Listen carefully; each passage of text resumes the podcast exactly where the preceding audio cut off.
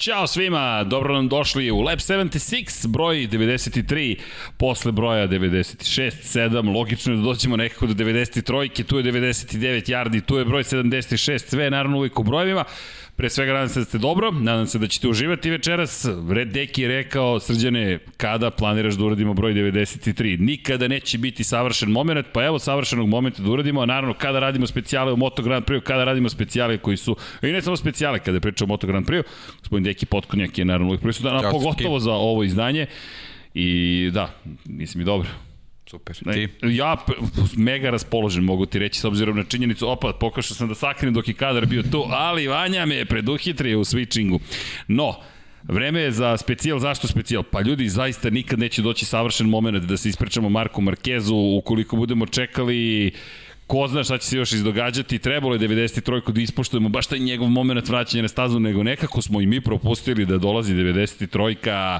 uzbuđenje, šta li je, kako god, od, od činjenice da je sezona počela, da se stvari razne dešavaju na samoj stazi i dođe smo do toga da je 93. došla pred najavu velike nagrade Francuske u Le Manu, pa smo odlučili da, jel te, ispoštujemo jednu od legendi ovoga sporta i kažemo ajmo da se ispričamo lepo Marku Markezu, pritom da i spomenemo najnovije vesti iz Moto Grand Prix, najavimo veliku nagradu Francuske i možda dotaknemo se čak i Northern, Northern Talent Cupa, to je skupa severnih talenata, ali to ćemo za kraj, kraj krajeva. Dobro nam došli, dakle, u specijal i odmah da napomenem, molim vas, molim vas, s obzirom na činjenicu da je reč o kontroverznoj ličnosti i da imamo veliku podelu između crvenih i žutih, u čast Marka Markeza oboko sam očigledno crvenu majicu, kao što smo za Valentina Rosija, čija kaciga je tu imali žute boje. Dakle, za broj 93, za Marka Markeza. Gost u specijalu. Gost u specijalu. da, da, da, dobar moment. Gost u specijalu o Markezu, Valentino Rossi. Dakle, molim vas samo da poštujemo jedni druge pre svega, da poštujemo i tuđe vreme, da poštujemo i način na koji komuniciramo. Slow mode nemamo nameru da uvodimo u četu, zaista bi bilo, možda će se desiti jednoga dana, ne znam, možda se desi tokom ovog četa, ali sve nesuglasice, sve razlike u mišljenjima, molimo vas da iznesete na jedan ljubazan, normalan način kako doliko automoto zajednici, kako doliko Infinity Lighthouse u Lepu 76 i argumentovano pričamo, sve ostalo ajmo da ostavimo za neko drugo mesto, ovde da baš pravimo onu priču koju smo želeli, a to je pre svega ljubav prema automotosportu, diskusije i užarene diskusije su sasvim ok, to je ono što volimo da čujemo, ali naravno da bude pristojno i argumentovano. Tako da, dobro nam došli. Mark Marquez, kakva ličnost u svetu Moto Grand Prix-a i u to u kakvom momentu pričamo o njemu, deki, kada pogledaš, to je momak koji je rođen 1993. godine, otuda, za one koji eventualno ne znaju, i broj 93 na njegovom moto, motociklu, ima 28 godina, Momak je to je napunio 28 u februaru godine. Već 8 titula šampiona sveta, da krenemo od njegovih dosadašnjih dostignuća. 82 pobjede u kategorijama u kojima se takmiči u svetskom prvenstvu i iza sebe jednu tako bogatu karijeru da je gotovo neverovatno da je sve to postigao. Zapravo postigao već sa možemo reći 26 godina, s obzirom na činjenicu da je 27 napunio 2020. godine, u kojoj nije osvojio titulu, u kojoj doživio jednu najvećih povreda, svoju najveću povredu u dosadašnjem delu karijere i možda doživeo prekretnicu koja će značajno promeniti, već je značajno promenila trajektoriju njegove karijere, ali možda će biti odsudno nešto što će definisati i narednih nekoliko godina. Ne znamo, vidjet ćemo, ali eto samo da sumiramo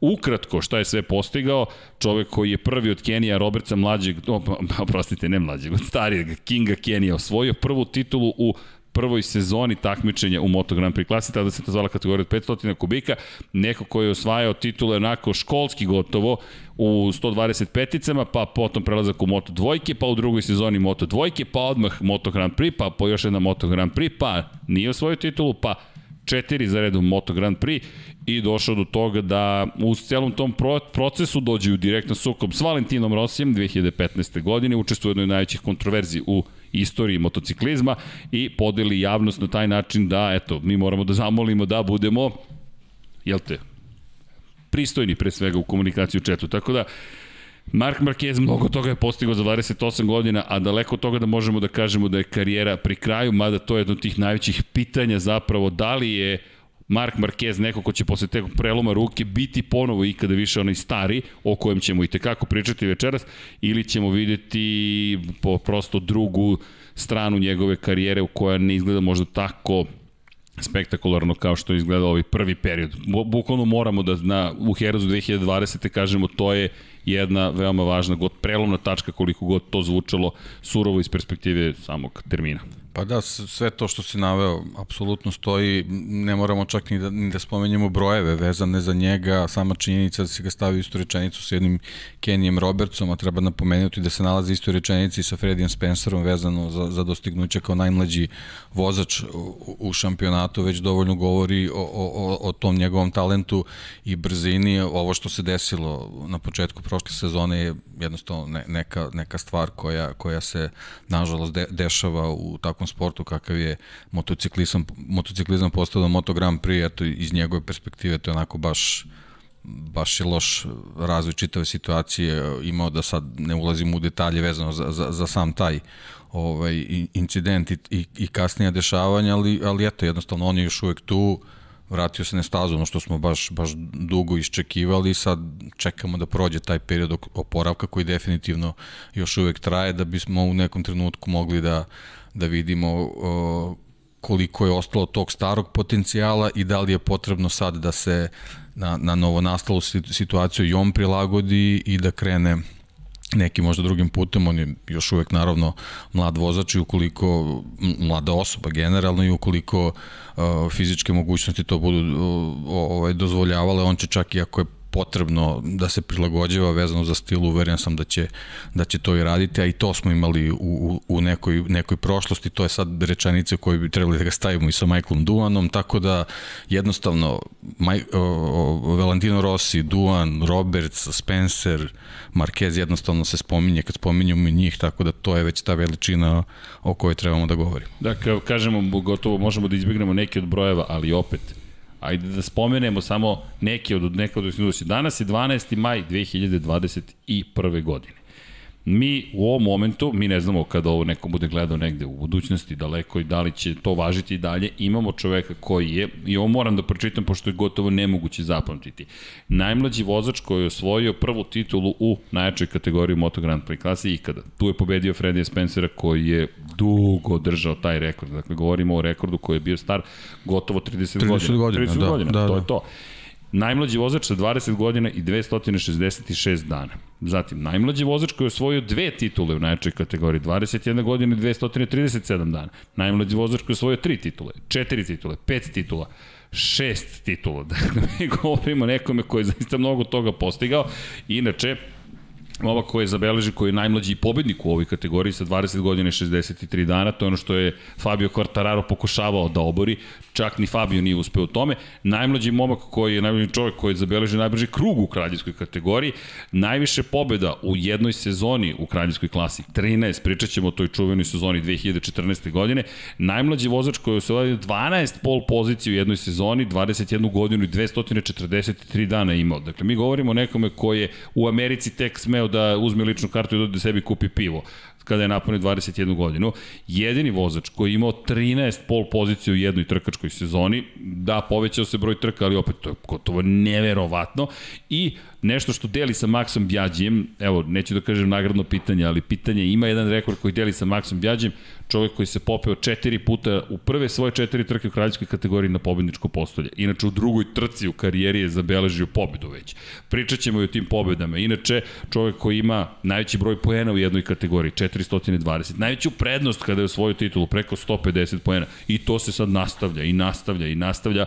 Kada pogledaš koliko je tih rekorda, to je gotovo nemoguća misija. Inače, iako je samo dve sezone proveo u Moto2 klasi, i dalje ima najviše pobeda od svih vozača u istoriji te kategorije. Kategorija kategorija koja je ustanovljena 2011. sezon, godine, zapravo 2010. oprostite, 2012. smo ustanovili Moto Trojke, 16 pobjeda imao, inače čovjek koji ima najviše plasmana na pobedničko postolju u jednoj kategoriji, u jednoj sezoni kategorije Moto 2, 14, pričamo o Moto dvojkama, i najviše pobjeda u jednoj sezoni Moto 2 klase čak 9, gde nije uspeo da, da postavi rekord po broju pobedi, tu ga dovodimo sada u direktnu rečenicu sa Valentinom Rosijem, 10 pobjede imao u sezoni kada je osvojio titulu 125 kubika 2010. godine, Rossi imao 11 pobjeda, Rossi čak to učinio u 15 trka 1997.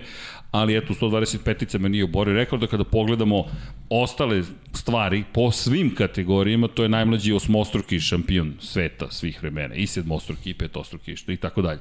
I njegovi rekordi su zaista neverovatni, ti kada pogledaš, ovo samo da čitamo je nešto što je dovoljno da kažemo, ok, evo, mislim da je to dovoljno impresivno, ali eto, vratio bih se samo na, na, na, na to je otišao bih na sam početak.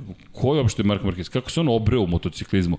Ko, što, kako je moguće da mi gledamo da neko sa 21 godinom postiže ovo što je on postigao? Sve to počinje zapravo kada su bili zaista veoma mali, počinje od roditelja, pre svega od Julija Markeza, Julijana, koji je decu usmerio u tom smeru. Inače, sa 8 godina već Mark Marquez imao prvog sponzora, I kada se pitamo sada danas, slušamo o Pedro Acosti koji ima svog ličnog asistenta sa 16, preteča je Mark Marquez, preteča Marka Marquez je Valentino Rossi koji je show biznis uneo praktično i uveo MotoGP u show biznis i ne samo to, dakle on je svojim rezultatima da ne banalizujemo Valentina, da ja ne banalizujem Valentina Rossi, čovek je veliki šampion koji je uneo i show biznis. A ostali su onda potom preuzeli deo te priče, profesionalizacija neverovatno se desila posle pojave Valentina Rosija i jedan od ljudi koji je i tekako bio teo deo, i jeste teo deo nove generacije, jeste Mark Marquez, koji je to sa 8 godina. Zamisli imaš sponzora sa 8 godina.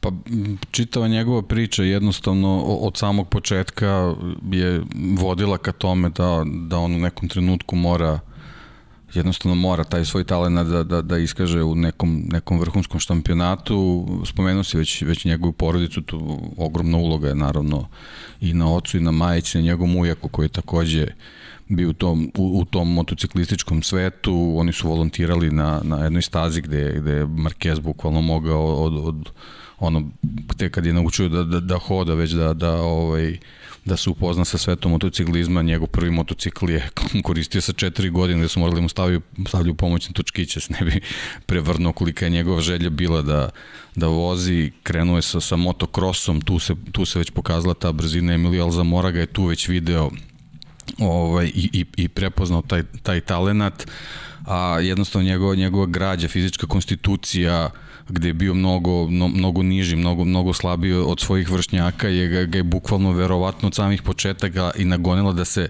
mnogo više bori za, za svoju poziciju i da, i da prikaže svoj talent i to je možda nešto što se, što se urezalo u njegovu ličnost i, u njegovu DNK a, da, da jednostavno na taj način bukvalno pristupa i svakoj trci s čime je i uneo taj, taj neki novi, novi element u same trke. Kao što se spomenuo svaki veliki šampioni su donosili nešto novo i donosili su neku revoluciju, eto on je doneo taj, taj neki stil vožnje ovaj, koji uh, uh, nekako od, odslikava njegovu veliku borbu sa motociklima koji mu bukvalno od, od samih početaka ili je bio suviše mali da bi generalno mogu njima, njima da upravlja i to je, to je nekako nešto što je usmirilo njega vezano za, za taj stil vožnje koji je kasnije prenuo i u najjaču kategoriju gde, gde smo jednostavno videli kako sa nekom lakoćom za, za, za nas koji gledamo to sa strane upravlja tim, tim mašinama, tako da nekako eto, od samih početaka je sve bilo usmereno ka tome da, da, da će morati da dođe neki trenutak gde će on moći da, da pokaže taj svoj talent. Da, zapravo on je bio toliko manji od,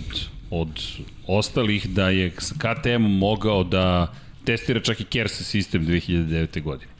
Je da testira care sistem, meni je to fascinantno da si ti toliko lakši vozač od ostalih, da neko ubaci sistem koji se u to vreme koristio u Formula 1, Kinetic Energy Recovery sistem, inače KTM čak zabranjeno bilo da se koristi i čak su, toliko su bili dobri sa razvojem Kersa da je uvedena zabrana na primjenu Kersa. Inače se Međunarodna motociklička federacija posle zabrane izvinila zapravo KTM-u, ne znam da li se toga sećaš posle pre 12 godina i KTM je bio vrlo besan s obzirom na činjenicu da rekao dobijaju ingenioznost mladih inženjera, ali ti imaš jednog Marka Markeza koji je toliko lagan da ti na njegov prednji točak stavljaš zapravo kers i ti na kočenju generišeš dodatnu energiju i onda elektromotor šalješ naravno pogon na zadnji točak. Fascinantno rešenje na tako malom motoru, motoru od 125 kubika dvotaknom u kombinaciji sa kersom. Ne mogu ni da zamislim kako su, se, kako su to rešavali. Znaš, meni je to zaista pravi GP motor, jer to jeste priča o tome da da ti zapravo guraš prototipe u neki novi svet, neki novi univerzum. Tako da kada pričamo o hibridnim sistemima, samo da se zna, KTM je 2009. s Markom Markezom imao već hibridni sistem u Grand Prix trkanju, jeste u 125 kubika, ali opet fascinantno. Kao balast. kao balast, da, koristili su ga kao balast, zapravo zato što je bio toliko lagan da su oni mogli da, da iskoriste KERS, da, da, da stabilizuju prednji kraj. Inače, fascinantno je da on posle taj prednji kraj pretvorio nešto što je najnestabilnije što sam ikada vidio istovremeno naj najstabilnije nešto što se ikada videlo i sve to što je uve... zapravo ti si u pravu, možda nije prava stvar pričati o statistici. Šta je meni uzbudljivo kod toga kada gledam Marka Markeza, žao mi, nisam uspeo da, da organizujem da se čujemo sa Cokom i čovekom koji je snimao Marka Markeza i neki neverovatni intervjue, arhiva ta je, je, je nestala, ali činjenica je da je Cok možda dao najbolji opis. 2011. stigli smo u Muđelo, to je naša prva trka koju smo prenosili sa lica mesta i pričat ću o tom intervju, to, to često spominjem, već, već verovatno je prežvakana priča, ali meni je uzbudljiva i, i ostaje zapamćena nekako, ali Cok i njegovo oduševljenje nije znao o kome priča, došao je i pitao me ko je mali na crnom motoru, Kajša je bila u to vreme glavni sponsor, rekao Mark Marquez, bukvalno je rekao odraće ih sve. To su bile rečenice. Njegov inače Cok je motociklista, čovjek koji zna mnogo o motorima, snimatelj, pozdrav i onaj čuveni kadar Pedrosa i Simoncelli je njegov kadar. Često spominjem to, ali za one koji ne znaju, a i da znate, treba Zorana Milutinovića Coka spomenuti. Čovek je došao i kada je vidio Markeza rekao ovaj mali, o, ovo, ni, ovo do sada nisam video. I iz perspektive stila vožnje zaista mora, je moralo da se ode na stazu da se vidi uopšte šta taj dečko radi. On je već to vreme stigao u Moto dvojke u, mo, u 125 kubika bio impresivan, mada je to bio period godine kada su mnogi sumnjali njega. No, da ne pretrčim prebrzo na neke stvari, činjenice da je već u, u nižim kategorijama pokazivao neke nevratne stvari, konačno zajedno sa Majkom Dimeglijom i Scottom Reddingom, on predstavlja najmlađe, e, naj, najmanji prosek godina koji smo videli na pobedničkom postolju jednoj trci svetskog prvenstva.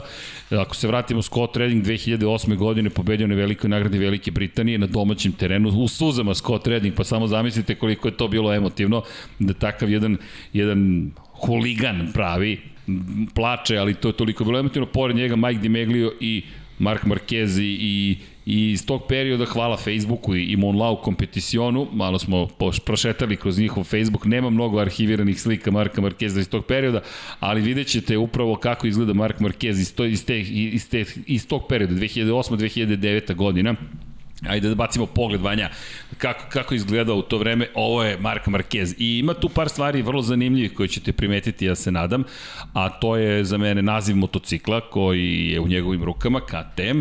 Zatim sponsor koji ga prati, ako se ne varam, eno ga Emilija Zamora u pozadini, ali Harold Bartold je u to vreme šef zapravo programa motociklističkog KTM-a sa mladim klincem koji je stigao u svetsko prvenstvo i već počeo da skreće pažnju na sebe. Mi govorimo nekom, pogledajte, prosto 93 danas se zna tačno šta je, ali to je njegov broj. Inače, njegov brat je menjao brojeve često. Nije imao takav kult broja kakav je imao Mark Marquez. Od malih nogu se znalo, broj 93, to će biti moj broj. Njegov broj... Da, ima brat... tu jedna zanimljiva priča vezana za Aleksa, ovaj, kad su bili mali, kad su maštali da da dođu u, u, u taj neki vrhunski šampionat. Aleks je izrazio želju da bude ovaj, Marko mehaničar. To mu je bila prva želja, međutim kad je sam seo na, na motocikl i probao, inače on je odmah krenuo sa, sa brzinskim motocikl, motocikli, motociklizmom sa stazama, dok je Mark neke svoje početke vezao za, za motocross i tu je nekoliko prilika kroz neki intervju objasnio da možda i, i deo tog njegovog vozačkog stila upravo proizilazi iz, iz motocross, o čemu smo takođe pričali zašto je dobar za treninge vozača, ali jednostavno motocross staza bukvalno iz kruga krug je drugačije ti u, u deliću sekunde moraš da se, da se prilagodiš situaciji, a to je jedna od odlika Markeza kasnije kroz njegovu karijeru u brzinskom motociklizmu. Želiš da budeš mehaničar, postaneš dvostruki šampion da. sveta. Nije to tako loše. Da. Kao šta ste htjeli da budete? Pa da se nešto sasvim drugo da radim, ali onda sam da. otkrio brzinu. Klinci u sobi kad sede pa maštaju. Pa eto, Dobro, oni dalje da. dele sobu, da. manje više, da, otprilike da. tako izgledaju. Jedna neverovatna porodica Ali da se vratimo da se vratimo ovome i meni su ovo kadrovi koji kada smo sada gledali iz ove perspektive potpuno neverovatni iako je sve to deo i priče o Marku Markezu, ali ima tu zanimljiva... A, Vanja, možemo da vratimo prethodni kadar, molim te na sekundu. Obratite pažnju na sponzora koji se nalazi na ključnoj kosti. I vidjet ćete kako se dva sponzora smenjuju kroz njegovu karijeru.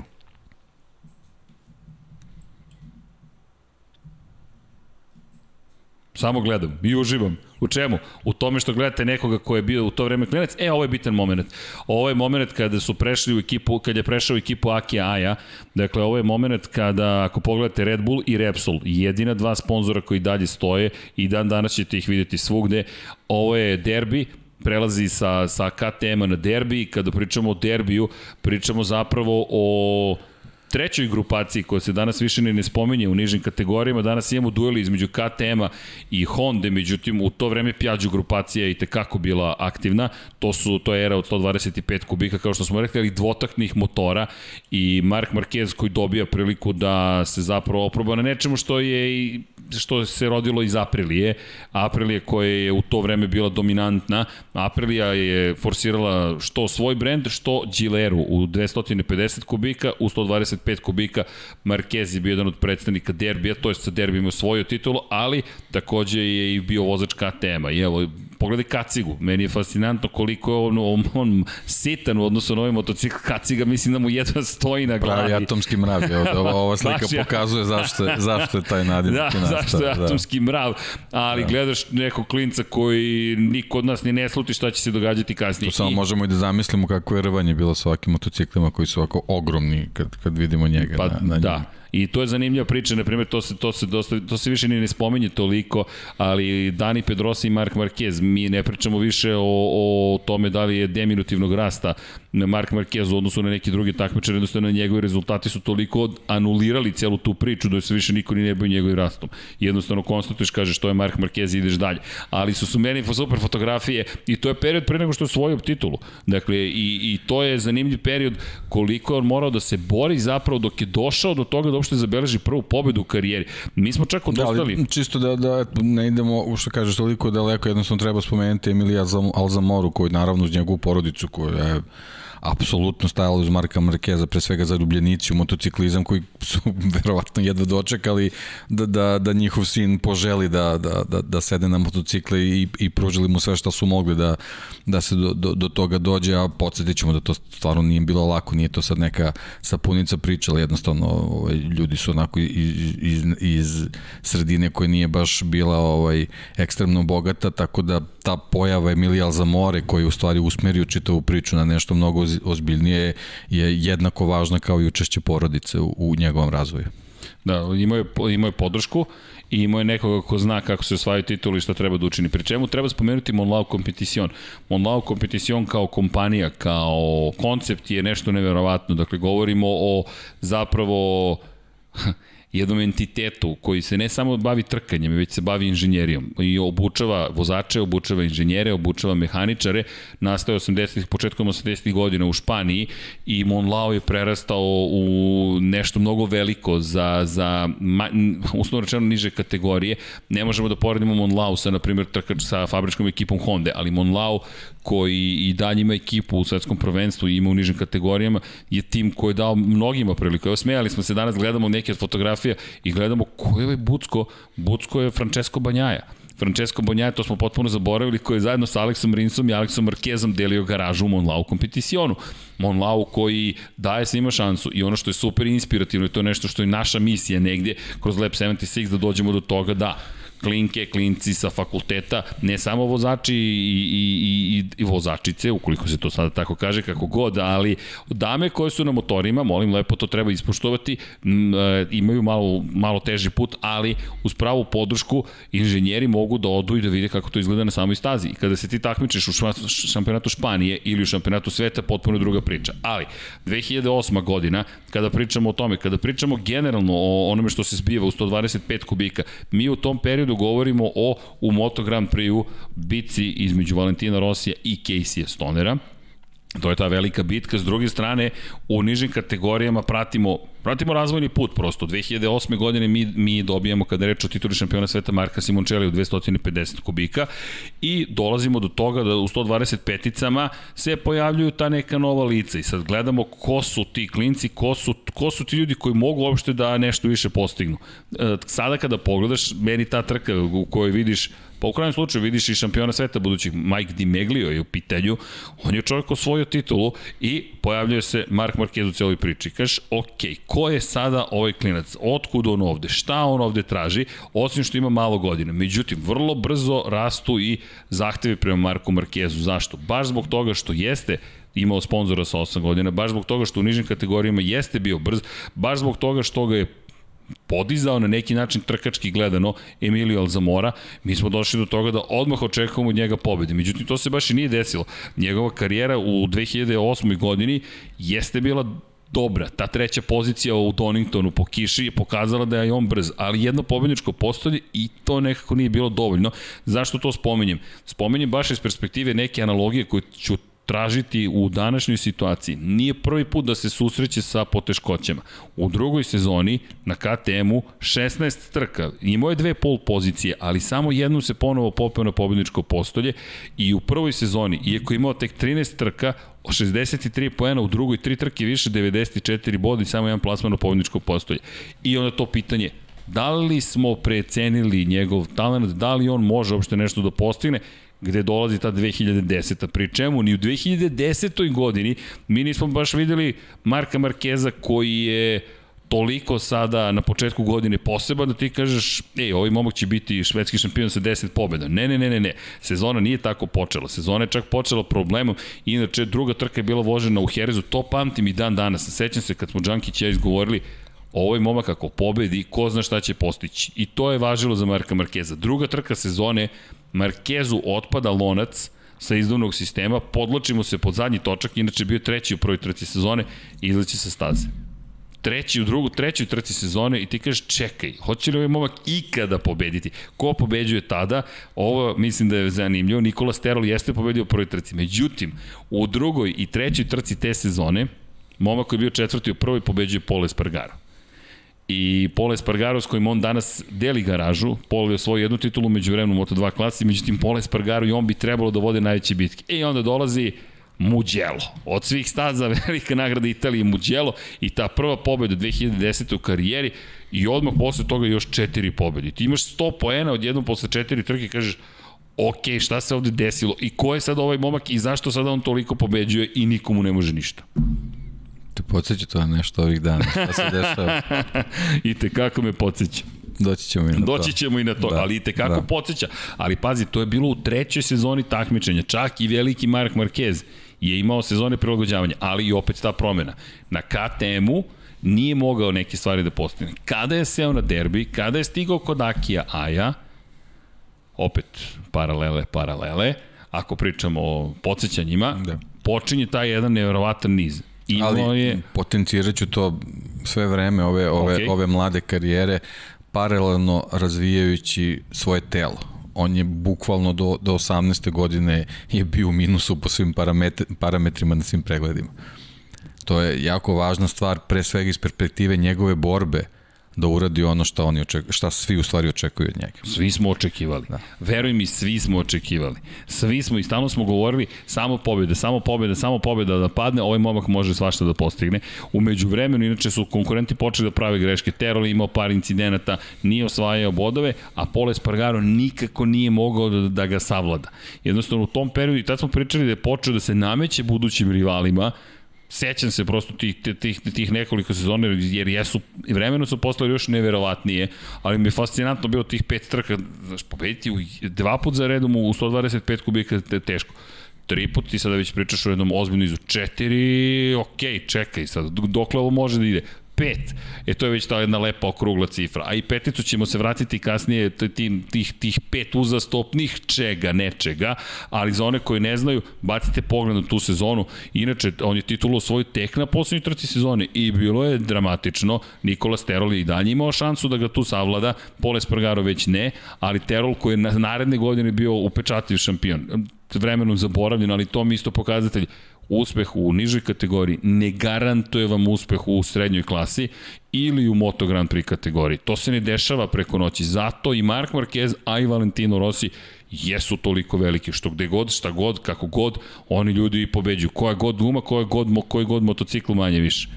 Jedini put kada je imao, da kažemo, popuštanje jeste bilo sa tim KTM-om, ali u, na početku svoje karijere, kada je bar ali bio. to je sve se nekako uklapa u tu njegovu priču vezanu za, za tu borbu jednostavno za, za, za potrebu da se maksimum izlači u svakom trenutku, tako da verujem da, da i, i te ovaj, nedefinisane situacije i, i situacije koje su vodile do, do neizvesnosti do samog kraja su se potpuno uklapali u tu njegovu prirodu u, u tim trenucima, u tim sezonama, u tim godinama. Bitka.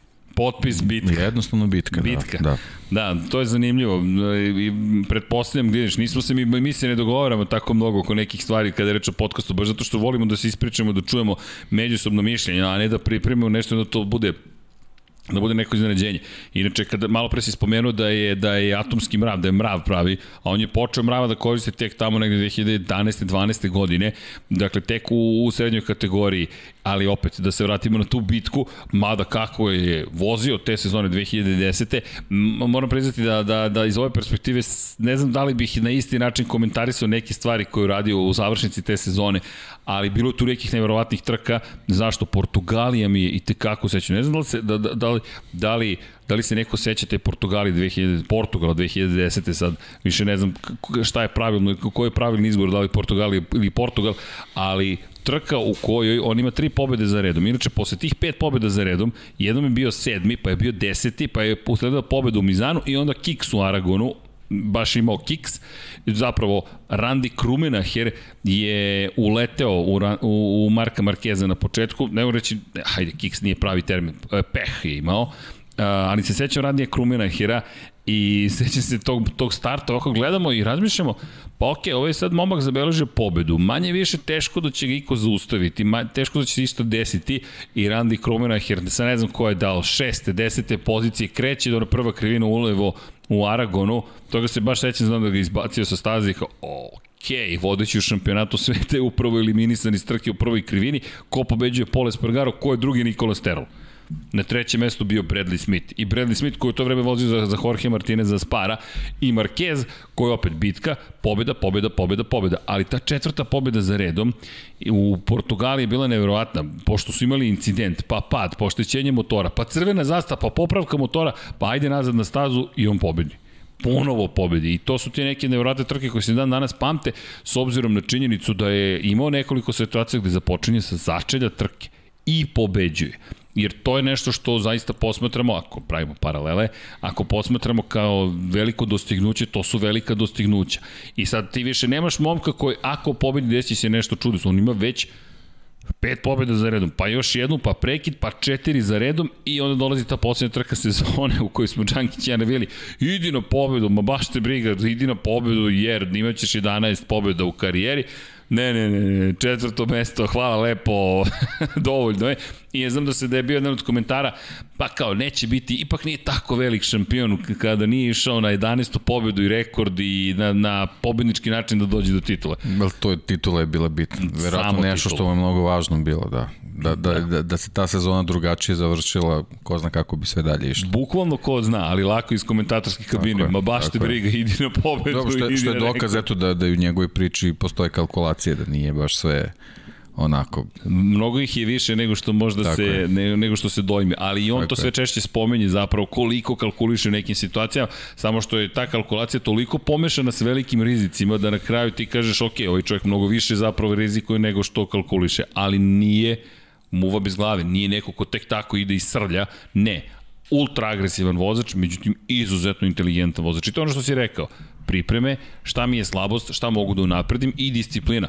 On čovek ustaje svakoga dana pre 7 ujutro i zna se rutina, to je znala se do povrede. Ide se na trening, ide se na vežbe rastegljivosti, elastičnosti, ide se na to da on bude veoma pokretljiv, da bude žilav, da bude snažan, a i sada je to malo drugačije, ali da li, ali doći ćemo do 2020. Pa, verovatno drugačije samo zato što postoji neko ograničenje. Ja verujem to kad, kad dođe u neku situaciju da on, da on kako god to bude bilo, bude svestan da je to 100% mogućnost u tom trenutku da će on to koristiti na, na takav način, upravo za, zbog svega ovoga što smo naveli u ovom, da kažem, početnom delu karijere. Početni deo karijere da. koji, koji, koji kada razmislim o tom Kersu koji je nekako mo, dolazimo do polako do Moto dvojki i do Sutera u kojem je bilo dosta kontroverzi. Tu je baš bilo mnogo kontroverzi. Mislim da su Moto dvojke pokazale i najbolje i najgore i pokazale opet i koliko si dalje u njega veruje i koliko je velik projekat bio Mark Marquez u, u tom momentu već, ali i koliko je blizu bio toga da od njega ne bude zapravo takvog šampiona kakvog imamo danas. S obzirom na činjenicu da da je, zašto se okrećem na Kers, pa i to je bila neka vrsta senzacije, gotovo skandala da su pokušali sa Kersom, pri čemu su dobili negde oko dve i po konjske snage. Toliko su otprilike dobijali. Dakle, mi, mi govorimo o tome da pa, ti... dobro, pionirski pokušaj. to, to, to, to. Je, ali, ali je bila dobra prilika da se to proba. Jeste, da. ali kontroverza. Znaš, da. ovaj se pojavila kontroverza, neka kontroverzica, ajde da je tako nazovemo. Sa Suterom je bilo međutim drugačije. U svakom slučaju, Marquez kada je završio karijeru 125 kubika, veliki skok u Moto dvojke i meni to fascinantna sezona koliko god Moto Grand Prix bio veličanstven i tako dalje. Ta Moto 2 sezona, prva u njegovoj karijeri, je možda jedna od najvažnijih koje smo imali prilike da vidimo kada je reč o razvoju vozača. Zašto? Štefan Bradley te godine osvojio titulu.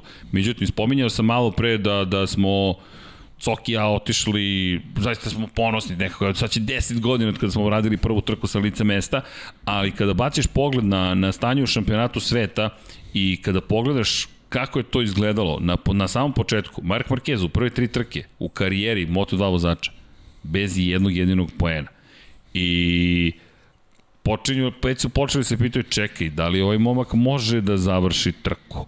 Da li je to ono što smo mi hteli? Da li je to taj vozač koji će nas odvesti u svetlu budućnost? Pri čemu, ono što je lepo u tom periodu bilo, to je druga godina takmičenja Moto2, mi imamo Suter, Kalex, FTR, Motobi, Tech3, Morivaki, Pons Kalex i MZ. MZ koji je sarađivao sa Hondom, inače, ni manje ni više. Dakle, istočno-nemački MZ. U toj celoj priči, ko predstavlja Kalex? Štefan Bradl. Ko predstavlja Suter? Mark Marquez. I to je bila jedna od zamerke, inače Suter ima mnogo više korisnika u to vreme od Kalex Suter, koji je zaboravljen. Ni, niko se, ja mislim, ni neće više Sutera osim nas koji smo veterani Moto dvojki. Elem, u prve tri trke sezone, Štefan Bradl dve pobjede, jedno peto mesto, Mark Marquez nula, nijedan jedini poen, a Andreja Janone drugo mesto i pobeda, pri čemu Janone Janone, u, u celoj ovoj priči, Janone, na kom je motoru, čisto da se ne zaboravi, Janone u tom momentu je čovek koji vozi suter i koji još nije krenuo sa tom speed up karijerom i nekim pričama koje su ga kasnije pratile. Suter je bio taj motocikl koji ste želeli. Mark Marquez, Andreja Janone, dakle da suterima, a Stefan Bradl, važno je zapamtiti da je bilo tu još vozača vrlo zvučnih koji su bili na suteru, je na Kalexu. Elem, prva trka koju je završio, to je interesantno, Le Mans, velika nagrada Francuske, 2011. godine, bila pobeda. Druga trka, Katalunja, njegova domaća staza, drugo mesto. Međutim, u Velikoj Britaniji, pad u Velikoj Britaniji pad i dolazimo do toga da odjedno Mark Marquez ima 45 poena posle prvih šest trka i počinje upravo ta priča pa dobro, da li ovaj momak može da osvoji titulu ili ne. I da samo da se setim koliko je imao poena razlike, 127 je imao Bradl, u tom momentu Mark Marquez 45 poena, 82 boda razlike. Da, mislim sam da 83, ali 82 poena razlike. Deki, danas da izgovorimo, 82 poena prednosti neko ima u šampionatu sveta, posle šest trka i imamo još 12 trka, da li mi tipujemo na tog nekog koji je na poziciji broja sam da će osvojiti titulu?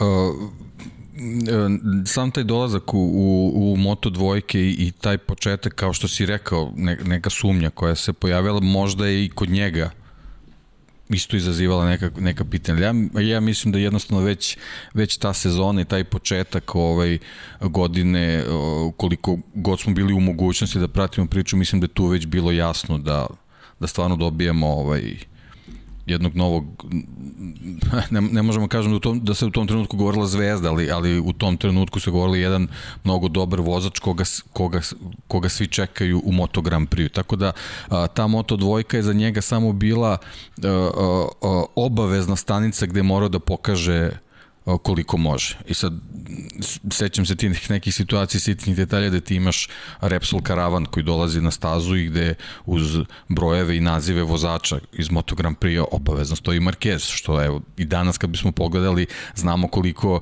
je sad sve isprepleteno vezano za, za kategorije, teško da, da, da neki vozači iz mlađih kategorija stoje, stoje uz njihovi, njihovi imena i brojevi da stoje uz vozači iz Moto Grand Prix. Tako da već, već taj, taj, taj trenutak i taj početak godine je pokazao kolika obavez u stvari leže na njemu i koliki je taj pritisak da, da se već kroz tu 2011. a spomenut ćeš da je on već, već tokom te sezone najavio da će i za 2012. dostane u istoj priči koliko je bilo bitno da se to zaokruži na pravi način kako je planirano. Ali zanimljivo, sad si, sad si pogodio super temu, mislim pogodio, čuj, to, to, ne, ti si znao, ne, ne, ne, ne, dami i gospodo, ovaj čovek je znao i nekolicina ljudi je verovalo Marka Markeza, ali deki, ja se sećam, te, sećam se te scene zato što to meni je ostalo upečatljivo. Iako je u Holandiji zabeležio pobedu i smanjio prednost Štefana Bradla. Niko živi, osim ekipe, Cok, Erceg, nije čekala, ne zamerite što govorim u trećem licu, ili bukvalno to su dva čoveka koji su se dovezla o svom trošku u Muđelo i rekli, dobili podršku svoje televizije, televizija rekla nema problema, uzeta kabina, sport klub rekao super, idite, snimite, ako nešto možete da snimite, super mi dolazimo, osim što je Cok snimio jel te, tu, tu, tu neverovatnu situaciju u, u kojoj Dani Pedrosa odbio da se rukuje sa Markom Simončelijem, mi govorimo o tome da u tom trenutku ispred kajšenog kamiona nema žive duše. Ja se sjećam de žene koja više nije u timu Marka Markeza, ali koja je zapravo bila za, za Monlau kompeticion zadužena, Monlau koji više ni nije u Moto dvojkama, on je samo otišao u Moto dvojke, kasnije su uspostavili saradnju s Mark VDS Racingom, jedina osobe koje traže Marka Markeza na stazi u Muđelu, sezonu posle njegove prve pobjede u karijeri i osvojene titule je ekipa sport kluba. I mi dolazimo, ja zovem ženu i kažem mi smo tu, kaže ona, ja kažem ne znam gde je Mark, Marquez, sad to zvuči tako, tako bizarno. I ona žena kaže nemojte, nemojte nigde da idete, sad će da dođe. Jeste sigurni da niste pogrešili. Ne, ne, ali vidi, meni je to fascinantno. Jer ti pričaš sa ženom koja je to posao, ali ti si jedina osoba koja traži intervju u tom trenutku. Pazi, on ima dve pobede, jedno drugo mesto, ali već su počele priče da on ima uspone padovi, da to nije to, bez obzira na ogromnu podršku. Znaš kako brzo ljudi posumnjaju i otpišu ti, kažu, ma ne, to je završen karijera. I svi hoće sad da znaju sve šta će da se desi. Mi dolazimo, iz kamiona izlazi njegov otac i kaže, odstigli ste, Pa, stigli smo. Stigla ekipa TV, ekipa je stigla. Danas da pozovemo, bit će, če, čekajte. I kada tražimo, znaju za nas, ok, ali zna se sad, druge televizije imaju neku prednost, mada mi je žao što tad nisam rekao ok. Jel sad imamo dogovor da kad god da budemo tražiti intervju, imamo intervju, ali to... Potpiši. Potpiši sad. to ti je nauk sad. to je nauk, to je nauk sada. Sada, mada sad vidi, sad, sad, sad, sad super hibridna generacija sad, već imaju asistente sa 16 godina. Elem, izlazi, izlazi Julio Marquez i kaže sačekajte, molim, doći će Mark. Mi sačekamo Marka obavimo intervju, pitamo ga. Ja se nadam da ćemo iskopati negde iz arhive taj, um, taj intervju. Inače, znaš koga smo još intervjuisali? Mufal Čonija. Mofada Čunija, šef ekipe Mahindre, Mahindra koja je kupila polovni zapravo, polovni motorhome, domaćinstvo polovno je kupila, jer šefovi u Indiji nisu hteli da daju pare za program. I e, Čunija je gurao celu priču, ne bili dokazao da Mahindri jeste mesto 125 kubika, to jest da, je, da, da, da im je mesto prosto u budućim Moto trojkama. To vreme 125-ice još uvek. I seća se da vrata nisu radila domaćinstvo i da se čovjek izvinjava, izvinite, kupili smo polom, prefarbali smo ga, ali mi verujemo u ovaj projekat i, i znam da smo Cokija bili ponosni što smo otišli kod, kod njih. Ljudi se iznenadili u šoku, pri čemu nismo imali intervju zakazan. Mi kuc kuc, dobar dan, ko ste vi, ekipa, šta hoćete, ko je šef ovde, mu fala čanije, dajte šefa ako može, šta hoće nama da priča. Kako nećemo, ajmo, molim vas. Ali to, to, je, to je zaista super bio moment za nas, isto da naučimo šta se tu zbiva u karavanu i dolazimo do Markeza, intervjušemo Markeza i odosmo mi dalje.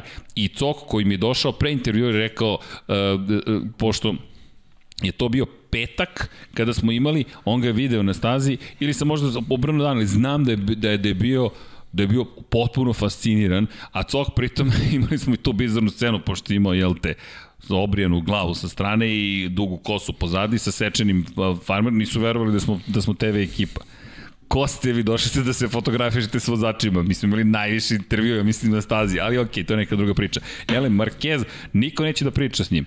O, o, o njegovoj karijeri, ma kako? Pa ne, sam se navio, tu je, tu je bilo nekih vozača usponu u Moto Grand Prix-u i ovaj, drugačije. Jednostavno da nije, nije bilo ni kapaciteta za da medije da to sve isprate. Ja verujem da on u Španiji u tom trenutku već bio već bio zvezda u usponu, ali jednostavno u, na, da. na globalu Moto Grand Prix je nešto što što što drži ali pažnju je, za, šire, za širu javnost. Ali je fascinantno zapravo koliko Španaca nije bilo u tom trenutku. Ti u tom momentu imaš Lorenza koji u Moto Grand Prix klasi čini neke stvari. Imaš Danije Pedrosu koji je stigao, ali ako pogledaš niže kategorije, ako pogledaš dve, Moto dvojke, Nemac vodi u tom momentu u prvenstvu sveta. Imaš Bradla. Inače, Štefan Bradli je mnogo veća zvezda bio u tom momentu. Štefana Bradla smo svi čekali zašto? Zato što je sin Helmuta Bradla. Niko danas više ne spominje Helmuta Bradla, ali to je 2010. godina. Helmut je vozio početkom 90-ih, bio vice šampion u 125 kubika i svi smo postavili pitanje, može li Štefan više od Helmuta? On je čovjek bio umoran od pitanja o njegovom ocu. On bukvalno bio umoran. I kada je osvojio tu titulu na kraju godine, nekako je uspeo da je osvoji, nije Nosio više... majicu, ne pitajte me tati. Bukvalno, bukvalno, ali to je, to je situacija u kojoj ti imaš momka koji je od sina Helmuta Bradla zapravo, ne, ne, ne, ne, ne, sin Helmuta Bradla je došao do toga da njegov otac bude zapravo tata Štefana Bradla. I to je bio lep moment kada je Štefan postao veći šampion od Helmuta, iako danas većina nekih starih znanaca plati Helmuta, pošto je Helmut imao jedan tako specifičan stil vožnje, ali izuzetno agresivan vozač, ali je point u tome da je Štefan Bradl u tom momentu veća zvezda. Simone Corsi je držao poziciju 2. Niko nije mnogo očekivao od Korsi, ali Korsi je imao svoje trenutke inspiracije. Bio vrlo konstantan vozač. I onda dolazi do Yukija Takahashija, Andreja Nonea, koji je počeo pobedama pa pao, Julian Simon, koji je osvojio titulu 2009 u 125 kubika, to je za Španiju isto važan moment. Tom Luti, jedan od bivših šampiona 125 i Bradley Smith koji privlači pažnju, pa privlači pažnju kao Britanac. Bilo je to još i mene, i Michele Piru, i Alex De Angelis i tako dalje. Međutim, Mark Marquez danas kad uzmeš i pogledaš posle šest trka kao Mark Marquez osmi u šampionatu, koje su šanse da bude osmi u šampionatu? U tom momentu su bile velike. I počinje opet show Marka Markeza, zašto? I, i, i sećam se tog razgovora posle te Holandije i pobjede u Muđelu, da je njegov tim rekao, inače žena, zaista mi žao što se neće imene rekla, vi ne znate koliko on divan, divno dete. To tako je žena pričala o njemu. Vidiš, ljubav, to nije profesionalni samo odnos. Ona ga posmatra kao dete neko, svoje na neki način. I, i ja je pitam, dobro, hoće da osvoji titulu? I ona kaže, nemojte to da, nemojte to da spomenjete naglas, ali mi verujemo da hoće. Ali u tom momentu to je to. Je to i kreće show u Italiji još jedna pobeda, u Nemačkoj još jedna pobeda, u Češkoj jeste pozicija broj 2, ali ga je None pobedio, zatim Indianapolis pobeda, Mizano pobeda, Aragon pobeda.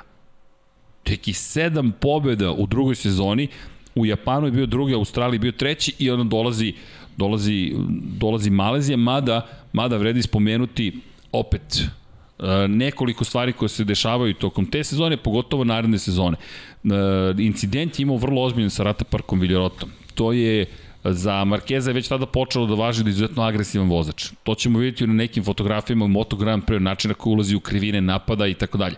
Međutim... Na, u Moto dvojice je to počelo polako da isplivava. Jeste, jeste. I vrlo ružan incident je imao sa Rata Parkom Viljerotom, tajlandskim vozačem, crvene zastave bile istaknuto na ostrovu Filip, na velikoj nagradi Australije, crvena zastava, tu je kraj. Marquez, međutim, ignorisao crvene zastave i nastavio da vozi brzi krug po stazi.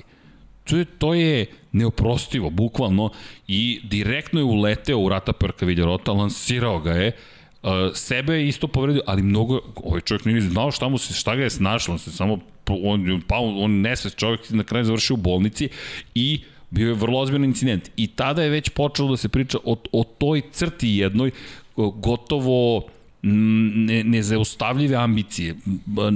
Crvene zastava, on i dalje trenira najbrži krug. To je to je ogroman prekršaj. To je, danas da se to desi, ja mislim da bi mu zabranili da vozi nekoliko trka, bukvalno, i, i, i pokazuje neka vrstu napretka iz perspektive bezbednosti, ali takođe pokazuje još nešto. Marquez je već tada već bio velika zvezda, jer u tom momentu on je na nivou toga da je na putu da osvoji titulu šampiona sveta. I Sećam se te priče zašto si malo pre si spomenuo da je postojala mogućnost da u 2012. ne ostane u Moto dvojkama. Lučiće Kinelo Racing je bio spreman, spremni su bili u Lučiće Kinelo Racingu i Monlau Competition je bio spreman da napreduje u Moto Grand Prix po uzoru na Valentina Rosija kao Nastro Azuro ekipa, da Monlau Competition bude tim, zašto u tom momentu u šampionatu sveta je važilo pravilo da Novajlija. Dakle, kada govorimo o Novajlijama, to je ukinuto inače, volšebno tačno pre nego što je stigao Moto Grand Prix, Novajlija ne može da ode u fabričku ekipu mora da vozi za privatni tim. To ne znači da ne može da ima fabrički motocikl, ali ne može da potpiše za fabričku ekipu. I Monlau Competition, to je Emilio Zamora, je lobirao za to da se ne ode u Lučiće Kinelo Racing, već da se Monlau Competition snađe, nađe sponzore i ode u Moto Grand Prix 2012. godine. Međutim, ima tu još jedna priča. Malezija je zapravo postala odsudna trka i u, u Maleziji u suštini je i rešeno pitanje osvajača titule. Kada govorimo o, o Maleziji, jedan od bizarnijih incidenata, ali veoma ozbiljnih incidenata, pokazatelj koliko lako stvari mogu da, da, da, da se okrenu na, na, na pogrešnu stranu po, u, ne sećam se tačno kojoj krivini, po početku kiše, čini mi se da je bila 11. krivina, ali nemojte me držati za reč, redari nisu dovoljno brzo istakli zastave da pada kiša. Bela zastava sa crvenim dijagonalnim krstom, Bradley Smith je izleteo sa staze, Mark Marquez je izleteo sa staze. Međutim, udarac u motocikl je bio toliko snažan da je imao ozbiljnu povredu vida zapravo i nije mogao da vozi ni u Maleziji, ni u Valenciji. Bradl, inače se već pričalo da je Bradl izgubio titulu. Ako, a, prošao sam kroz neki izveštaj iz tih godina, čisto da se podsjetni kako je bilo stanje. Tri poena su ih delila pred odlazak u Maleziju. Dakle, samo tri poena. Čovjek koji ima 82 boda prednosti je došao u situaciju da posle... Ja, ja i dan danas kada se setim te, te sezone, pobjeda, pobjeda, pobjeda, drugo mesto, pobjeda, pobjeda, pobjeda, drugo mesto, treće mesto. To, to je uspeh, to je Marka Markeza u Moto2 klasi. U Moto2 klasi. A naveli smo imena, proizvođače, ne konstantnost par excellence i onda Malezija ne može da vozi Valencija, ne može da vozi Štefan Bradl na kraju osvoje titulu. Prosto manje više bez konkurencije. U Maleziji druga pozicija bila njegova, 274 poena, Marquez ima 251 i zanimljiva, zanimljiva. Iz današnje perspektive možemo da pričamo da je zanimljivo. U tom momentu ni malo zanimljiva situacija za Marka Markeza i porodicu. Nije mogao da vozi u predsezonskim testiranjima, e, morali su na kraju da se podvrgnu operaciji, rizik je bio veliki jer je bilo pitanje da li će posle operacije moći da vozi motocikle, ali u tom momentu on ima zapravo dvostruku viziju on ne može da sedne ni na koji motocikl i on propušta ne samo trke poslednje dve u šampionatu, već cijela ta međusezona. To je danas pomalo zaboravljeno, a to je bio baš dramatičan Da, ali to je jedna paralela koja je jako važna zbog sadašnje situacije. Jeste. Iz kakve situacije se on izvukao i posle toga bukvalno nastavio ovaj, sa, sa razvojem, možemo da kažem, on je još uvijek bio vozač u razvoju, nastavio sa razvojem kakav je bio i pre te možemo da kažemo teške povrede. Ozbilj, ozbiljne i teške povrede. Ozbiljne povrede bilo u pitanju. E, povreda desnog oka i e, prosto toga je pratilo. Mi govorimo da je on podvrnut operaciji 17. januara 2012. Dakle, to je januar 2012. bio je zvanično proglašen za Novajliju godine. Nije, nije bilo teško, s obzirom na činjenicu da je bio vice šampion, ali sećam se da, da, da smo svi pažljivo pratili šta će se događati. S obzirom na činjenicu da je da su predsedničko testiranje bilo zakazano za 8. i 10. februar i, i, i došli smo do toga da zapravo smo morali da, da, da baš ozbiljno čekamo da li će voziti ili ne. Ali, Ono što je takođe zanimljivo, već u to vreme Repsol Media Service je preuzeo ulogu njegovog, jel te, predstavnika za štampu. I ti već vidiš, jer dosta se priča o tome da ga Casey Stoner izabrao za naslednika. Jeste, ali ljudi, Repsol i Red Bull su uz tog momka, videli ste od kada je mogao da jedva da sedne na motocikl. Red Bull od uvek je s Markezom, Repsol od uvek je s Markezom od uvek. I pričali smo o toj vezi ti ja par puta KTM, da li će se desiti KTM, moram pristati da nije bilo moja ideja. Ne sećam se kom je prišao, rekao Herceg, KTM, Marquez na KTM-u, to bi bilo super. I, po, ok, bilo bi, bilo bi zanimljivo. Da, ali bilo je prerano. Bilo je prerano, da. Bilo je prerano. Pa dobro, sada kako, kakva je situacija, ko zna šta će se dešavati. Ali Repsol jasno staje već, pol, ne polako, već je stao iza. Ono što je zanimljivo, međutim, Suter je stao iza Marka Markeza te sezone. I Suter u 2012. u godini u kojoj smo videli Pa videli smo očekivano, ja bih rekao. Videli smo očekivano, prosto 2012. je godina u kojoj nije se postavljalo mnogo pitanja. Da, impresivan, e, međutim ono što je tu bilo zanimljivo u celoj priči, to je njegove velikoj bici protiv Pola Espargara, jer ne zaboravimo, Pola Espargara i on su i tu imali na početku sezone par ozbiljnih duela i bilo je uzbudljivo, fascinantno je bilo da posle te operacije on zabeleže pobedu u prvoj trci sezone, ali negde do, do Holandije opet i, i, i, i tog perioda nije baš bilo izvesno da će osvojiti, u, u završnici je postalo vrlo, vrlo jasno, ali Suter su mnogi optužili da je zapravo stao uz Marka Markeza u tom periodu. To je ta neka druga, da kažemo, kontroverza. Međutim, Nisam baš pobornik te teorije, zašto? Zahvaljujući tome što kada pogledaš zapravo speed up je izabrao Janonea, Kalex je imao Pola Espargara, Suter je imao izbor između nekolicine vozača, ali se opredelio za Marka Markeza i rekao, ok, idemo na, idemo na ovog momka, ali je takođe činjenica da je dobijao prvi šasije i od te sezone svi su manje više napustili Suter. Tako da Suter platio prilično visoku cenu u, u celoj toj priči. Ali Pa to je jednostavno bila procena u tom trenutku. Nije da im nešto... Mogla je, mogla je priča krene na drugu stranu, ali možda upravo taj izbor te, to, tog favorizovanja, ali jednostavno verovatno pretpostavljam da njihovi kapaciteti nisu, nisu mogli da, da diktiraju drugačiju priču, a to jednostavno to je, to je bilo neka, neka kalkulacija koja se na kraju za njih nije isplatila vezano za neku perspektivu, ali eto, u, u, u, u priči konkretno vezano za tu sezonu, uh, ovaj posao je posao urađen i oni su ostali tu zabeleženi. Ali ono što je što je generalno važno da, da se podvuče ova crta za ovaj prvi deo ovaj priče vezano oko njega pošto sad već kreće ovaj odlazimo odlazimo u pravu kategoriju ovaj koliko je važna važna ta uloga Repsola generalno u razvoju mladih španskih vozača koji bukvalno eto od, od najnižih kategorija gde ako pokažeš uh, neki samo malo veći deo ovaj procenta uh, vezano za, za talent u odnosu na ostale, ti, ti bukvalno možeš da, da, da, da bez, bez nekih problema razmišljaš i, i, i formiraš svoju,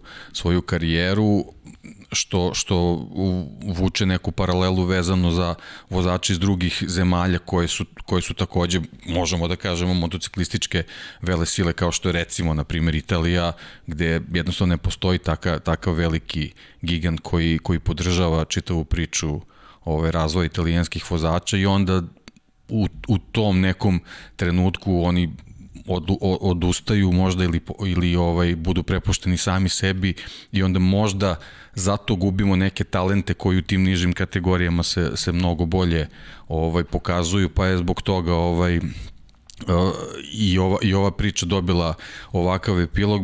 Sad je tu možda malo sa, sa Rosijevom akademijom bolja priča za, za mladi italijanske vozače, ali, ali generalno jednostavno motociklu, motocikli, motociklizmu je potrebna kompanija kakav je Repsol u Španiji da bi, da bi i, i neke druge zemlje tipa Australija ili, ili Sjedinjene američke države na kraju krajeva i Britanija, dobro, koja ima mnogo više različitih sponzora koji podržavaju mlade talente, mogla da, da jednostavno podržava sve, sve njihove programe. Ova priča sa, sa Markezom je generalno a, tekla čitavo vreme pravim putem upravo zbog, zbog podrške koja je bila od Repsola od, od samih početaka.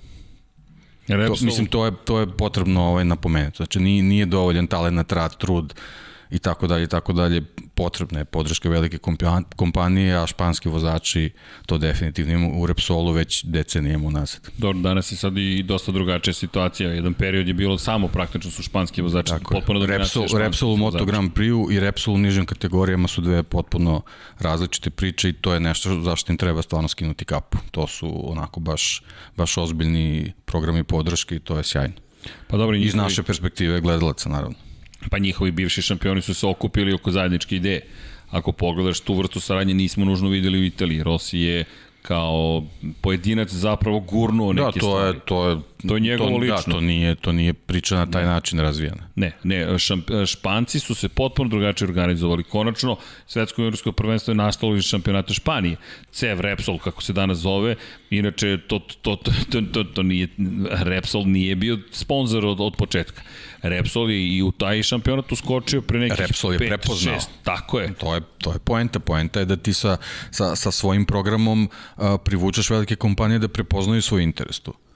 A, a znam u Španiji šta znači motociklizam, to je, to je stvarno jedna mnogo, mnogo bitna kategorija. Jeste, i, i kada pričamo o prosto o, o eto, CEV, to je šampionat brzine, zapravo, kako se lepo zove, mi možemo da se vratimo čak i tu u godine koje su, koje, koje su zaista nekada davno postavili zapravo osnove za sve rezultate koje danas imamo. Jer mi ako pogledamo u to vreme, u 125 kubika kako su se stvari događale, mi tu već možemo da vidimo i naznake onoga što nas čeka u šampionatu sveta. E, pomalo se zaboravlja, ali Štefan Bradley je bio šampion 2007. godine u šampionatu Španije u 125 kubika. Štefan Bradl je ozbiljnu karijeru izgradio pre nego što je stigao do svetskog prvenstva. E, kada pričamo o, o drugim vozačima, Efren Vasquez, isto, čovjek na koji je sada zaboravljen, ali generalno... A dobro, generalno u nekom trenutku se pravi sito, mislim, to je, je, to je nešto što je prirodno, ali, ali je poenta je dati šansu svima koji je zaslužuju. To je, to je ono što je jako važno i, i to svi vozači koji se nađu u Španiji mogu da iskusi na kraju krajeva Bradley je i dalje u čitovi priči vezano za Hondu i za, i za Repsol. Pa, da, i to je zanimljivo, on čovek i dan danas je tu s Markezom, na jedan je. drugi način su Tako povezani, to je, to je, ali su zajedno. Da, to je to neko poverenje i, i, i, i ta neka podrška koja stvarno, stvarno ovaj, treba da im se oda priznanje za to, bez obzira koji su tu sad sve motivi ili kako to sve ide, jednostavno da nije takve podrške ko zna o kome sve ne bismo pričali, ko bi iscrpeo sve svoje resurse i na kraju morao da odustane. Ovako imamo stvarno plejadu vrhunskih vozača iz Španije, između oslog zato što su imali podršku Repsola. Čekaj, znaš ko je bio šestoplasiran u šampionatu Španije 2007. Nemoguće pitanje, ali Takaki na Kagami. Znaš, to je, to je. Gde hoćeš da, da kao hoćeš do Moto Grand Prix-a, preseli su u Španiju. To je ne, sve povezano. Ne u Italiju, idi u Španiju. Zašto? Šte, šampion te godine Bradl, drugi je Scott Redding, Efren Vasquez, ok, e, imamo Pere Avilju, to je Tutusausa, imamo Ivana Maestra Martineza, zaboravljeni, Takaki Nakagami, Luis Salom, nažalost, nikad prežaljeni, Mark Marquez, Alexis Masbou i tako dalje i tako dalje a Jonas Folger je vozio u to vreme. Dakle, ti ako hoćeš da gradiš priču... Znaš kako, svi su tu ulaganja nisu pretarano velika, a opet sa druge strane za neki vrhunski program u Moto Grand Prix ti ih imaš sve na oku i imaš priliku da jednom trenutku usmeriš one koji trebaju da isplivaju na površinu, tako da to je jednostavno, to je način, to je recept kako se to radi, ne, nema, nema druge priče. I zašto neće da se penzionišu? Pa evo Marcel Schrotter je 2007. vozio 125 kubika u šampionatu Španije ti ne želiš da prestane taj život. Tvoj život je staza. Prvo što je, što je uživanje voziti u takvim šampionatima, to je, to je, to je bitna stvar. Jeste, evo sad smo imali prethodnog vikenda trke u Valenciji i fenomenalno gledaš trke u Valenciji i kažeš uf, Ricardo Tormo, ča, sad, eto to isto možete da pratite, dakle prenosimo i svetsko juniorsko prvenstvo, zaista se trudimo da... Šampionati gde se voze Harama, Valencija, Jerez, Barcelona, koje su to staze? To su, to I to isto priča o, o stazama. Da. Španci koji nisu imali jednu pristojnu stazu praktično početkom 80-ih, to su sve bile, nažalost, smrtonosne staze. Sada mi govorimo o vrlo ozbiljnim pistama, mi govorimo o trkačkom jednoj, jednoj trkačkoj kulturi, ali tu je Sito Pons, tu je Jorge Martinez Aspar, tu je, bože, sad mi pobeže mi Emilio Zamora, koga još imamo? Od španskih šampiona, Angel Nieto, Angel Nieto mlađi, to su ljudi koji su uložili sebe ozbiljno u, u celu tu priču. I onda imaš još jednu situaciju gde Dorna kao španska kompanija 1991. rekla, ej, ček, 92. zapravo, ok, danas je 30. godina, ali slavit ćemo sledeće godine još jednom 30 godina, rekla, čekaj, ovde ima nečega.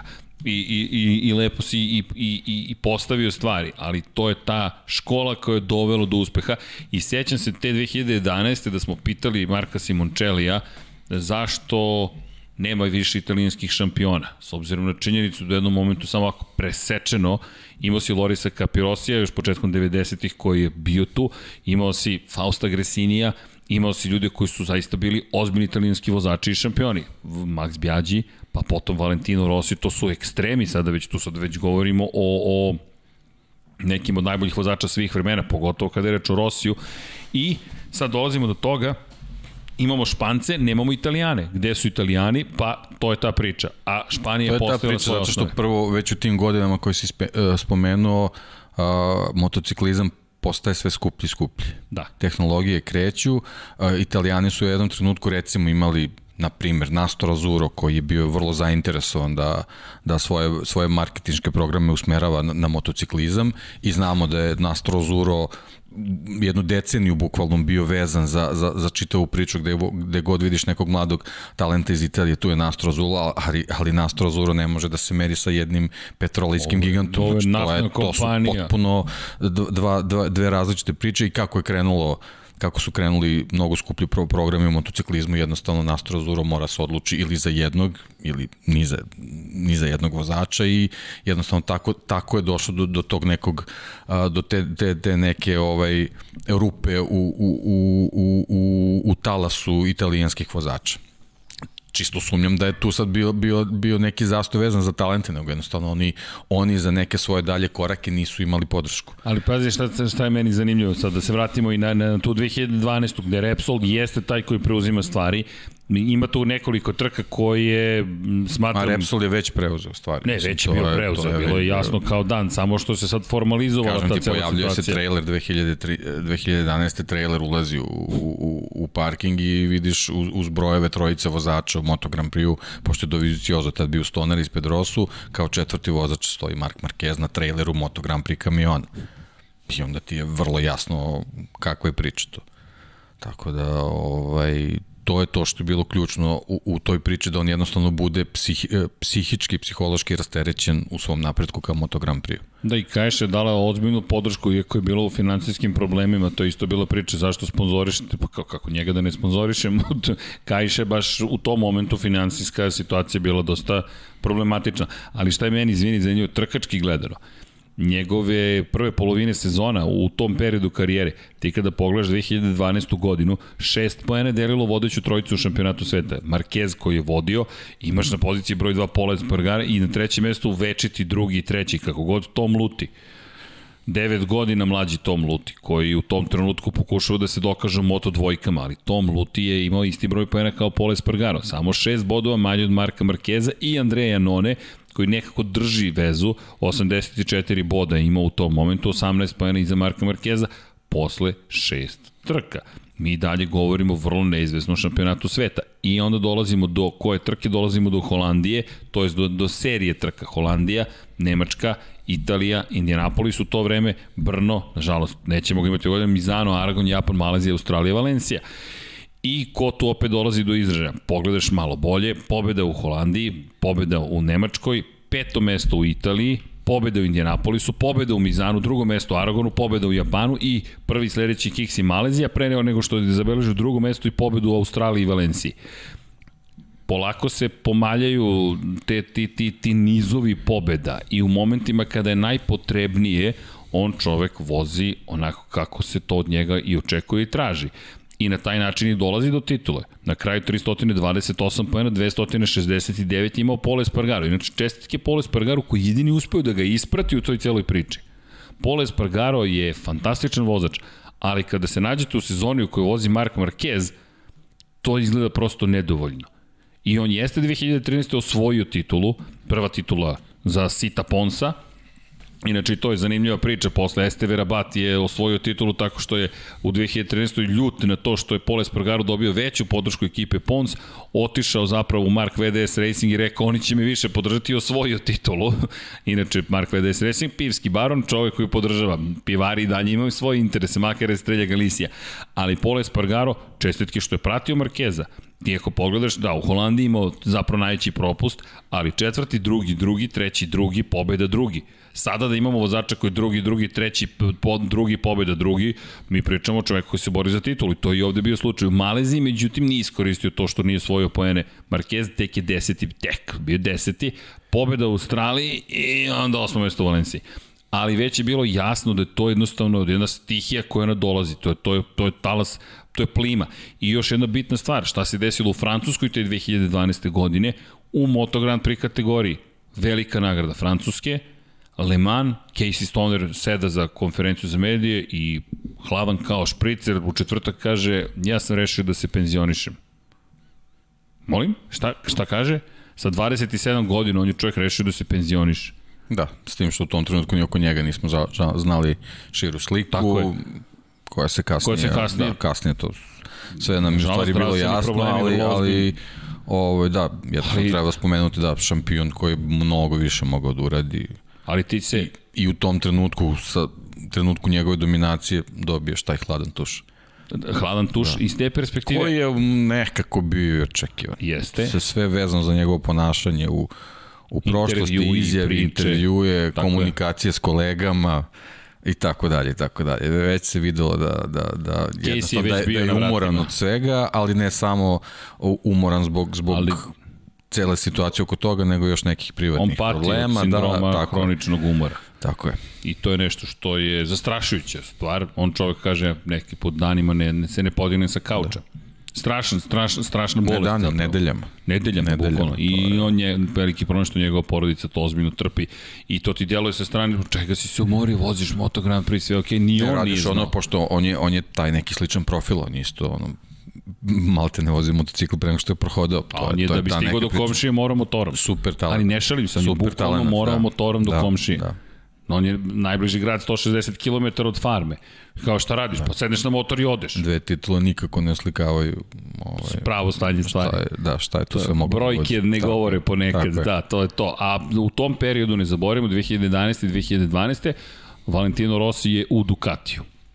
I to je baš jedan vrtložan period u Moto Grand Prix-u, gde je Jorge Lorenzo pobedio Valentina Rossi 2010. Rossi doživao prvu ozbiljniju povredu te iste 2010. 2011. neuspešni pokušaj s Ducatijem, 2012. neuspešni pokušaj s Ducatijem, Casey Stoner koji je jasno stavio da zna šta može 2011. osvojio titulu, Jorge Lorenzo koji juri drugu titulu u šampionatu sveta i osvaje 2012. Dani Pedrosa koji se tu bori, Španci tu već polako, ne polako, već su preuzeli glavnu reč, Andrea Doviciozo ne može da se nosi sa onim što su donali niti Pedrosa, niti Lorenzo. I sad Rossi koji traži izlaz, nalazi ga u tome što Ben Spies ne može da se snađe takođe na Yamahi, a Yamaha je dočeka da primi nazad Valentina Rosija, Rossi stiže u Yamahu, Stoner se penzioniše, kockice se nekako slažu i stiže Mark Marquez I stiže u u, u, savršeno okruženje u smislu nasledđa motocikla koje je razvio Casey Stoner, a iz današnje perspektive vidimo da mu je suvozač Dani Pedrosa, čovek koji je KTM postavio gde je danas. Znači, Tek u, u razvoju jednog koje... mladog motocikliste. O, Vanja, hvala. Tako je. Ovo je kakva, le, kakva je leđe ima. Pogledaj ovo. Da. Kakva je, ej, ali ovo je fa, da. fantastičan kadar. Ja se nadam da ovdje postoji još jedna fotografija. Ovo je prva trka u karijeri Marka Marquez za Katar 2013. u Moto Grand Prix klasi. Bridgestonove gume, to bih napomenuo. E, ovo je moment. Stani ovdje. Ali ako možeš samo, samo na trenutak da vrati prethodno. Okay. Da. Samo ovde je samo detalj koji je jako bitan, ono, vezano za čitavu priču Marka Markeza, lakat njegov u odnosu na, na Pedrosin.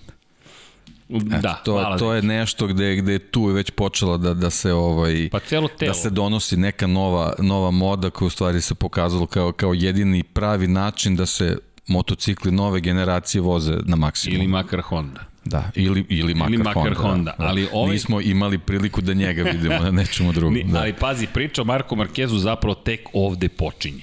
Tek ovde počinje. Sve ovo što je do sada postigao, to su dve titule i prvi je koji ulazi u, u sezonu kao jedan od onih koji bi mogli da naslede Valentina Rosija i Filar ide po kom, po, po kom pitanju? Po pitanju toga da ste osvojili titulu u 125, 250, 500, to jest u kategorijama koje su ih nasledile.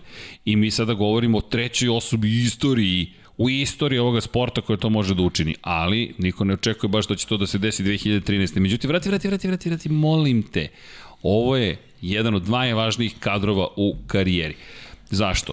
Njegova izjava po završetku trke, kada se popeo na pobedničko postalje, bila sledeća. Bio sam iznenađen mojom brzinom, ali kada, kada sam sustigao Danija, odlučio sam da, proveda, da odmorim nekoliko krugova iza njega. to, to za mene mnogo stvari govori. Pogledajte stav pritom na motoru. Dani koji je potpuno fokusiran, spuštena glava, gleda gde se gleda i Mark Marquez Kao da koji... da oduzima gas. Da, i koji se ispravlja, povećava aerodinamički otpor. On čovjek bukvalno sedi ovde i odmara i rekao ja sam odmorio malo iza Danija i onda sam krenuo dalje. On je malo odmorio i za klubskog... Pazite, to je šamar, to je i psihološki udarac. Ti kažeš za čoveka koji je u toj Hondi od 2006. godine i koji je doveden da bude budući veliki šampion španski, i, i Hondin 2006. nije osvojio titulu, njegov klubski kolega Niki Hayden je osvojio titulu, 2007. Casey Stoner osvojio titulu, 2008. Valentino Rossi, 2009. Valentino Rossi, 2010. Jorge Lorenzo, 2011. Casey Stoner, 2012. Jorge Lorenzo, 2013. Dani Pedrosa bi trebalo da vodi Hondu, stigao je Novajlija, Novajlija izjavi posle prve trke, malo sam odmorio, i onda sam otišao na poziciju 3. E, Vanja, to je ona, to je ona fotografija, molim te daj onu fotografiju. Prelep inače pehar, nedostaju mi ovi pehari, moram da priznam, ovi biseri I ovo je njegovo prvo pobedničko postolje u karijeri. Moto Grand Prix. Moto Grand Prix karijeri, tako je. Prva trka, odmorio je malo iza, iza kolege, malo, malo sam se opustio tu iza kolege i rešio sam da inače na pobedničkom postolju pored njega Valentino Rossi u toj prvoj trci u 2013. godine, Valentino Rossi bio na poziciji broj 2, Jorge Lorenzo pobedio. Izvini, vrati, vrati, vrati, vrati, vrati, Vanja nam je požurio. Gde jako bitna stvar Vanja, sa, sa, sa Markezove desne strane, gospodin sa bradom. I ako bih smeo da dodam još jednu važnu osobu sa njegove leve strane, nasmejan i veseli budući japanski penzioner, Shuei Nakamoto koji je stigao iz programa Formule 1 Hondinog, koji je bio preteča bar Mercedesa, to je ne bar Honda, izvinite, nego, nego Bron Mercedesa, uprostite, bar je bio bar Honda, ali Shuei Nakamoto došao i preuzeo Moto Grand Prix i zajedno... Sve se sklopilo. Sve se sklopilo. I koga je još doveo? To jest, ko je došao sa Casey Stonerom? Livio Supo. Livio Supo koji je predvodio Ducati do jedine prve i jedine titule u šampionatu vozača. 2007. godine. Livio Supo, inače, zapamtiti i ovu rečenicu koji je gotovo na nivou neprijatelja prema Valentinu Rosiju, posle 2008. pogotovo Lagune Seke, da citiram Roberta Downeya mlađeg ili ko zna kojeg filozofa iz naše istorije, zapravo Ironmana, da ne kažem Tonija Starka, poseješ demone u prošlosti, ne znaš ni kada si ih posejao. I spomenut ćemo, to će se, do, to, to će se desiti 2015. Vrlo brzo. godine. Vrlo, vrlo brzo, vrlo brzo, zapravo brže nego što je iko očekivao ili možda čak i kasnije nego što smo očekivali, ali kakav moment, Lorenzo beleži pobedu, Valentino Rossi u svojoj povratničkoj trci za Yamahu se penje na pobedničko poziciju broj 2 posle dve godine agonije on je konkurentan na Yamahi i pored njih stoji veseli nasmejani Mark Marquez i kaže e ok, odmorio sam iza mog kolege. Druga trka međutim e Vanja daj sad one fotke. Daj ove fotografije. Zašto? Prva pobeda u karijeri u Moto Grand Prix i bilo ih je posle mnogo. Pogotovo na ovoj stazi ovde reč dominacija dobila no, novo značenje Ovde je bilo važno što pre zabeležiti ove, ove plasmane, znamo kako je to sve funkcionisalo kasnije kako, kako taj šampionat melje, ovaj, tako da ovo su stvarno bili idealni tajminzi da se, da se ove stvari uradi, da se kompletna pažnja, kompletan fokus okrene na njega. Ja, ja mislim da se zaboravlja koliko je ta njegova prva sezona zapravo bila fascinantna. A sad je... krećemo s tim, pošto si ovaj, bukvalno od početka sa Markom Markezom pričali smo pre neki da, dan, tako da, da sigurno se sećaš i tih prenosa. I... Da, da, zapravo ti si mi skrenuo pažnju na to da sam zapravo pokrio celu njegovu karijeru. Nije mi palo na pamet. Počeo sam da komentarišem Moto Grand Prix 2007. godine, on se te godine, mi imamo pojavu Marka Markeza negde tamo u nižim kategorijama. 2008. je njegova sezona, to je već druga godina u kojoj radi Moto Grand Prix bukvalno cijela njegova karijera, cijelu karijeru. I to da mi nisi rekao, ja bih rekao nemoguće, sigurno sam se uključio u prenose pošto je Mark Marquez vozio, ne, zapravo zastrašujuća pomisao, cijela karijera nova Marka Markeza je pokrivena. Oh, deki, to je, to moram ti pridati bio šamar, on, osvešćenje, ali da, i sjećam se, ali vrat, vratite to, vratite to na tu trku u Britaniji pet godina ranije, gde to je pobedničko postolje dalje stoji u istoriji kao prosečno najmlađe pobedničko postolje. Ali kažem, zaborav, mislim da se zaboravlja koliko je ta njegova prva sezona fascinantna. On je osvojio titulu na poslednjoj trci sezone, to je odbranio taj dovoljni broj poena. Međutim, s izuzetkom Italije, to je velike nagrade Italije u Muđelu, kada je pao sa staze, ni jednom nije imao nezavršenu trku do diskvalifika, bizarne diskvalifikacije u Australiji i sve trke je završio koje je završio na pobjedničkom postolju. Mi govorimo o Novajliji koji je došao, bio treći, prvi, drugi, treći, pao, treći, drugi, prvi, prvi, prvi, prvi, drugi, drugi, prvi, drugi, diskvalifikovan, drugi, treći i ovo je rezultat. Hvala Vanja. Da, vrlo, vrlo brzo nas je navikao da je to potpuno normalno i da, i da nije uobičajeno da nije na podiju. Ali neverovatno je, on da. to nije radio u nižim kategorijama, ne od početka sezone. Period prilagođavanja je bio neophodan. Bio je period potreban kada je neka, mu, neka muka, neka da, ali bukvalno ne treba bitka. zaboraviti, da to, to smo i preskočili, prvo sedanje na, na Moto Grand Prix motocikl na, na testiranju Molensi 2012. On je bio samo sekundu sporiji od Pedrosa u prvom krugu koji je vozio. Jeste. Ok, da, da to je, mali detalj. Mislim, to je, da, to je, to je detalj gde, gde bukvalno svako kod tog trenutka nije, nije uh, fokusirano gledao na njega kao buduću veliku zvezdu Moto Grand Prix, jednostavno morao da, da razgorače oči i kaže čekaj, zaista nešto postoji. I nije, I nije usiljeno i nije izmišljeno. Jednostavno, to je tako. On je seo i vreme je pokazalo o čemu se radi. Da nije bio, da nije bio diskvalifikovan u Australiji, budimo realni, on bi titulu osvojio mnogo pre toga, ali zasluženo su bili diskvalifikovani za oni koji ne znaju, bizarna jedna trka, Bridgestone nije pripremio dovoljno dobre gume, dovoljno tvrde gume za tu trku, one su toliko stradale da, da bi se održala trka, Bridgestone je zapravo zahtevao, naredio, tehničku direktivu izdao da morate da promenite motocikl na polovini trke, imate tri kruga da to obavite, ili dva, ne sećam se sada više, i znalo se u, koja, u kojim krugovima to možete da učinite. I sećam, sećam se da sedimo i da je toliko bila zbunjujuća situacija kada ni posle ta tri kruga Marquez nije otišao na zamenu guma, su Đankića pogledali i rekli I u Dorni su se pogledali. Ne, ne. jo, uh, i, jesmo mi nešto pogrešili? Da li smo mi pogrešno izbrali krugove? Jer je neverovatno da Repsol Honda i Mark Marquez ne znaju u kom krugu mogu da, moraju da uđu na zamenu motora. I sediš i ovako gledaš i sad, ona čuvena moment komentatorski, inače to vas uče u školi komentarisanja, ako nisi siguran, a ti ćuti. I znam da smo se nas dvojica pogledali sad, ako ako si pogrešio u brojanju krugova, to je jedan od onih lapsusa koje ćeš pamtiti i koje će ti publika pamtiti. S druge strane, ako ne kažeš ljudi upravo se dešava tektonska promena u šampionatu sveta i ne preneseš veličinu i važnost momenta, nisi uradio svoj posao. I ovako, milisekund. Okej. Okay mi ćemo sada verovati o svojem brojanju i Udri po ovome katastrofa i jeste bila katastrofa, diskvalifikovani i ali što ti kažeš i Dorna sedi i u režiji da pustimo grafiku ili ne. Jel treba da pustimo reklame.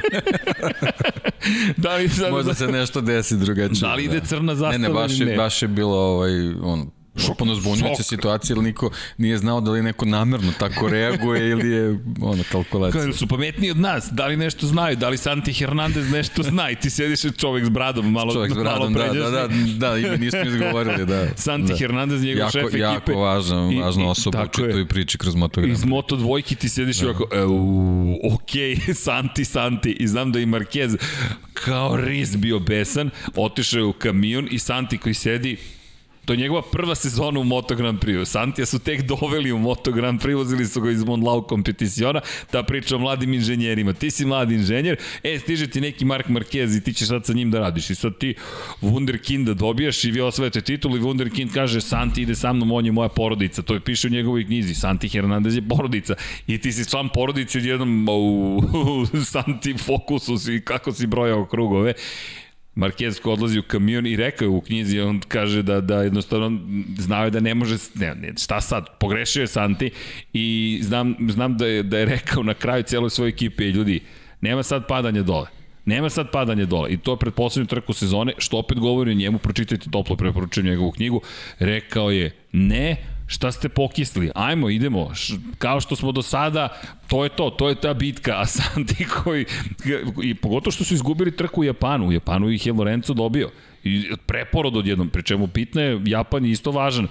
Japan koji je mesto na kojem je kasnije osvajao titule neke stvari su se poklapale, ali ti je važno da Hondu takođe nagradiš onim što je toliko želela.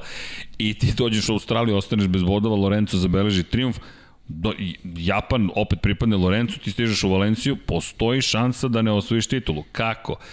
Pa, ako Lorenzo zabeleži pobedu, imaće 330 poena. Ti ako završiš peti, nema titule. Ok, male su šanse, ali opet, šta ti je to trebalo u životu? Samo završiš trku u Australiji i sve gotovo. Ali to je lepota života Moto Grand Prix-a. Nije gotovo dok, što kažu, nije gotovo. Međutim, ova sezona je opet sezona velikih prevrata zapravo. I sezona koja rekao bih da je obeležila karijeru Danija Pedrose i rekao bih da je obeležila karijeru Jorge Lorenza takođe. Zašto? Sve, ako se vratimo do velike nagrade Holandije, do velike nagrade Holandije, to su usponi padovi, to je usponi padovi, čujte, to su minimalni padovi. Dani Pedrosa inače vodi u šampionatu sveta posle Holandije. Dani Pedrosa 136 bodova. 127 Jorge Lorenzo, Mark Marquez 113. Taj pad iz, u Muđelu je bio prilično skupocen. Karl Kračov, inače pozicija broj 4, 87 bodova i Valentino Rossi, koji je inače zabeležio pobedu u toj velikoj nagradi Holandije. Izvinjam se, to je bio taj jedan važan moment kada, su, kada je uspeo da zabeleži triumf, ali šta je specifično za veliku nagradu Holandije? Inače, tada se još uvek vozila subotom. U četvrtak Jorge Lorenzo po kiši doživljava stravičan pad.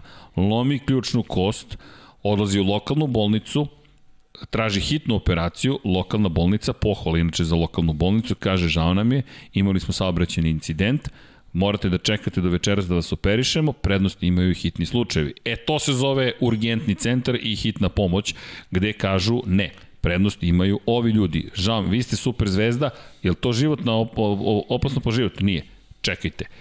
Lorenzo kaže važi, seda u privatni avion, odlazi u Barcelonu, operišu ga i Posle operacije sutradan hvata avion, hvata, ne hvata neko privatnim avionom nazad za Asen. I to je ta neka moda koja je posle ušla, ovaj, svaka njemu čas za, za taj poduhvat, ali to je ta neka moda koja se ovaj, nekako ubacila među vozačem Moto Grand Prix-a, koja će kasnije dovesti do nekih stvari, to su Ima, jednostavno stvari ima veze sa Da sad ne izgovorim, pošto će Vanja opet ubaci sliku s brkovima, ali to su jednostavno takve situacije, treba slušati preporuke lekara, Očekujem Nisu tituli pobede najvažnije na svetu, bit će toga i dalje, ali eto jednostavno ovaj, to je nešto što je jače od njih, tu i Lorenzo to pokazao, ali eto nekako a, bilo je tih situacija ranije, ali mislim da je, da je ta njegova odluka u tom trenutku posle a, dovela do nekih lančanih reakcija na, na slične povrede kako bi pokazali svoju posvećenost ili ne znam šta. To je ali, jednostavno... Hvala Vanja. Hvala Vanja. Ali to se ne radi. ali to se ne radi. Međutim, Lorenzo u tom momentu je superheroj. On čovek se vraća u petak i uspeva u subotu da bude peti u trci. To je 11 ogromnih bodova. On zadržava prednost u odnosu na Marka Markeza sa tih 11 pojena. On ne dozvoljava i dalje da mu šampionat pobegne iz ruku. Rossi beleži pobedu i seća se jedan od komentara. Dani Pedrosa koji imao je sjajna sezona, četvrti, drugi, pobeda, pobeda, drugi, drugi. To je šampionska sezona. I onda je četvrti u Holandiji bio, ali Holandija videlo se da tu ni Mark Marquez, ni, ni Dani Pedrosa, nije, taj, nije to to. Jorge Lorenzo povređen i sećam se jednog od komentara, Rossi, ako sada ne pobediš, kada ćeš? Kada ćeš, jer za Rossi je to važan moment, mora da zabeleži pobedu. Čovjek nije pobedio od 2010. A to je inače bila njegova 46. pobeda u Yamahi protiv Jorge Lorenza u Japanu, čuveni njihov duel, incidenti, ne, Malezija, Malezija. Malezija u Japanu izgubio bitku, ali u Maleziji pobedio kada je osvojio titulu Jorge Lorenzo, ali je pobedio Valentino Rossi i prva pobeda posle tri godine praktično, dve i po godine. Pri tom trenutak koji možda nije toliko zanemariv, mislim, detalj, a, u tom trenutku ne mislim konkretno na, na te dane, na taj vikend, nego ne, neki malo period i pre i malo kasnije, ne vezano za Španiju, ne vezano za Italiju. Na globalnom nivou Mark Marquez osvaja simpatije šire publike. I postaje, koliko će god sada da to zvuči možda nemoguće, nekima će možda i zasmetati, novi miljenik navijača Valentina Rosija, koji polako počinju da traže naslednika. Nekoga ko će da ih Jel dolazi nove generacije gledalaca? Jeste.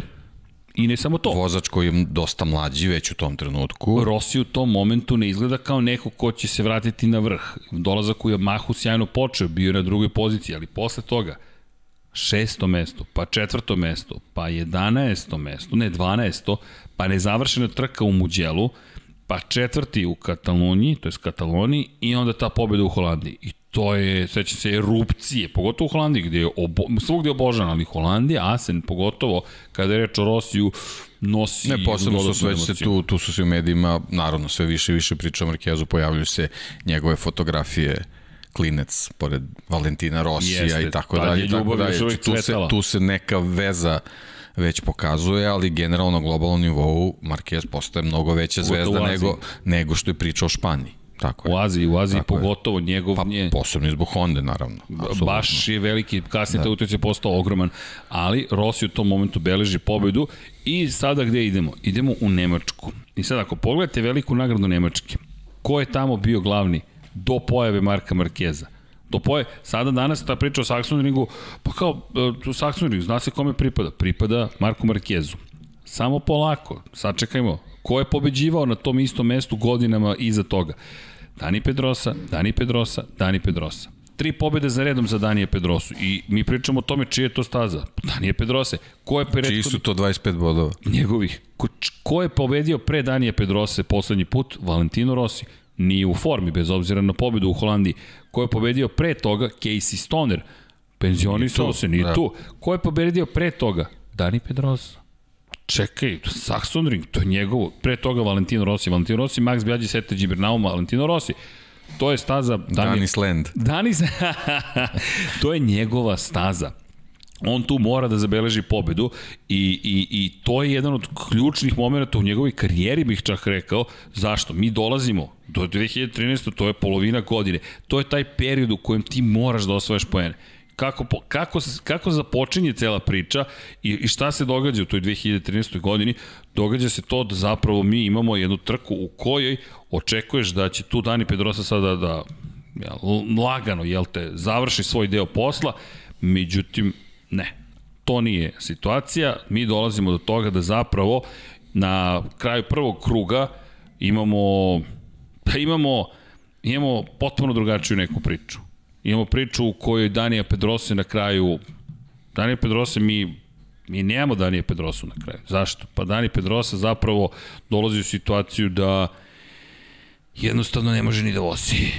I mi dolazimo do toga da ti, da mi šta god da smo mislili do tog trenutka da bi mogla da bude Danijeva sezona, da bismo mi mogli njega najzad da vidimo kako radi nešto što je što je očekivano, ajde da se tako izrazim, to se ipak neće dogoditi. Zašto? Pa jedno, inače još jedna bitna napomena, posle herojskog nastupa u toj 2013. godini u Holandiji i posle fantastičnog nastupa Jorge Lorenza, kod kažeš, ej, Jorge Lorenzo je fantastično vozio, Jorge Lorenzo pada u treningu i Jorge Lorenzo ne može da vozi u Nemačkoj. Što automatski znači bez bodova će ostati u toj situaciji. I kada pogledaš, logično ti da tek onda kažeš čekaj, čekaj, čekaj. U celoj ovoj priči, do čega mi sad dolazimo? Jorge Lorenzo je povređen, Danije Pedrose nema, ko će ovde da pobedi? Ko su vanzemaljci? Ko su vanzemaljci? Dani Pedrosa koji tu propušta jednu, ne mogu da kažem veliku priliku, to je, to je bio taj trenutak. To je bio taj trenutak. Međutim, Dani Pedrosa, nažalost, u treningu broj 2, zvanično je zauzeo poziciju broj 2, ali to je bilo to.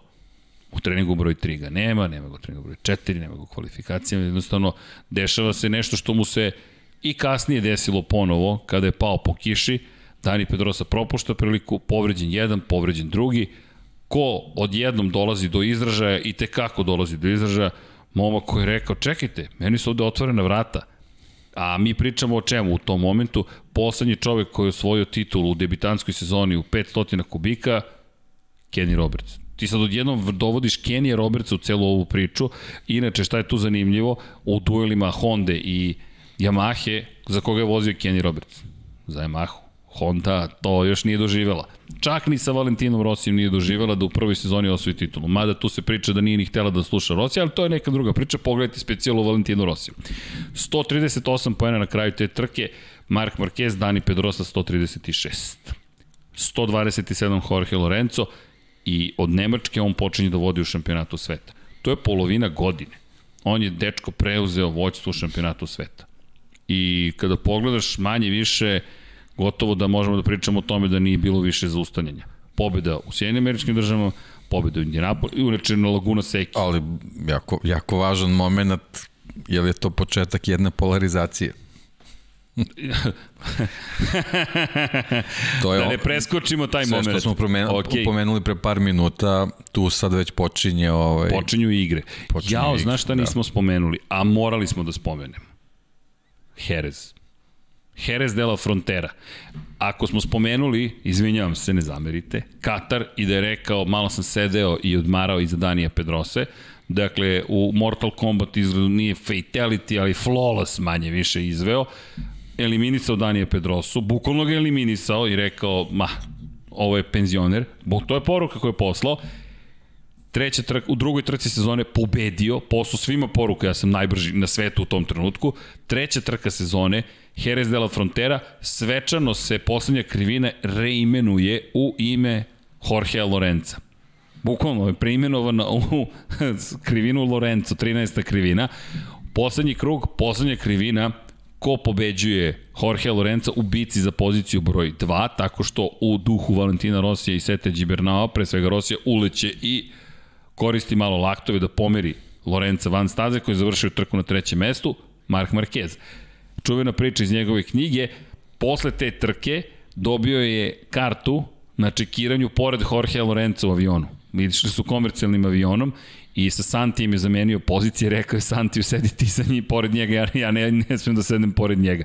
A Lorenzo inače nedavno rekao da je posle tog incidenta njegov plan bio da zastraši Marka Markeza nije mu baš pošlo za rukom, ali je to bio plan. Čisto da, da, da hvala deki, da, da ne zaboravimo i taj moment. Dakle, ti si imao Pedrosu, eliminisan. Casey Stoner, penzionisan. Do, ko ti je sledeći? Jorge Lorenzo, eliminisan. Ko ti još ostaje od vanzemaljaca? Samo još Valentino Rossi. I gde je bolje da to uradiš nego u Vadičepu? No u Laguna Seki. Zašto? Pa, gde je 2008. godine pobedio Valentino Rossi Casey Stonera u Vadiče po onoj čuvenoj trci za veliko nagradu Sjednih američkih država. Šta Mark Marquez radi? Ej, čekaj, ti si moj heroj, imao sam tvoju sliku u prirodnoj veličini u sobi, važi, ali sad smo na stazi, i bukvalno na isti način ga pretiče, iako je rekao to se slučajno desilo, deki ja, ja mu ne verujem ovako odmah i vrlo iskreno pa, svima kažem. Iz perspektive. Ne, ne verujem mu. Posebno, nisam mu ni tad posle, verovao. Posle tih analiza gde, gde su mnogi stručnjaci no, no, i bivši motociklisti i, i ljudi koji su ono čitav život proveli u padu, paducima i videli mnogo motociklista koji su jednostavno njegovu vožnju karakterisali kao kao jednog vrhunskog šahovskog velemajstora koji nekoliko poteza u napred predviđa, ali u milisekundi. Znači, to je, to je stvar koja karakteriše Marka Markeza, citirajući ljude koji su mnogo više vremena proveli od nas ovaj, analizirajući njegove vožnje. Jednostavno, on je neko koji je u stanju da, da pola kruga bukvalno u, u napred pripremi u, u jako kratkom vremenskom periodu. Tako da te neke stvari da su se slučajno desile na stazi, a doći ćemo i do nekih drugih ovaj situacija, jednostavno Teško. Ne pije vodu. Vrlo teško. Ne, ne pije vodu ta vrlo, konstatacija. Vrlo, vrlo, vrlo teško. Da. Izuzetan vozač, čovjek koji je spojen s motorom i zna vrlo dobro što radi u svakom trenutku i ta Laguna Seka jeste važna. Zabeležio je pobedu, impresivnu pobedu Inače, pohvala... Inače, ta sezona, izvini, vezano za te eliminacije, vozača. Svi vozači koji si naveo su, su vrhunski vozači i bili su u tom paketu vanzemaljaca, kako ste ih Tako nazvali, je. kako, je, kako jednostavno su i zaslužili uh, da se zovu i, i, i nije mnogo vozača i, i posle njih uspelo da, da uđe u tu grupu, da, da dobiju taj epitet. Ovaj, svi su oni ipak zvučaće malo grubo, ali jednostavno e, bili su vozači starog kova u odnosu na Marka Markeza koji se pojavio sa, sa, svojim, sa svojim stilom uh, participacije i učešća u, u samoj trci, percepcije događanja, pripreme trke, stila vožnje i pre svega nove generacije motocikala koji su postali sve, sve tehnički savršeniji za razliku od neke, neke prošle grupe motocikala gde je stvarno vozački talent bio ključan. Baš, baš je danas bila neka konferencija za štampu vezano za Le Mans, pa su pričali o, o, o 500 kubika u kraljevskoj klasi, kako svi uh, vozači današnjice bi želeli da probaju te motocikle, da jednostavno vide šta to znači kada samo vozačko umeće upravlja čudovištima, kakve su bili 500 kubika motocikli. Taj, ta, taj period je nekako prošao sa dolaskom druge decenije 21. veka. Mark Marquez se tu pojavi dono nešto potpuno novo u, u svim segmentima svog stila vožnja koji se ne odnosi samo na upravljanje motociklom, a ti se već spomenuo i, i tu, tu prednju gumu i tako dalje i tako dalje. Jednostavno ti vozači iz nekih starih generacija sustali su se sa jednim drskim vozačem koji je, koji je uh, promenio bukvalno sve što su do, do tad i oni znali i oni su morali u hodu da se prilagođavaju njegovom stilu vožnja da bi mogli da mu pariraju. Da, ali on je došao u, u eru velikih šampiona, ve, velikog broja velikih šampiona. Jedino je propustio Casey Stoner, to svi patimo, da, ali dobro, to, ali stazi. jednostavno ne verujem da bi se u Repsolovoj priči to desilo na taj način, mislim da bi to bilo pogubno za Repsol. Mislim da si... Pa, da, ali jednostavno on je imao svoj blokče, ono, Kill Bill i Da, Kill Bill, baš si lepo rekao. Ovo su ljudi koje moram da... Putovao od mesta do mesta i precetavao jedno po jedno. I kako su se otvarale prilike. Ali ono, ono što, smo, što smo naveli da jednostavno krenuo da uživa simpatije širom sveta, glo, globalnu popularnost da, da dobija, taj potes u Laguna Seki mislim da je već, već drastično ovaj, krenuo da polarizuje stvari kad su u pitanju ovaj, odnosi i navijači Rosije i Markeze ali i dalje nije bilo zamerke, nije bilo sve jedno, ali je drugačije to sve izgledalo. Kada pogledaš, i dalje su se svi divili zapravo veštini koje je neophodno da se tako nešto učini. Jer ti na kraju dana, ti si, ti si, ti si uradio nešto što suštinski se od tebe nije se očekivalo baš da ćeš se ti baciti u, u vadičepu ispred Valentina Rosija. Da, u jednom momentu u trci ti kažeš, hmm, da li će se ovo desiti, da li može da se desi, ali onda vidiš nameru, jer to je preslikan manevar. Ti, ti, mi govorimo o preslikanom manevru. Ako se vratimo u 2008. 8. Rossi je bukvalno ljubio taj deo staze. Bukvalno je ljubio taj deo staze i to ima mnogo veće značenje nego što su neke druge krivine u šampionatu sveta. To je mesto jednog od najvećih triumfa, kapitalni moment u, u osvajanju dve titule, ne jedne titule dve titule, jer Casey Stoner, to što smo pričali, 2008. tri pobjede za redom imao. U tom momentu on je u naletu. Sekund u svakom treningu po krugu ima prednost u odnosu na Rosija i Rosija uspe da ga pobedi. I onda se pojavi Mark Marquez i kaže tu. To je poruka. To je bukvalno poruka i u pravu si, to je već počelo. Rossi je i dalje govorio i kao i Marquez, sve super, veliki smo rivali, čak se pričalo o nasledđu i ne zaboravimo, oni su potpisali ugovor te godine da Valentino Rossi i njegova fabrika u Tavulji proizvode reklamnu robu za Marka Markeza. Ko je proizvodio kape, kačkete, majice, sv, sv, sve suvenire Marka Markeza, Valentino Rossi. Bukvalno to je fabrika Valentina Rossi je proizvodila sve za potrebe Marka Markeza do kraja 2015. godine. Tako da biznis, to jest sve ovo se nije umešalo u biznis i jedan i drugi su profitirali od toga, ali pričalo se to, nas, naslednik, jednostavno govoriš o tome da, ej čekaj, ovde postoji neki novi klinac koji deluje da bi mogao da bude toliko brz da kažeš, mhm, jer Lorenzo, da se vratimo i na Lorenza, nije pokupio simpatije, naprotiv. Lorenzo je bio čovek koji je antagonista od prvog momenta za Rosijeve navijače, to je antagonista. Zašto? On dolazi u ekipu u momentu kad je Rosije na vrhuncu slave. moraju da dele ekipu Yamaha koja kaže mi dovodimo velikog šampiona pored tebe, Pritom Lorenzo koji pokušava imitiranjem proslava Valentina Rosija to je da se, najveća greška. Najveća greška gde izgleda, zaista izgleda nespretno u najmanju ruku i ti kažeš ne, ne, to ne, nemoj to, tek kad je počeo da pobada zastavu je, su, su, su, ljudi, su se strasti smirile, ali realno Lorenzo je pokolno, ja mislim da omraženijeg protivnika čak ni u Maxu Bjađiju nije imao. Jednostavno Lorenzo je nekako uspeo, postoji, evo Lorenzo i danas je nekako čovek koji ne može da zove pozitivne reakcije. Tako da ima, za to, neku crtu da. da iznervira bukvalno i stalno ulazi u neki Čak i kad ne želi da uđe u sukob, on zvuči kao da je u sukobu. Niko Rosberg.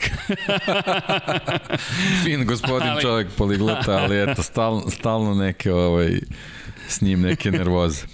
ali, ali ako pogledaš, kada pogledaš jednostavno, Mark Marquez je taj koji je imao šansu da bude rival, a da bude prihvaćen.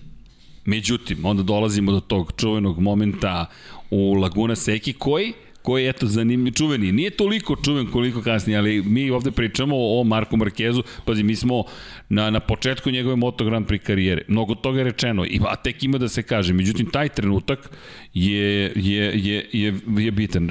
Deki, imaš neku zamjerku? Pa, ponoć je, tek ste počeli, samo polako. Jesi ti rekao moramo specijalo Marku Markezu? Pa, ja, ne, ja sam ispoštovao tvoju želju, ovde se, e, Vanja, imaš nešto u sleku, baci pogled.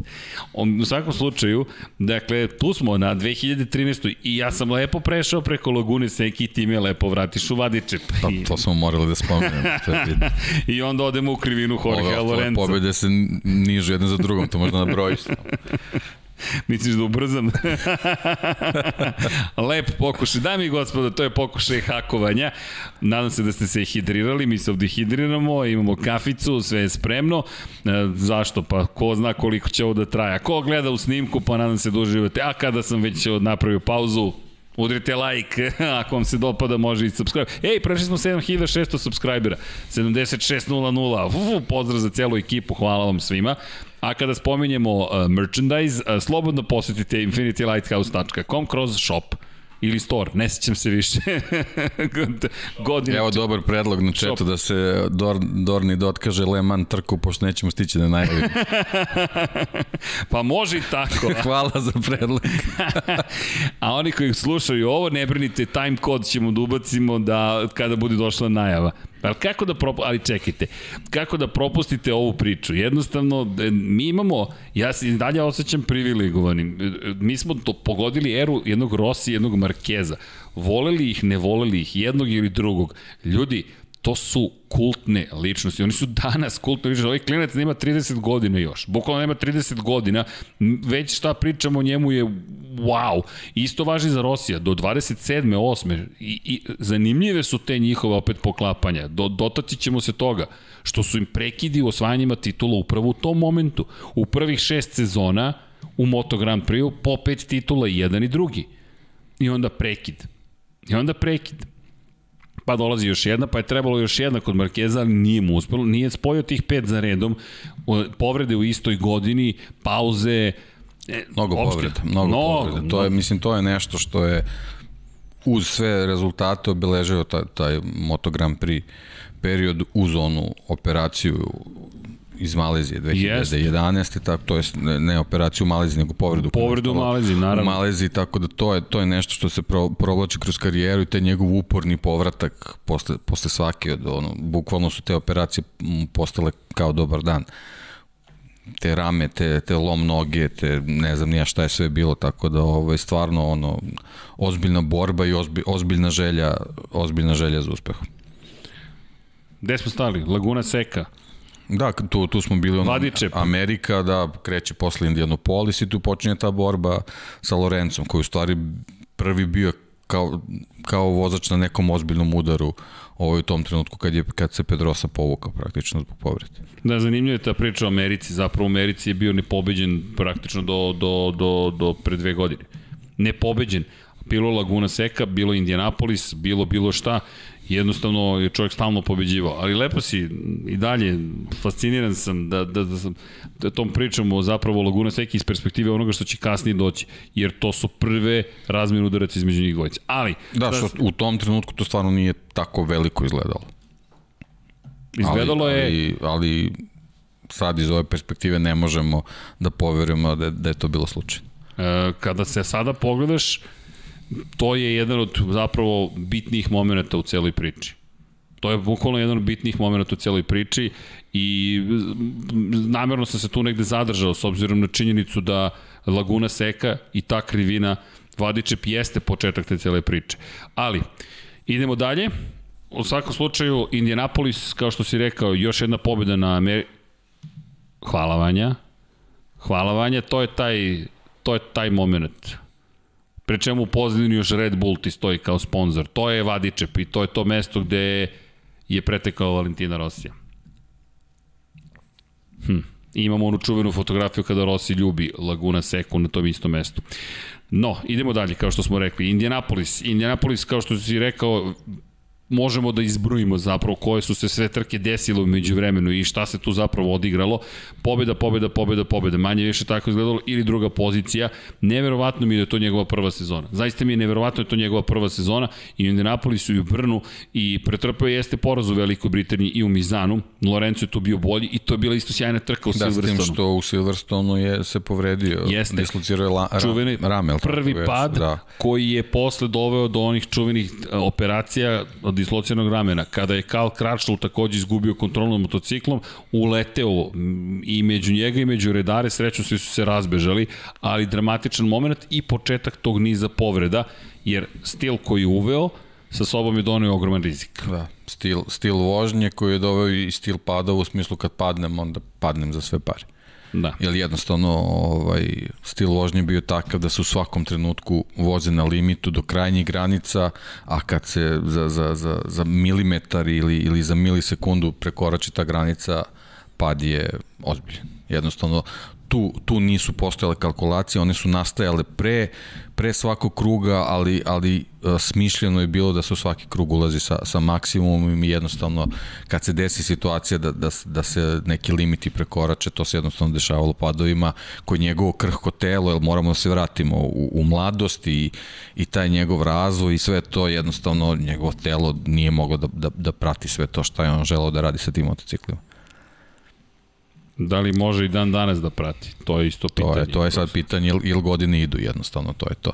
Znači pričamo o godini gde on još uvek mladić. A pazi, u tom momentu on je u toj direktnoj bici sa Jorge Lorenzo, Lorenzo dobija tu bitku. Međutim, dve trke kasnije mi imamo još jedan preloman moment, rekao bih, u, u, u, u odnosima s Danijem Pedrosom. Pa do nekle i sa Albertom Puđom dolazimo do Aragona 2013 kao da nije bilo dovoljno sada sve što što se dešava, mi u tom momentu i dalje imamo otvorenu bitku, jer njih trojica sjajno voze. Mi od Indianapolisa, to je pobjeda Markeza, drugo mesto Danije Pedrosa, treće mesto Jorge Lorenza. Brno, pobjeda Markeza, drugi Pedrosa, treći Lorenzo. Velika Britanija, pobjeda Lorenza, drugi Markez, treći Pedrosa. Mizano, pobjeda Lorenza, drugo mesto Marquez, treće mesto Pedrosa. I onda dolazimo u Aragon i mi kažemo, ok, kome će ovo pripasti? Šta će se ovde desiti kada pogledamo u tom momentu stanje u šampionatu sveta? Mark Marquez 253 poena, Jorge Lorenzo 219 bodova, Dani Pedrosa 219 bodova.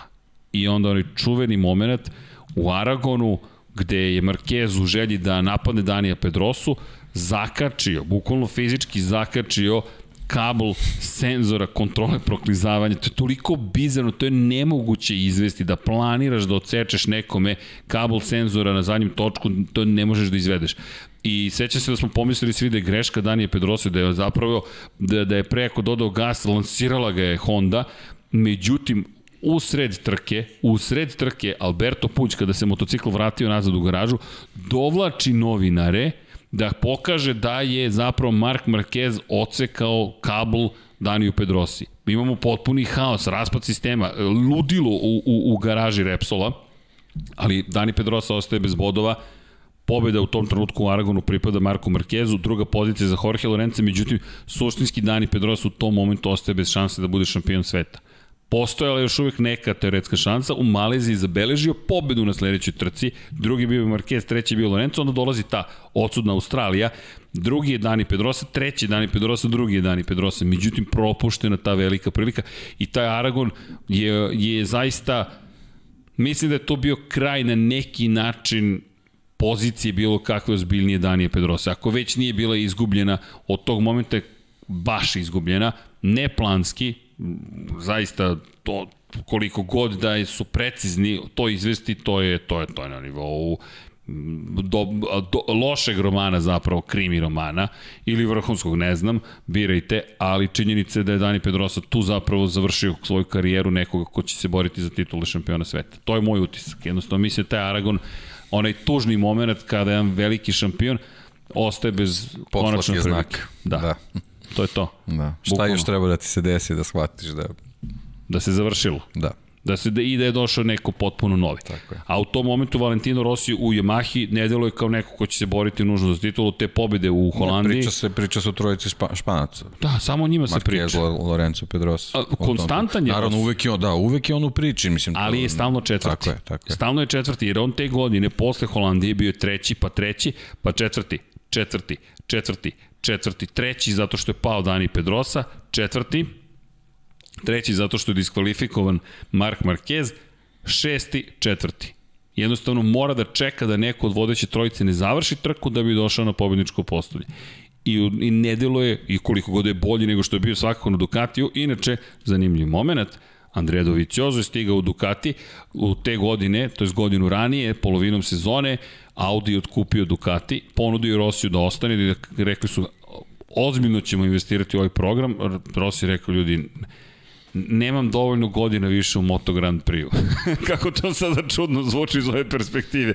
Kada 2012. kaže nemaš mnogo godina, 9 godina kasnije dalje razmišljam o tome da nastavi karijeru. Ali ok, zaista niko od nas nije mogao da pomisli da ćemo 2021. pričati o tome da Rossi vozi ili da vozi fabričku, fabrički motor u privatnoj ekipi i da razmišlja o tome da nastavi karijeru u svojoj ekipi 2022. To je ono jednostavno, Moto Grand Prix jednako Valentino Rostica, ne, nema ovaj... Ali da, ukratko. Ali ukratko, ali pogledajte koliko da. istorije se sve to izmešalo. U svakom slučaju, Mark Marquez na kraju osvojio titulu te 2013. Ali koliko je ta sezona značajna. I njegova konstantnost, i brzina, i ti planski napadi protiv konkurenata, pa i ove čudne situacije koje su se događale i opet izraži taj njegove I padovi, i, i povrede, i tako dalje. I padovi. Tako I onda da. dolazimo do 2014. koji izgledala... Izvini, samo, mislim samo da, da, da ovaj, o, završimo priču sa, sa tom godinom Motegi. On ima ozbiljan pad da. u warm-upu. Da, da, okay. mislim, stvarno, uh, nijednog trenutka nije postojala kalkulacija, jer to nije bio, nije ni danas stil njegove vožnje. Nema kalkulacije. Videli, smo, videli smo padove koji su sad bili u Herezu jednostavno nema kalkulacije. I to ne. je to je nešto što što je u, u, u genu i to se to se ne menja. To se ne menja kod njega.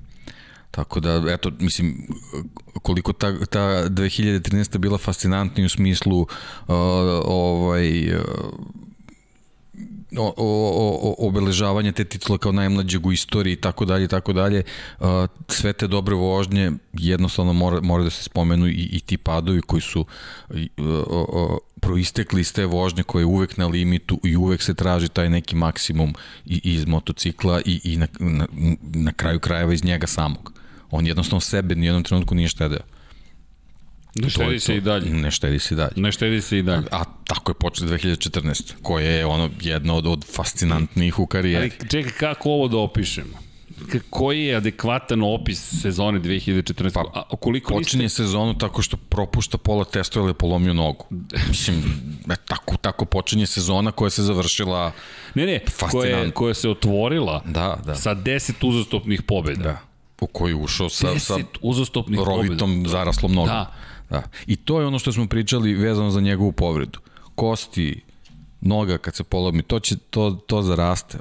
Povrede druge prirode moraju da se tretiraju na drugi način. Ali eto, evo, i on, on je tu situaciju imao. Znaš, kreneš, kreneš u sezonu i posle prvog testa, testa ti si u gipsu već. I pobediš u prvih 10 trka godine. Da. I to gotovo toliko lako da je to izgledalo da smo I već se... krećeš sa razvojem nekog svog motocikla. Jeste, ali pazi, to je prvi put i jedini put i koliko god je kasnije bio dominantan, da smo mi pričali o tome da je Formula 1 neizvesnija od Moto Grand Prix po pitanju toga ko će pobediti. Jednostavno, ti gledaš čoveka, šta sad, pobeda, pobeda, pobeda, pobeda, pobeda, pobeda, pobeda, pobeda, pobeda, pobeda. Eto, to je 10, da izborim 10 pobeda. Mi, mi govorimo o potpunoj dominaciji. Nikad nismo videli takvu dominaciju modernu.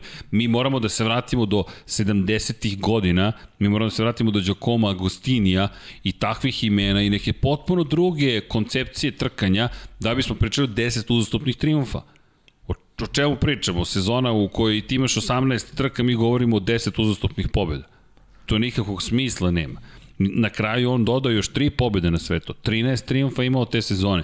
Ali 10 tih pobjeda... I oborio rekord Michael Duana. Jeste? Još jedno, još jedno ime stavljam u rečenicu s njim. Štiklirano. A ne zaboravimo, Fredija Spencera je skinuo. To smo, da, to smo već Na kraju 2013. Da. Čisto da uz Kenny Roberts dodamo tu celu priču. Eddie i sad Spencer, mo... Kenny Roberts, Michael Duan. Valentino Rossi. Pri tom Michael Duan, legenda Repsol Honda, koji već polako kao odlazi na neku, neku drugu poziciju. Ili Repsol, ipak španska priča. To, je, to su sve stvari koje, koje je morao da radi na, na svom putu Inače, ka, ka vrhu. Treći španski osvajač titule u kraljskoj kategoriji, posle Aleksa Krivije i Jorge Lorenza. I do dana današnjeg, to samo tri španca su osvajala titulu u najčoj kategoriji.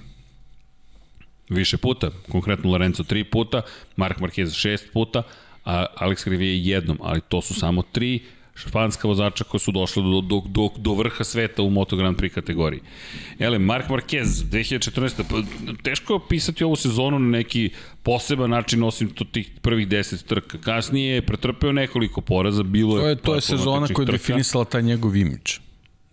To je, kad, kad nekome treba pričati o Marku Markezu, to je 2014. godina. Kakav je vozač, evo ovako, brutalan, egzekucija, imali smo pre njega Valentina Rosija koji je čovek koji je imao poseban stil vožnje, neverovatno precizan, drugačiji, usmeren, drugačiji, nije potencirao taj, taj čvrst, taj, taj agresivan stil vožnje, znamo, znamo uvek kako je Rossi startovao, kako u finišu trke u stvari svojom, svojom konstantnošnju lomio svoje tadašnje rivale. On ih je dobio u poslednjim krugovima trke, on je, on je u finiš ulazio u, u drugom delu trke, a sa Marko Markezom se sve promenilo da je bukvalno trenutka kad se gase svetla počinje maksimalna vožnja i jednostavno on, on je lomio sve na početku trke i ko je imao priliku da, da, da drži korak, da u finišu nešto uradi, možda je mogo da, da razmišlja o, o, o, o nekom visokom plasmanu,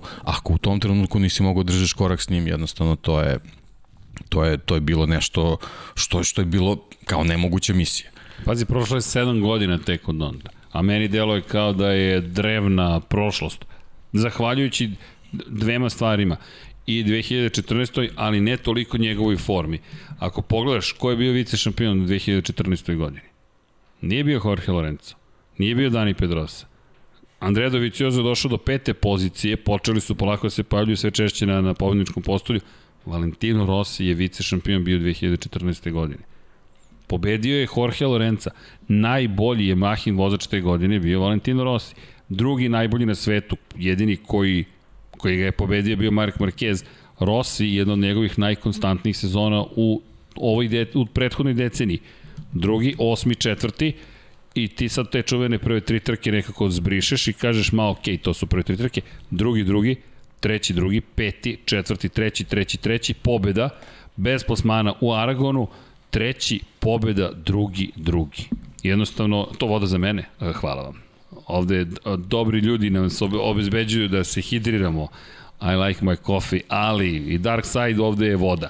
Teko da Valentino Rossi u tom momentu počinje polako da liči na nekog vozača kog smo ranije gledali, koji je često na pobedničkom postolju i tu i tamo zabeleži pobedu. U Mizanu kultna pobeda. Pobeda na domaćem terenu, najzad triumf u Mizanu posle tolike agoni i prva pobeda od Holandije prethodne sezone ali na jedan drugačiji način ostvarena, gde sve se žuti i tri trke kasnije ponovo pobeda.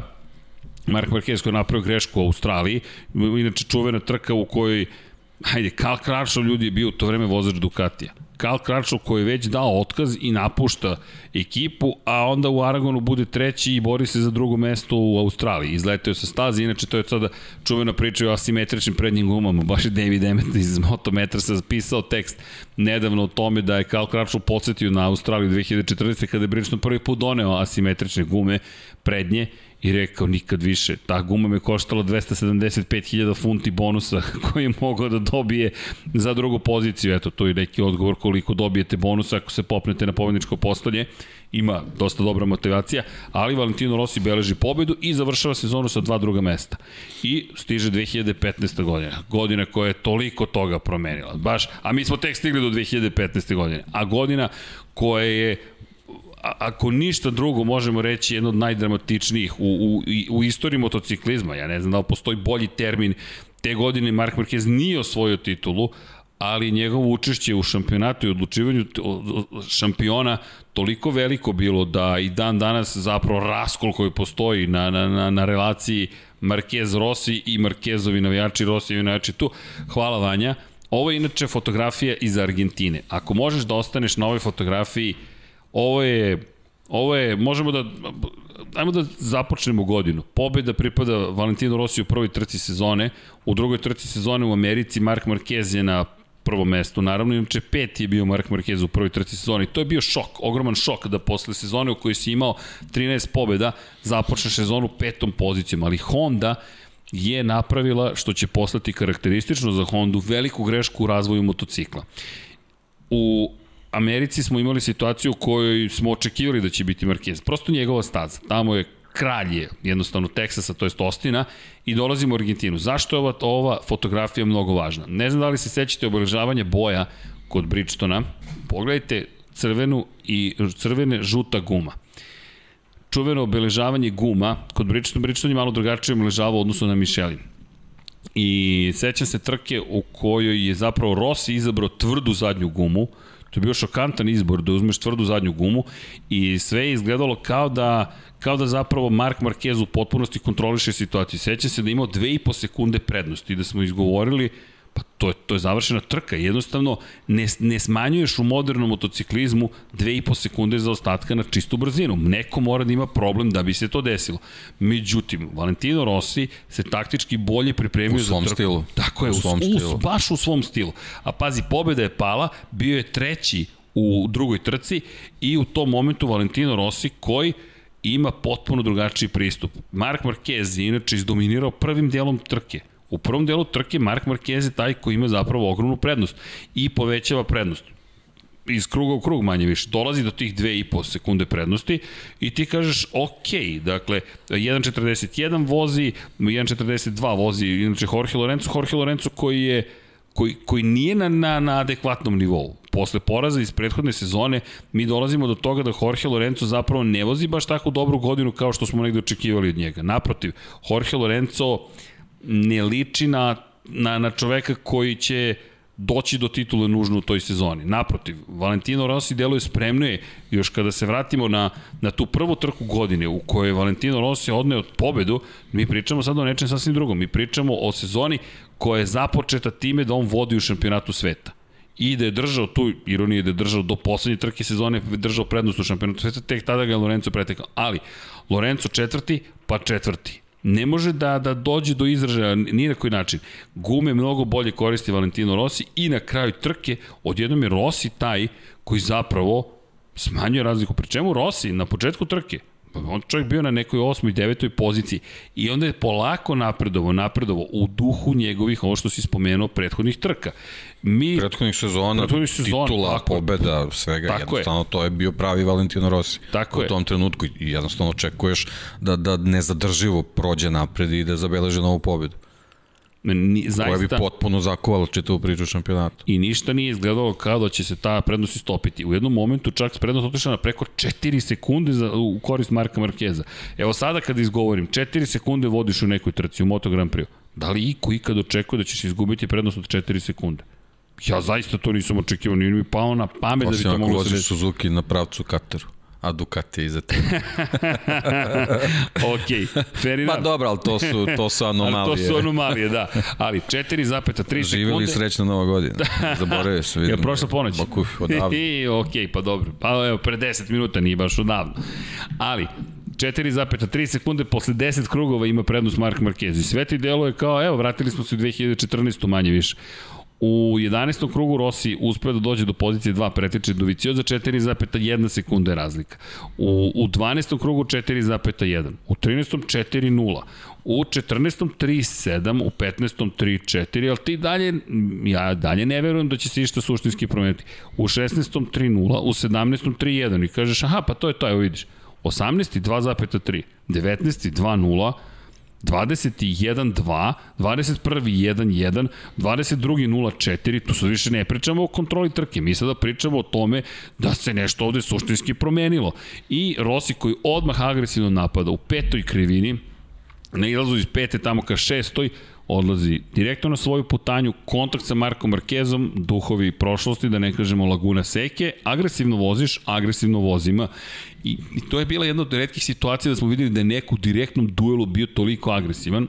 Marquez koji pada, ostaje bez plasmana, bez bodova, to sada već postaje dramatičan zaostatak u, u, u šampionatu sveta, a Rossi beleži drugu pobedu u prve tri trke sezone.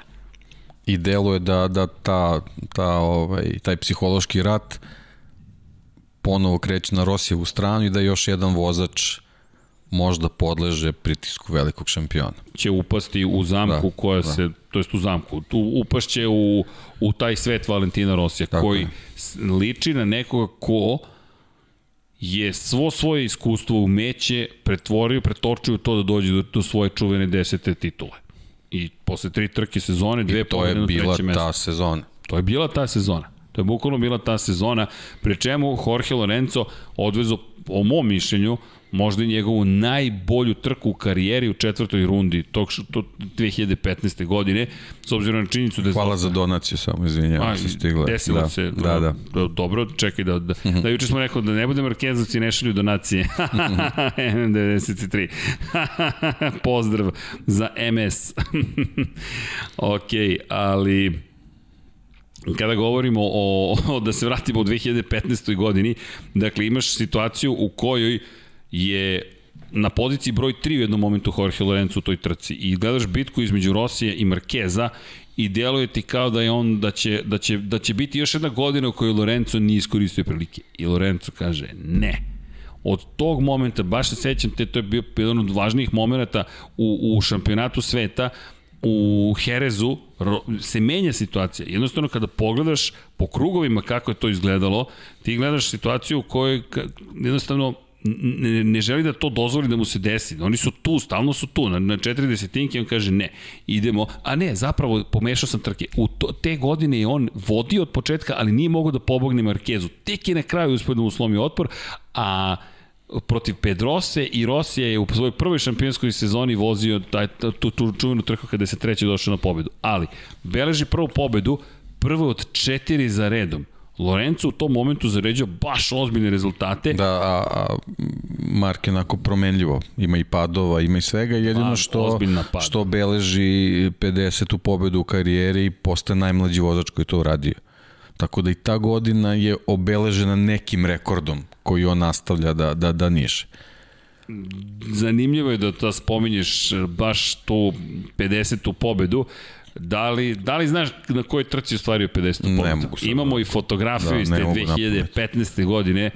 Znaš, bit će ti, mislim, zanimljivo, u Australiji čuvena trka u Australiji, od koje je mnogo toga počelo, inače tu se poklapaju bili, inače Marquez je imao dva pada, međutim, posle Katalonije dolazi jedan od, evo je ta čuvena, da, čuvena. To je tu je sve počelo. E, tu je sve te, sad kad je počelo? tu se sve završilo. E, tu se, da, ne, ne, kad Nemam je, po, pojma. kad da. je počelo, deki? Da, da, kad da. je počelo? Da. 2008. To je 50, al tako? To je 50. Da, da, da, pobjeda. Da, da. To je, to, to je, to je, to je, evo, zapamtite, doći ćemo mi ponovo novo, ne može bez ove, bez ove trke, ne može, ne, nije priča u Maleziji kompletna bez ostrava Filip. Jednostavno, koliko kompleksna je istorija njihova i koliko su, baš španska serija, špansko-italijanska, ali u momentu kada mi dolazimo do, do kraja trke u Kataloniji, kada četvrtu pobedu za redom beleži Jorge Lorenzo, Mark Marquez je praktično već ostao bez šanse da postane švedski šampion. Postoji teoretska šansa. Ako odveze opet onu čuvenu godinu kao što je odvezao 2014. ili ako ponovi moto dvojke. Ali ti gledaš kako se razvija jedan duel između Jorge Lorenza i Valentina Rosija. Pri čemu odlazimo u Holandiju i ajmo sad Holandija. Ajmo sad Holandija. Šta je bitan, zašto je bio bitan test u Kataloniji? Bio je bitan test u Kataloniji zato što su tada zapravo napravili hibridnu verziju Honda. Da li te podsjeća na 2021. godinu? Šta je vozio Takaki na Kagami na prethodnoj trci? Hibrid, ali ne hibridni pogon. Nema, neko me pitao, hibrid, nisu valjda uveli hibridni pogon. Nisu, nisu se, nisu, nije, ne pričamo o Kersu. Već su uzeli šasiju iz 2014 i gurnuli motor iz 2015. To su radili u sred sezone. Od tog momenta se sve menja u kontekstu i pouzdanosti, to, ne pouzdanosti, osjećaja koje Marquez ima, jer Marquez je izletio u Muđelu i u Kataloniji. On je dva puta napravio ozbiljne greške. Nije mogao da kontroliše taj motor, nije znao gde je granica tog motocikla. Kad, taj test u ponedljak u Kataloniji je jedan od najvažnijih u toj sezoni svakako, koji je redefinisao odnos i Honda koji odjednom dolazi do toga da ima ponovo pobednika. Ali to je pobednika. pokazalo i njegovu posvećenost i rad u Hondi koja do, do Jeste. jednostavno se ne predaje. Kad se uoči neka greška, radi se dok se dok se ne ispravi ovaj situacija, to je ono o čemu ih je Mark Marquez vodio kad vodio ih je da, da, da se te greške isprave. I onda dolazimo do još jedne, pazite koliko kultnih trka smo mi imali prilike da gledamo sa ovim protagonistima. Mi dolazimo do koje, koje trke? Trke u Holandiji i onog čuvenog momenta u kojem zapravo dolazi do još jednog kontakta između Valentina Rossi i Marka Markeza, poslednja šikana, poslednji krug i pobeda za Valentina Rosija, ali presekao je praktično posle kontakta, ali to je, to je, to je sad, ko je tu genijalniji? Ko je tu šta uradio? Rossi koji zatvara krivinu, Marquez koji pokušao doleti, udara u Rosija, Rossi koji mora da siđe sa staze jer je udaren i nastavlja pravo kroz šikanu i završava na prvoj poziciji. U garaži Alex Marquez, Santi Hernandez, Emilio Alzamora, Alberto Puđ i cijela ekipa Honda skače na noge kako presekao stazu. Što je situacija nešto slična situaciji koju smo imali sa Nikim Haydenom i sa Colinom Edwardsom. Jeste. Niki je pobedio tu i to je praktično možda pobeda koja mu je kasnije donala titulu, gde je opet Valentino Rossi ovaj, indirektno učestvo u čitovi priče zato što su ti bodovi koji su Haydenu obezbedili prednost na, na ulazku finiš sezone praktično, tih pet, pet bodova. Ali e, iz perspektive njihovog odnosa, mi imamo novi kontakt. To se sad već, već kuva uveliko. Pazi, sad, mi sada da. tu pričamo o tri vrlo agresivna manevra. Da. Drugi kontakt u sezoni uz Laguna Seku još jedan agresivan moment. Iako u tom trenutku možda još neki osmesi postoje postoje, postoje, ali Jorge Lorenzo kasnije posle osvojene titule priča o tome da je Valentino Rossi skuterom prošao kroz šljunak te skrivine još u četvrtak. Tako da su postavili pitanje čekaj, nešto ovde planirao ili nije planirao. Mislim da možete uvijek da nađete ne, da, da je planirao sve praktično, da, da ne samo Rossi, nego da većina planira mnogo toga, ali sad, ko je to bio vešti, ne znam. Činjenica je da je u celu tu priču sad odjednom se, se, se, se ubacuje nova dimenzija. Dimenzija koja sada ima veze sa onim što smo pričali ko su obožavaoci Valentina Rosija, ko su obožavaoci Marka Markeza. Da li su to još uvek isti ljudi ili se već formiraju dva tabora i ko gde na koju stranu ide. Pri čemu jedan još uvek ne može da parira po popularnosti Valentinu Rosiju iako osvaja Aziju i s druge strane sećam se koliko na ljubite obožavalac Valentina Rosija u tom momentu govorilo ok, imam, imam za koga da se držim kada se Rossi penzioniše, međutim stvari su se promenile kada Rossi vodi u šampionatu sveta, kakav crni sada ja da navijam navijam za nekog drugog, kada navijam za ovoga, to je poruka. S druge strane, imaš situaciju u kojoj pojavljuje se neka nova generacija gledalaca koja kaže, pa čekaj, ja ni ne znam kako izgledaju kultne trke Valentina Rosija. Moj Samo tata ga obožava. Znam da se sve žuti na, na stazama. Tako je, i, i komšija, i teča, i tetka, i svi ga obožavaju, ali ja nisam video te nje, pa ne, nisam video te njegove rezultate. Poslednje velike njegove trke su bile krajem prošlog veka. ali, pa nije, krajem prošle decenije, 2009. u svoju poslednju titulu. Mi smo u 2015. i među vremenu si imao Lorenza Lorenza, Rostonera i Markeza. Imao si i Markeza koji pobeđe 10 puta za redom, deli udarce svima u prvoj sezoni. Evo, hvala Vanja, ovo je Asen, ovo je Asen. Ovo je bukvalno Asen. I, ajde sad nađite razliku između Argentine i Asena. Pronađi razliku. Nema razlike. Njih dvojica koji i opet lakat, lakat koleno. Lakat, ali da. pogledaj Rosija. Da, da. Pogledaj Rosija kako se prilagodio celoj priči. Rossi koji u tom momentu ima 36 godina. 36 godina on se čovjek prilagodio, to se isto zaboravlja, koliko on 2015. vozio ne, van onoga što bi bilo očekivano u Moto Grand Prix za nekoga koji ima 36 godina. Ali fascinantno kako se njihov duel razvija. Pri čemu Marquez se ne bori za titulu. On u tom momentu se ne bori, i evo kako izgleda pobjedničko postolje. Rossi koji beleži treću pobedu te sezone veoma značajan moment, pogotovo što je na poziciji broj 3 njegov suštinski najveći rival u tom trenutku. Mi pričamo u tom momentu o najvećem rivalu. Inače, Rossi u tom trenutku ima tek 10 poena prednosti. Posle trke u Kataloniji, jedan poen je bilo razlike između Lorenza i Rosija, to je Rossi i Lorenza. Rossi je bukvalno imao poen prednosti, sada ima 10 poena prednosti. To je dosta velika razlika, ali u duelu je bio protiv Marka Markeza. I sad, napuštamo Holandiju i idemo na čuveno lovište zvano Saxon Ring, koje među vremenu postao Markezovo lo, bukvalno. Dani Pedrosa pokazuje da je dobar na toj stazi, ide na poziciju broj 2. Rossi se penja na pobedničko postolje i ponovo pobeđuje Jorge Lorenza. Ponovo pobeđuje Jorge Lorenza, uzima mu 3 poena. Sledeća trka Indianapolis, opet Mark Marquez beleži pobedu, drugi je Lorenzo, treći je Rossi. Ta njihova bitka se nastavlja. Dolazimo u Brno, pobeda Lorenza, drugi Marquez, treći Valentino Rossi. Pogled, oni su stalno, sad su njih dvojice stalno tu i onda možda je ključna situacija u Velikoj Britaniji kada mu je eksplodirao motor. Eksplodi... To se to tek to se ne događa u Hondi da ti eksplodira motor. On je vodio u tom trenutku. I ne, ili ne, nije to ta godina. Ne, to je 2016, izvinjam se, ne greška taj godine on izleteo sa staze. Velika Britanija po kiši kiša, vožena. Kiša, Tako je, da, čuvena da. trka Valentina Rosija, Danilo Petrući koji ga je ganjao na pramaku, ako se dobro sećam, i, i nije mogao ništa da učini na kraju Rossi. Sećam se zato što tu trku nisam prenosio, morao sam bukvalno da idem poslom na poslom, bio sam, bio sam u Americi i, i to je baš bila obaveza ozbiljna, morali, morali smo da idemo i sećam se da sam u hotelskoj sobi jedva našao MotoGP i palim i, i vidim Kiša Rossi vodi i razmišljam šta se ovde desilo umeđu vremenu, kakva je ovo situacija, Petrući je drugi i znam da je, da je to baš bila velika trka, Marquez tu nije došao do poena i tu je suštinski baš bilo završeno što se njega tiče, što se tiče borbe za titulu šampiona sveta. Ali... Da, ovde se javnost okrenula ka Rosiju. To krenulo se u potpunosti iz Rosiju, ti ga pogledaš Čeka Veliku Britaniju. Titula, da. Bukvalno da. u tom momentu, ne, ta trka, to je četvrta pobjeda sada u većoj sezoni, 236, 224, 12 pojena je na doknadi. Ti, ti sad već gledaš, aha, čekaj. Inače, zanimljivo, pre te trke su bili izjednačeni po broju poena. Lorenzo i Rossi, ali ne i po broju pobjeda, pa je Rossi imao tu prednost.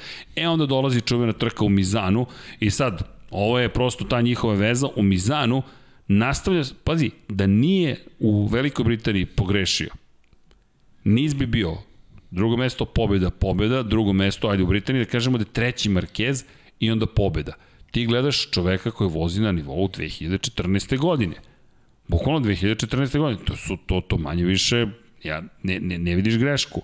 Ali, ko u Mizanu pravi grešku? Jorge Lorenzo, čuveno izletani staze, međutim, mislim da je veću grešku napravio Valentino Rossi, nije poslušao svoju ekipu, nije ušao na vreme na zamenu motora, ko je otišao na vreme na zamenu motora? Mark Marquez i pokazao nešto po čemu je postao kasnije veoma poznat. Promenjuje vremenski uslovi, dominacija Marka Markeza. I možda... I pravi izbor uvek. Uvek. Uvek. I pokazati, možda je to trka koja je pokazala koliko koliko je precizan u tim, u tim izborima. Ali fascinantan je taj njegov, pričamo o Marku Markezu. I Santi Hernandez. Jeste. Koliko je ono krenuo tu sezonu posle tog testa.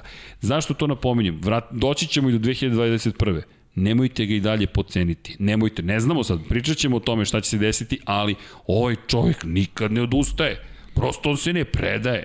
Nema, nema predaje. Jer ovde sad već ulazimo u nešto što smo viđali u nižim kategorijama. Problematičan početak sezone, polovina godine i dueli, svašta nešto i onda kreću pobjede. I Aragon u kojem, u kojem imamo pobedu Lorenca, koji se vraća u igru, Rossi je Rossi je na kraju treći, drugi dan i Pedrosa. Inače, meni ta trka ostala u sećanju upravo po tim njihovim duelima gde ti se posle izletanja Marka Markeza, to je posle odustajanja, čini da će sada sve preći samo na taj duel Rossi Lorenzo. Bukvalno samo na to. Idemo u Japan, skočit ćemo preko Japana, iako je Dani Pedrosa zaslužio pohvale za pobedu koju je ostvario i u Japanu, pobedio i Rosija i Lorenca, Rossi pobedio Lorenca u tom njihovom duelu, stižemo u Australiju. Jedna od najboljih trka hvalavanja. Naj, jedna, ovo pogledajte ako možete da se izmestite iz celog istorijata koje je potom usledio. Ovo je jedna od najboljih MotoGP trka svih vremena to šta su njih četvorica pokazala toga dana, sjećam se da kada smo završili trku u Australiji, smo pričali o tome da je Moto Grand Prix doživeo novi nivo. Jer mi imamo momka na Hondi, momka na Yamahi, malo starije gospodina, iako je on mlad čovek na Yamahi i Andreju Janonea na Ducatiju.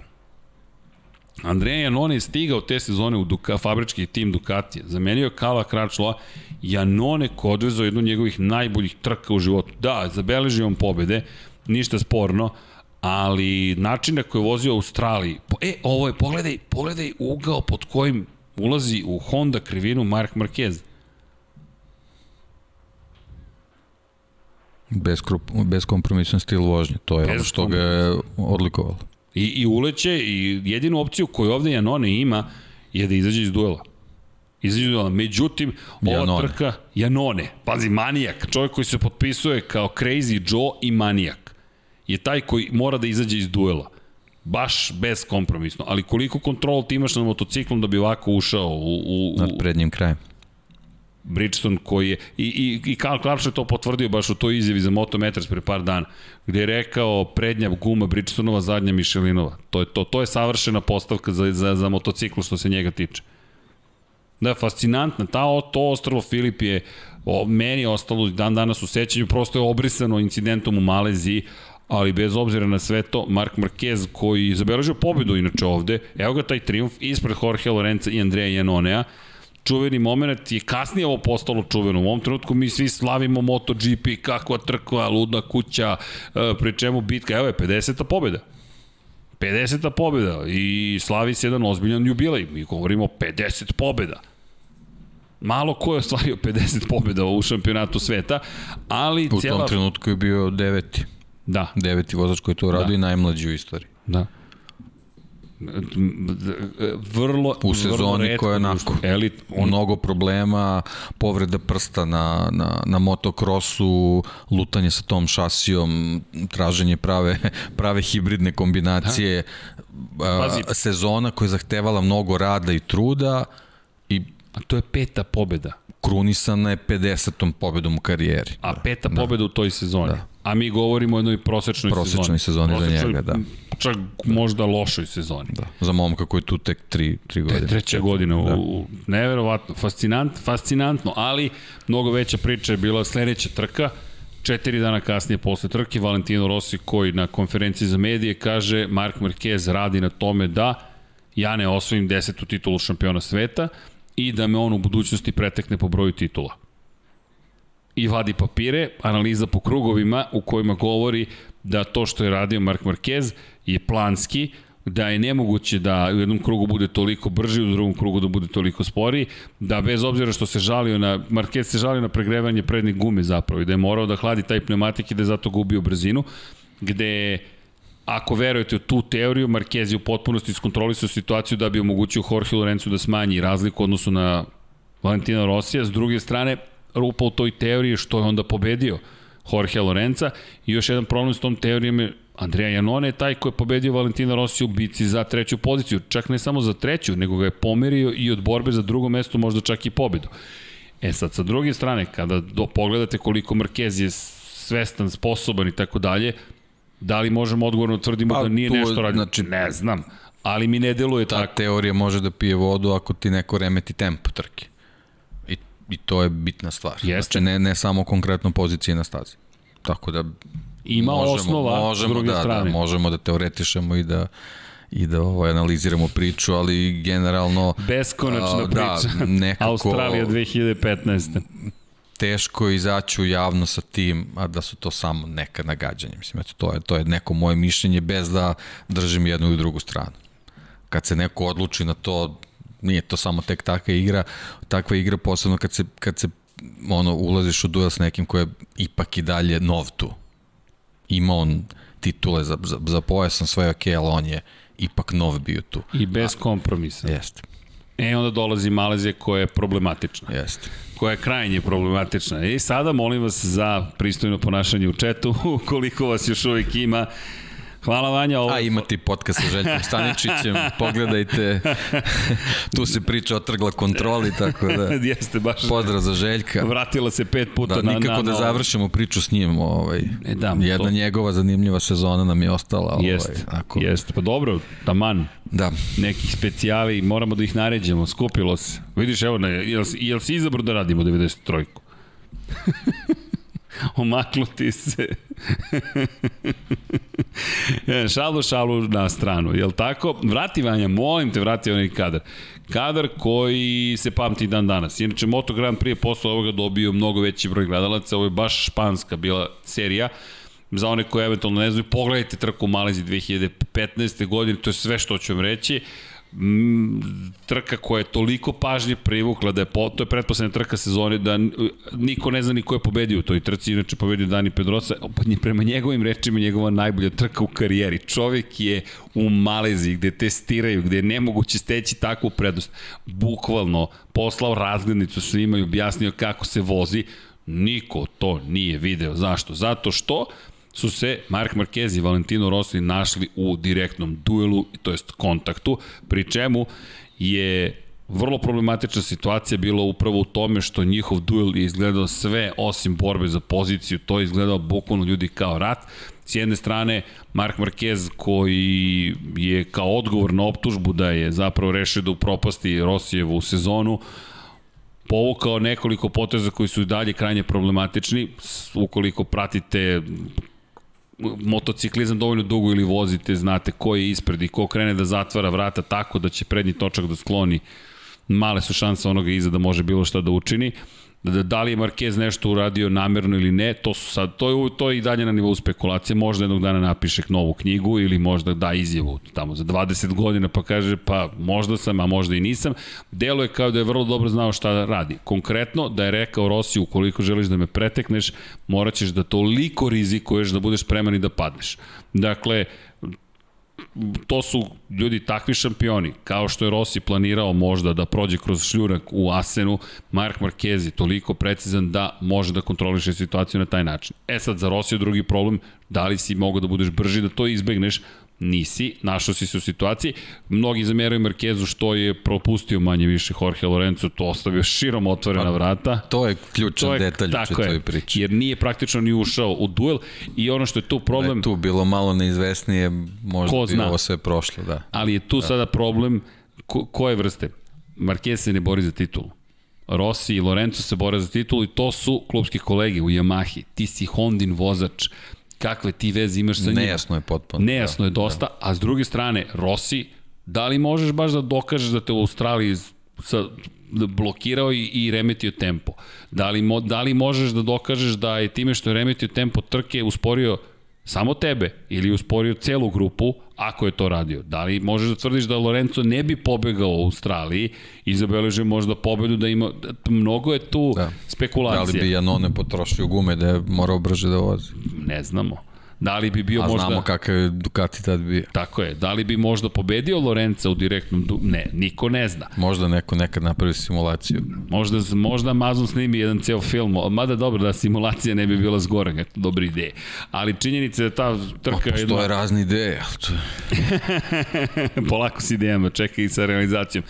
Ali s druge strane, Valentino Rossi je povukao potez takođe koji će ostati zabeležen kao jedan od najtežih poteza u njegovoj karijeri i najcrnjih poteza koje koliko god da, da, da je bio iznerviran ne možeš da povučeš, pogotovo ne kao veliki šampion koji definiše ponašanja mnogih. Ali Prešao je na tamnu stranu. tamnu stranu, trenutka. bukvalno, evo je Ne kafa. znam da li je planirao, ali, Ali- jednostavno u njegovoj karijeri se to desilo. To se desilo. To se desilo. To je taj moment kada je rekao dosta i gde ga je Mark Marquez pobedio u njegovoj igri, bukvalno, jer je prvi put Valentino Rossi popustio na tom planu u sred trke, gde je uvek on bio taj koji kontrolisao situaciju, gde su uvek drugi njega optuživali za nešto ili je mogao da ih ignoriše. Ovde se desilo da je Mark Marquez doveo do te reakcije da je Valentino Rossi stao uz njega, podigao ka vizir i rekao šta hoćeš. I onda čuveni moment, dodavanje gasa, koleno, pad Marka Markeza i potpuni haos potpuni haos. Ne bih otvarao dalje ovu temu jer je nemoguća. Ne, ne bežimo od teme, ali imate i podcast o Valentinu Rosiju i podcast sa Željkom Staničić. Možemo ceo podcast da posvetimo tom potezu i toj trci, ali činjenica da tu ali niko nije ostao... Ali to je potez koji je bukvalno obe karijere promenio. Tako je. Niko nije ostao tu bez ožiljaka. Jel te sezone da je Valentino Rossi došao do desete titule, ko zna kom obliku bismo danas imali Valentina Rosija, da li bi dalje bio tu gde jeste, da li bi bilo i to i, i, i novih pobeda 120 i tako dalje i podijuma ovaj a da što se tiče brži, a što da se tiče Marka Markeza on je definitivno tu sebi ostavio neki beleg koji ga eto prati i dalje. Vidimo kako su podeljenja mišljenja o jednom od najuspešnijih vozača svih vremena. Čoveku koji je promenio stil vožnje u Moto Grand Prix. Ako je mnoge stvari planirao i ako je to veliki kvalitet njegov što se tiče vožnje, ta, ta, ta čitava situacija je vezana za tih nekoliko krugova u Maleziji ako su postojale nekakve kalkulacije, a to naravno i dalje moramo sa zadrškom da da ovaj spekula, da, da, da razmišljamo o njima, a i, i o Australiji, onda jednostavno možda nije baš na najbolji način sve ovaj odmereno i percipirano kako treba da bude. Da, Tako inače... da, eto, to je, to je nešto što je moj utisak te, te čitove priče kao neko ko gleda sve to sa strane, naravno. Ima, ima nastavak priče, tek dolazi, naravno, kasnije, tu je došlo do potpunog raskola naravno između Markeza i Rossi ta da. priča i o majicama, kačketima, taj ugovor je odmah raskinut na kraju te godine mm, prestali su poslovnu saradnju, nisu se pomirili sve do 2016. godine velike nagrade Katalonije u Barceloni, nažalost kada smo izgubili Luisa Saloma, još jedna čuvena trka, čuveni moment, doći ćemo i do nje, ali ovo su te neke gotovo formativne godine, ovo je formiralo karijeru i Marka Markeza i drugi deo karijere, treći deo karijere Valentina Rosija.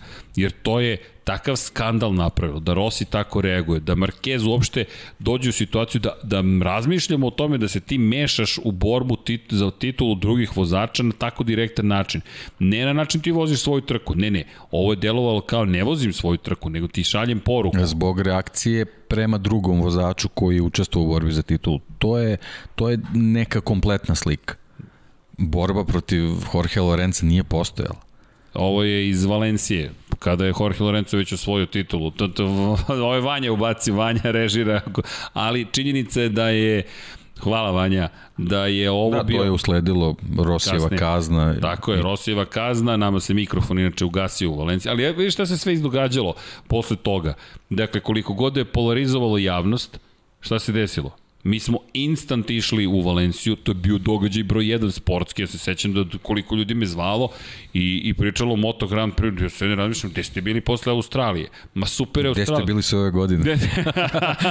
pa kao, sve je to super, da. nego, nego sad drama. Pri čemu to je toliko skočilo, to, o tome smo pričali ja mislim da smo prikazivali i Google Trends u, u, u podcastu Rosiju, ali Marquez je sada postao kod najbrojnije grupe gledalaca bort potpuni Darth Vader je postao. Ali bilo je tu i ljudi koji su rekli, ne, ne, idem Darth namerno. Maul. Darth Ipak Maul. Ipak je crveno-crno. Da, da. dobar, dobar. Da. A i Kaci ga podsjeća pa, na to. to. to da. da, a Rossi je otišao Vadera, to je sad duel ko će biti glavni. Ali šalu na stranu činjenica ne, da... više kao Anakin pomesnili. Anakin, to, to, to, pa, to, to, to ti je da, pa ne, Dart, pa, nije još. Nije još, nije još da, a nije još da, Dart, da. okej. Okay. Anakin. Ali je činjenica da smo, da smo dobili situaciju koju svi želimo da znamo kako će se ovo završiti a Mark Marquez je protagonista u priči u kojoj se ni ne bori za titulu šampiona sveta. Deki je ovde očajan da ga vidite, nećeš skoro izaći odavde. Šalim se, šalim se, malo ćemo da ubrzamo stvari, ali činjenica ta 2015. nezahvalna jedna godina, teško je rekreirati kompletnu situaciju, kak, šta se tada dešavalo.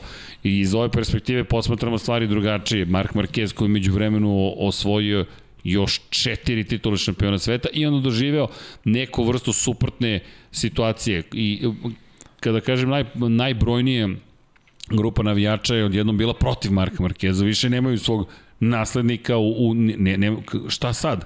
A, a bukvalno do duela sa Valentinom Rosijem, bez obzira da li neko navijao za njega ili ne, on je imao simpatije. Jeste. Zbog tog svog Svega. nekog pristupa, uh, uh, generalno novog stila koji je donao i tako dalje i tako dalje, ali od, od početka samog duela sa Valentinom Rosijem te simpatije su počele da ne javaju, one koje je navio za Marka Markeza, on, on navija za, za njega Markeza, i to je, to je, to je samo učvrstilo čitavu priču, ali generalno Jest. on je neke simpatije koje, koje je trebao da, da, da, da nasledi od Valentina Rosija time izgubio. Da, je, a s druge strane... A, a znamo, malo pre smo rekli, znači, znak jednakosti između Moto Grand Prix i Valentina Rosija. Jako ti je bitno da ljudi koji, ali, koji su u žutom taboru i tebe simpatišu. Ne moraju da navijaju da, za tebe, čekaj, ali trebaju da te simpatišu. Koliko ljudi nije izdržalo taj pritisak? Koliko puta je Valentino Rossi iskoristio moć koju posjeduje da slomi bukvalno protivnika? Pa Jorge Lorenzo i dan danas neke situacije koje je doživeo su bile krajnje problematične. Barcelona 2000 2017. godine. Mislim da je 2017. godina ili ne, ili ne, Barcelona 2015. Tada je Lorenzo zabeležio pobedu. Lorenzo pobeđuje u Španiji, Lorenzo je Španac, pobeđuje u Španiji, pobedio je Valentino Rosija. Penje se na pobedničko postolje u sred Barcelone, Lorenzo zvižde sa tribina. Ljudi zvižde mu sa tribina, Lorenzo zvižde, ne, ne, ne, ne žele njega da vide na poziciji broja. Mi govorimo o Špancu sred Španije koji dolazi sa, sa, sa, sa Majorke i koji bi trebalo da bude baš domaći u Barceloni još više, koji je nosio čuveni dres futbolskog kluba Barcelona, to je kombinezon inspirisan futbolskog kluba Barcelona. Ne, ne, ne, ne, ne, ne ti, nego Rossi. To, to je u Španiji Mi govorimo o nečemu što ne bi, stvarno ne bi moglo da, ne, ne, ne treba da bude nemoguće. Ne, Rossi je taj koji je toliko popularan, univerzalno popularan. I ta situacija jeste zaista bila specifična. I nije prvi, i Max Biaggi to osetio, Sete Gibernau to osetio, svi su to osetili. I to je ta ljubav koju inspiriše Valentino Rossi. I sad jednom dolaziš u situaciju ono što je meni izbilo zanimljivo, kad smo stigli u Valenciju, koliko ljudi je, kako se padok ovako podelio. Uf, ljudi koji su do juče bili za Rosija, ne možemo da prihvatimo njegovo ponasanje. Dru, ljudi koji su bili za Marka Markeza, ne mogu da prihvatimo njegovo ponašanje. Onda miks e, obožavam Markeza zato što drži do sebe. Obožavam Rosija zato što je optužio Markeza s pravom da je uradio nešto drugo. Italijanski mediji koji samo dolivao ulje na vatru, španski mediji dolivaju ulje na vatru, Rossi koji, koji tada kaže od sada moje konferencije su na italijanskom. Mi svi ko, po, šta sad to znači? Što smo mi krivi što si ti posvađao sa, sa, sa, sa Markezom? Ne, I samo italijanska štampa, pri čemu, kao i svugde, imaš sjajne novinare u Italiji, imaš one koji su žuta štampa, koji samo hoće skandali, koji će samo da ti postavljaju takva provokativna pitanja i sa španske strane druga, druga opet ista priča. Potpuno bizarna jedna situacija i onda trka u Valenciji gde Mark Marquez, to je taj čuveni moment, deluje kao da samo vozi iza Jorge Lorenza, kada je Dani Pedrosa pokušao da ga pretekne i napadne Lorenza kao da je branio poziciju po svaku cenu i sada, ne kažem da jeste to opet spekulacije, ne mogu da dokažem ili, ili da opovrgnem, ali, ali prenosim anegdotu sa staze, čovek koji je nosio Markezovu majicu, pro, demonstrativno odlazi da spali Markezovu majicu, manje više, um, ajde, Malezija, to je, to je bitka, sve u redu. Australija, nema, ali utisak da si uticao na ishod poslednje trke, koliko emocije se tu stvorilo. Ljudi, to je bila potpuna ludnica i opet Marquez koji u svemu tome nekako se pojavio i ti ga, ok, ovaj momak je definitivno promenio stav, a to je njegova tek treća sezona u Moto Grand Prix. I ne govorim da je to dobro ili loše. Zaista, ne govorimo o tome, samo govorimo o tome koliko je on već tada uticao. To on ima tek to 22 ali godine. možemo jednostavno tu priču možda da Moramo da svedemo po neki zaključak. Iz svega vezano za taj duel Rossi Markeza, Dorna je profitirala neviđeno. Koliko hoćeš. Valentino Rossi je ostao i dalje u nekom značajnom plusu koje, koji, koji ga je nosio da ostaje sve ove godine tu pre svega razočaran što nije, nije odstvario to što je trebao i, i, i pokušavao i, i, i dalje pokušava da, da dostigne neke brojeve koji su mu neophodni objašnjavajući da i dalje voli da, da radi to što radi i da je u čitavoj toj priči a, zbog svoje globalne popularnosti jedini koji je izgubio na kraju krajeva Mark Marquez a Jorge Lorenzo dobio svoju titulu i to je to koju, koju praktično niko ne niko i ne beleži nešto specijalno. Eto, tako da to je neki epilog te priče, ono što si rekao, možda ćemo u nekim decenijama zavisi sad ko koliko Znači, ko, ko će Ovaj, penziju? pa da ovaj, da li ćemo uopšte Ali- dočekati neku iskreniju priču oko, oko o, toga pre svega zašto se to uopšte desilo Ima- to je to je zašto je to krenulo Znaš šta tako? kruži kularima, i to vreme je kru, kružilo kularima, Livio Supo i Shuei Nakamoto. Smatraju da, je- da su podržali jednog klinca od 22 godine da iskoristi nuklearnu opciju što se njih tiče. Kažu da je Livio Supo tu bio baš uticajan, da je Nakamoto to podržao maksimalno, to su spekulacije, to jest to su tračevi, gde smatraju da je Livio Supo silno želeo da vrati Rosiju za Lagunu Seku i 2008. godinu i taj poraz Casey Stoner u borbi za titul. Bukvalno se pričalo, to, to su, ajde, običao sam čoveku da neću da ga imenujem, Pa onda nije trebao da reći konferencije da zaštam uopšte na ta- italijanskom. Ako je to ta priča onda među njima, da, to je ali- onda ali, nešto... Ali, ali to ti je isto zanimljivo. Livio Supo koji je obećao da će da da telemetriju sa Markezovog motora iz Malezije i onda kada je došla konferencija za medije da da telemetriju, rekao ipak smo odlučili da ne damo telemetriju. Onda sam kao čekaj, šta piše tu i te... Mislim, to je takva ša sapunica ispala, ali kažu da je Livio Supo bio taj koji je silno želeo da Rosiju vrati za, za taj poraz u Ducatiju. To su priče, ljudi, to sad to, samo vam prenosimo i ono što, što ne možeš ni u prenosu da ispričaš, ali to je bukvalno se šetaš između kamiona, ali ljudi, to je kao radio Mileva. Imate ljudi koji vam namerno pričaju pogrešne priče zato što očekuju da će... Tu je David Emmet najveći car nad carevima, koliko su ljuti na njega bili iz jedne ekipe, da je ne imenujemo, jer su mu dali lažnu informaciju, toliko bombastičnu, da su očekivali da će Emmet da to prenese i da će onda moći da upravljaju tajim čuvenom pričom, narativ popularni, to je sad termin koji se dosta koristi. Emmet je rekao, ok, rekli ste mi u poverenju i nije objavio vest, oni su računali da će pustiti lažnu informaciju. I iznerviraše se i nisu hteli da razgovaraju sa Emmetom naredne dva meseca. I on čovjek kaže, ne razumem, ljuti ste zato što, sam, zato što nisam plasirao informaciju koju ste mi dali u poverenju. Pa da, Jer to ti date u poverenju, mi očekujemo da ti to preneseš. Ko, ko, ko? Ekskluziva, Ekskluziva, čista. čista. Bukvalno su mu dali ekskluzivu i on to nije objavio. Pa kako? kako?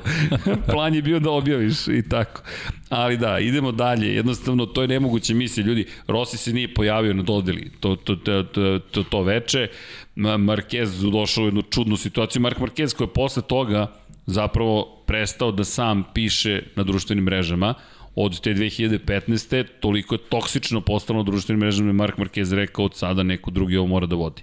Jednostavno nije više mogao to da, da, da, da, da nije mogao da upravlja. Ljudi možda deluje kao sitnica, ali to Pa jedno... vidiš da si Vinjales povukao. Povukao se Deluje to, da, da. Kako ne deluje, neko dođe i vređa te po ceo dan i noć, mislim, nije, nije to jednostavna situacija. Ali, 2016. došla i došla tu je godina već tamo u Yamahi se dešava raskol, međutim Mark Marquez koji nema savršenu sezonu. Da se razumemo, 2016. je sezona u kojoj je on završio A nijedna sezona nije bila savršena pre svega zbog tih padova povreda. To to jednostavno To da. ne smemo da zaboravljamo. To on je da. bukvalno u svaku sezonu ulazio načet ponovo, iznova i iznova i stalno i uspevao da se vrati. To je, to je generalno, ako pričamo o njegove veličini, to je to. Znači, to je, to je neverovatna volja da se posle svakog problema da promeniš stvarnost. što pre vratiš u, u formu kao da se ništa nije desilo. A to su svaki od tih padova i tih povreda bi nečiju drugu karijeru prekinuli. Jednostavno čovjek bi izgubio volju da, da, da se ponovo vraća i da, a njemu je to jednostavno bilo nešto kao sastavni deo te čitave priče i negde bila jedna izjava, ja sam ne mogu, ne mogu da se setim, ovaj, mislim da sam to, uh, to je bilo pre par godina kad je neka od titula bila, pa je završetak priče sa tim, mislim da su, da su neki američki sajtovi bili vezani za motociklizam i zajavio jedno, ako, ako bi se desila situacija da ne mogu da vozim motocikl, to je, to je bukvalno kao da ste mi oduzeli pola tela.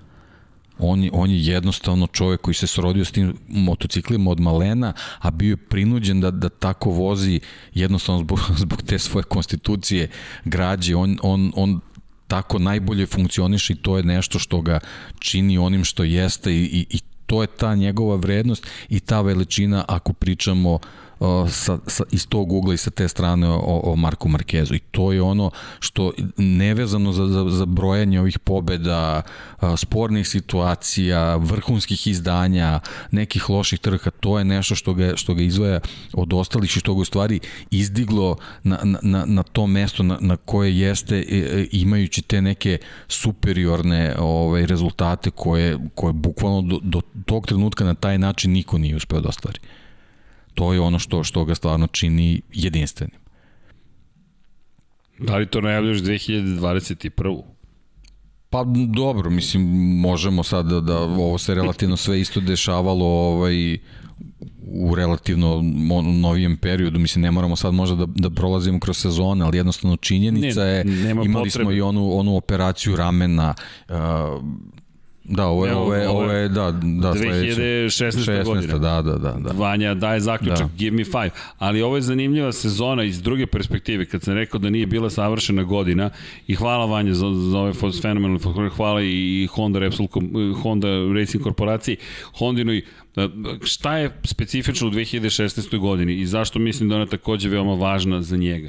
To je sezona u kojoj je iskoristio rat koji se nastavi između Rosija i Lorenza. Rossi inače tada bio ponovo vice šampion. Čisto da se setimo da, da Rossi u tom trenutku u toj prvoj sezoni s Michelinom je uspeo do nekle da se snađe. On je, inače ovo je važna sezona iz te perspektive što se potpuno promenilo ponašanje motocikala, ali Mark Marquez nekako uspeo da taj svoj stil prenese i na Michelinove pneumatike. Inače, sezona u kojoj e, prvi put da imao manje od 300 poena na kraju godine. To deluje kao da 298 i dalje ogromna brojka, ali mi kada govorimo o tome, e, o Marku Markezu, to je neuspešna sezona, neuspešna, nedovoljno uspešna sezona, međutim ta, ta godina je pokazala da, da Mark Marquez opet kada je kritično, može da završava posao, kada je završio posao, bukvalno na kraju sezone u Aragonu i Japanu. U Japanu su i Rossi i Lorenzo izleteli sa staze. Tada je osvojio titulu, samo prosto drugačiji način osvajanja titula je tada imao. Nije to bila pobjeda, pobjeda, pobjeda, pobjeda. Bilo je tu uspona padova, Austrija, Češka, problemi, greše, nije, nije to to. Aragon isto. Aragon treba zapamtiti kao važnu stanicu. Aragon bih istakao kod njega, istakao bih svakako Saxon Ring, Amerika, ako se poseti, ali Aragon takođe je jedna od staza koju obožava. Da, posle 2016. te pete titule, tu sad pobede su nešto što je uobičajeno i one se sad više ni ne broje toliko. Tu sad već počinje ta, ta trka uh, sa šampionatima i to je ono što što Jeste. menja i taj taj njegov njegov pristup, ali ali ne i filozofiju vezanu za za vožnju i stil. To je ono što što ga što ga drži dalje i u, u, u te sledeće tri sezone koje dolaze. U 2017. godini suštinski mi, tu, ima, tu imamo baš veliku promenu i samom Moto Grand Prix. Mislim da tu do, da je to pod, lepo si rekao sad, ali ima jedan, jedna stvar koju bih volio da iskoristim kao opis, a to je, to je već početak vladavine ere Marka Markeza. Jednostavno tu se ne postavlja pitanje ko vlada. Zna se ko vlada. Bukvalno se zna ko vlada Moto Grand Prix. I, i, i posle te, hvala vanje, trostruka kruna 2017. Dani Pedrosa je neko koga spomenjemo kao šta će biti, hoće li u penziju, dajte neko još drugi da sedne na tu Hondu da vidimo da li može da parira Marku Markezu. Jorge Lorenzo koji je otišao... To će dajte nekom da sedne u Mercedes, da li može da parira Lewisu Hamiltonu. Tako je. I, ali Ti to... si skoro, ne znam, ili smo prošli put u podcastu, da li smo juče pričali, povezao si Schumacher i Rosija. Marquez se povezuje sa Hamiltonom. Da. Podcenjivanje njihovih rezultata. To je, to je jedna rečenica koja, koja može da, da, da se smesti ovaj, u priču o bojici. Da, ali, ali kod Markeza se desila sada promena posle povrede, kod Luisa Hamiltona drugačija situacija. George Russell mu tu nije pomogao kada je seo u Mercedes, ali mislim da je to opet pokazatelj Georgea Russella, ne Luisa Hamiltona. Čisto, čisto mi je, ovaj, setio se sam se toga kad si spomenuo ovu, ovu Slažem se s tobom, ti imaš, da. imaš, imaš vezu I ono što, ali to je sad bukvalno dominacija. Ti imaš velike promene. Jorge Lorenzo imamo, imamo dvojicu velikih šampiona, velikih vozača koji su obeležili svoje, svoje takmičenja, a imamo ozbiljno podeljenu publiku koja razmišlja o njihovim kvalitetima. To je nešto što, ih, što ih vezuje. Da, zanimljivo kako se ere poklapaju. Schumacher je imao sličnu priču, samo nekako vremenom kako je vreme odlazilo i oni koji ga Pa dobro, nisu voleli su nekako ono jednostavno a, priznavali njegovu veličinu dok Rossi je ne, nešto sasvim, veličina sasvim drugo da, A to, to jeste ono što je kod Rosija neka druga priča ta večna romantika ova dvojica koji, koji, je, koji su u ovoj deceniji uradili to šta su radili, to je u, u prethodnoj deceniji, neko već i nastavlja, ovaj, imaju, imaju tu zajedničku uh, crtu da, da jednostavno ljudi, javnost koji, koja je oko tih šampionata ono, bukvalno i gleda kao plus i, ono, plus i minus na, na njihove rezultate. A zanimljivo je, 2017. ti kada pogledaš, on je morao da čeka čovjek poslednju trku sezone da bi osvojio titulu. To je prvi put da od 2013. je u Valenciji zapravo osvajao titulu. Andrea Doviciozo mu je baš zagorčao život. Andrea Doviciozo koji do, to nije pobeđivo čovjek do te godine. Bukvalno mi Andreo Dovicioza smo čekali do 2017. da počne ponovo da pobeđe. On je 8 godina pauze imao od pobede u Doningtonu 2009. na Hondi po kiši do pobede na velikoj nagradi Muđela i onda nove pobede u Kataloniji. Te promene ponašanja kod Andreja Dovicioza, pa Austrija, pa Silverstone, pa te pod jednom, ali mislim da tu da, da, da, da, da ne treba da propustimo priliku da napomenemo da je u Andrej Doviciozu Mark Marquez dobio jednu novu vrstu show rivalstva. Da show rivalstva gde Dovi se uporno upinje da ga pobedi u borbi za titulu šampiona sveta i ti nekako znaš da se to neće dogoditi. Da, i jedini, jedini Ali, problem sa Dovim je bio što, što ti motocikli koji mene upravo nisu bili dovoljno dobri na svim stazama. To je, to ali, je to i što je imao klubsku kolegu. Ali, postoji... to jest nije imao. To jest nije imao. Do, to jest do jednog momenta nije da. imao, a onda je imao. Da. Ali ogromno, ali postoji. Andrea Doviciozo je jedini čovek koji je iz trke u trku u poslednjoj krivini, poslednjeg kruga uspevao da pobedi Marka Markeza. Ti kada pogledaš njihove rezultate, Doviciozo je tu upečativ... I Alex Rins.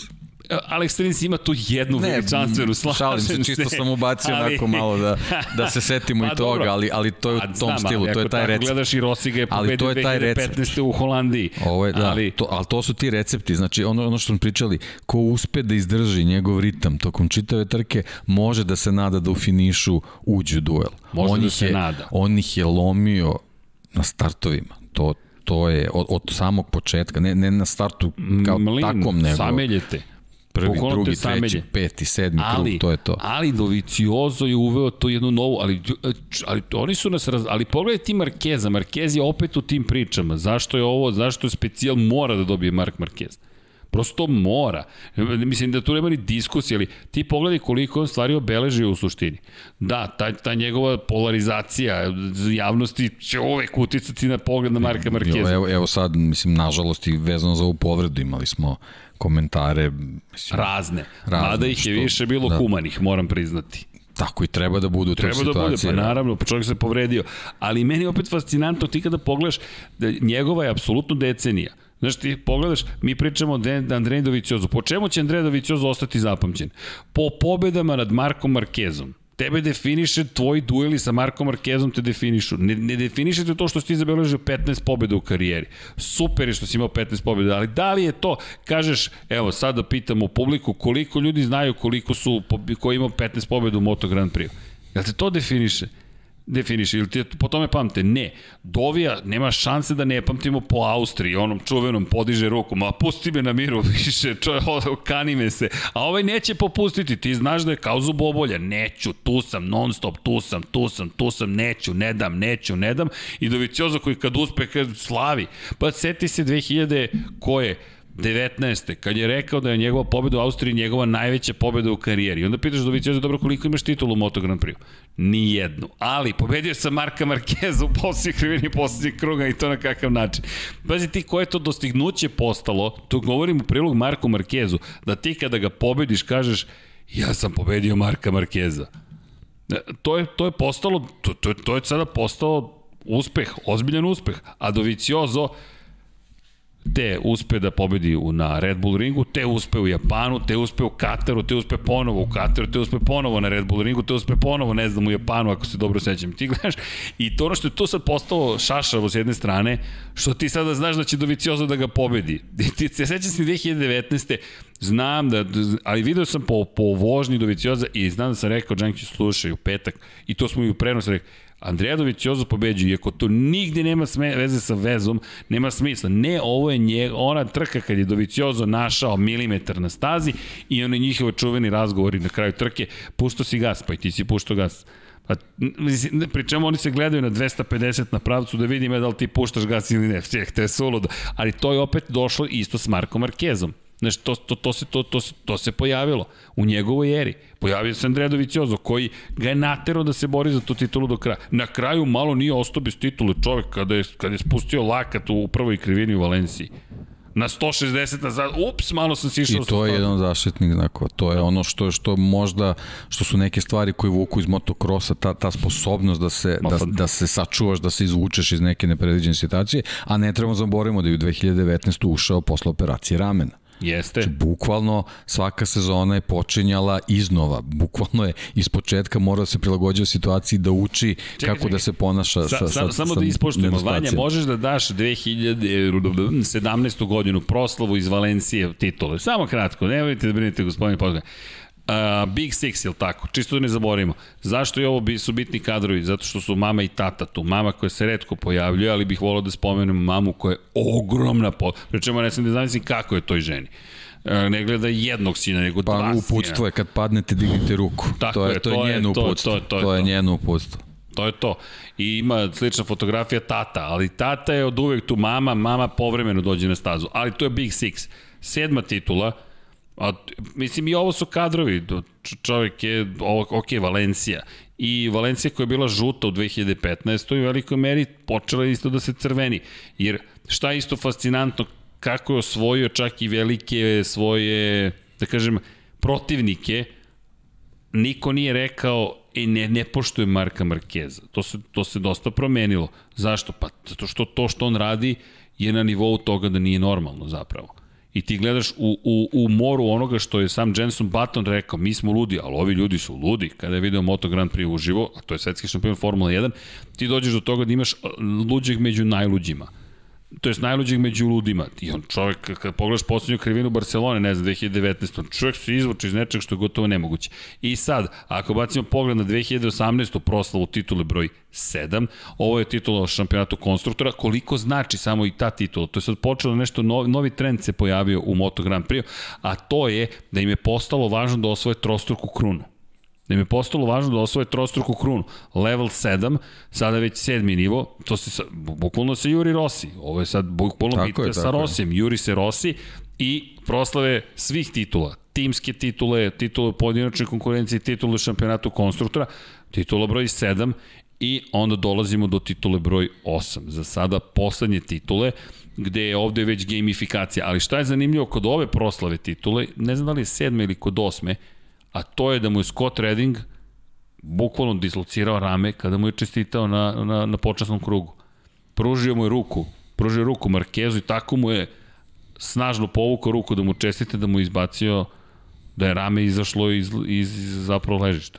Bukvalno išču po mu rame manje više i onda je došao Alex i nameštao mu je rame nazad na sred staze. Znam da je, da je legao i da smo mislili da se nešto desilo ispod kombinezona, ne, on je legao na asfalt i onda mu je Alex vratio rame na mesto. I onda su rekli, ne, ovo sad mora da se operiše. Jer ta hrskavica kada strada, ona se nikada ne oporavi bez operacije, a svako ispadanje je novi ožiljak. Pitajte ragbiste. Da, bukvalno pitajte, ili rukometaši. Rukometaši često imaju taj problem, zašto? Ne zato što uh, šutiraju loptom, već Nego što im blokiraju, blokiraju šut. Tako da. je. I sva ta sila se vraća na meko tkivo, vraća se na hrskavić, tako da svi mi koji smo trenirali rukomet, kada odete na magnet i pita vas od čega su možnici, samo odmah recite trenirao sam rukomet, to će da mu upišu u karton i reći, ok, nemoj ni da očekuješ ništa bolje od svog ramena. Pucačkog, to je, to je prosto tako. Nije veze što vam kažu sa 10, 11, 12 godina ide na rukomet, to je zdravo. E, zabavno je, ali zdravo ne znam koliko je. U svakom slučaju, kada je osvojio osmu titulu, u tom momentu znam da smo rekli e, da je bila čuvena priča e, nezaustavljiv, to je to, to ne, i znam da smo ponovili 145 puta, ljudi, Isto tako su Rosiju 2005. Go, prognozirali još 100 titula će osvojiti, ovo je nezaustavljivo, imaće 150 pobjeda, stvari se menjaju, što s godinama, što prosto sa, ne znam šta je to, koja je to veza između njih dvojice, ali 1979. je rođen Rossi, 2006. godine je prvi put ostao bez titule, to je sa 27 godina. Kada govorimo o Marku Markezu, sa 27 godina ostaje bez titule. To je, to je sedma godina takmičenja u, u prvenstvu, nema titule, ta strašna povreda i sad dolazimo u sadašnjost. Vratio se na stazu i deki šta pa, sad? Pa gledamo, gledamo oporavak. Ovo je bukvalno oporavak. Tako da e, mi u ovom trenutku sa, sa dostupnim informacijama mi ne možemo da znamo da li je ovo pravo stanje, ali jednostavno vidimo da taj organizam nije spreman na, na ono šta Mark Marquez želi od sebe pre svega. Uh, vidimo da je veličina prisutna, jer on je od prvog trenutka kad je seo na, na, na taj motocikl postao najbrži vozač Honda.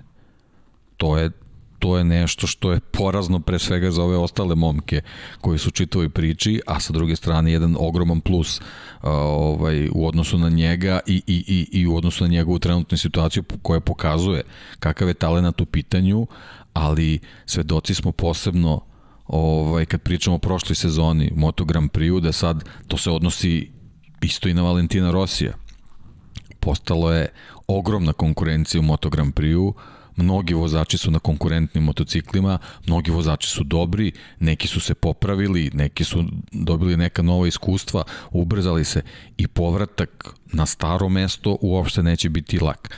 A njegov povratak zavisi pre svega od, od, od, od njegove inspiracije, njegove želje, a znamo da je ona ogromna.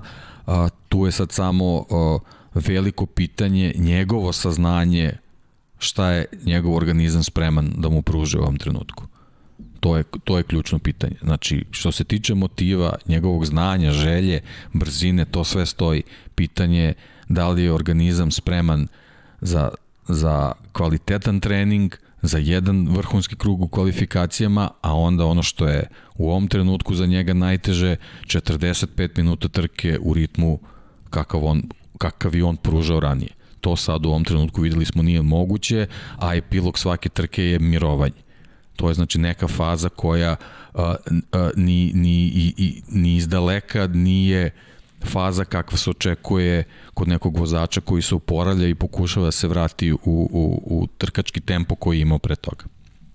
Tako da mislim da smo još daleko. Sećaš se kako smo prognozirali prva trka podijum zato što smo očekivali pobjeda, pobjeda. Pa da, očekivali smo da pobjeda. će se vrati uh, ono pričali smo ako se vrati, vratiće se na nekom maksimalnom nivou. Jednostavno mislim da zbog tog povratka koji je bio po meni jako važan i stojim i dalje za toga, jako je važno bilo da ne dođe u Jerez kao prv, na, kao prva trka da, da mu bude posle povratka, nego da jednostavno mora bar jednu trku pre toga da, da, da vozi da bi Jerez bilo, bio kao neka stanica koja, eto, koja, koja jednostavno dolazi na red, ovaj, ali E, ne, ne mislim da je prerano krenuo ovaj, sa, sa povratkom, nego jednostavno mislim da, da samo nije na nivou kako smo mi, mi očekivali da će biti vezano za fizičku pripremu.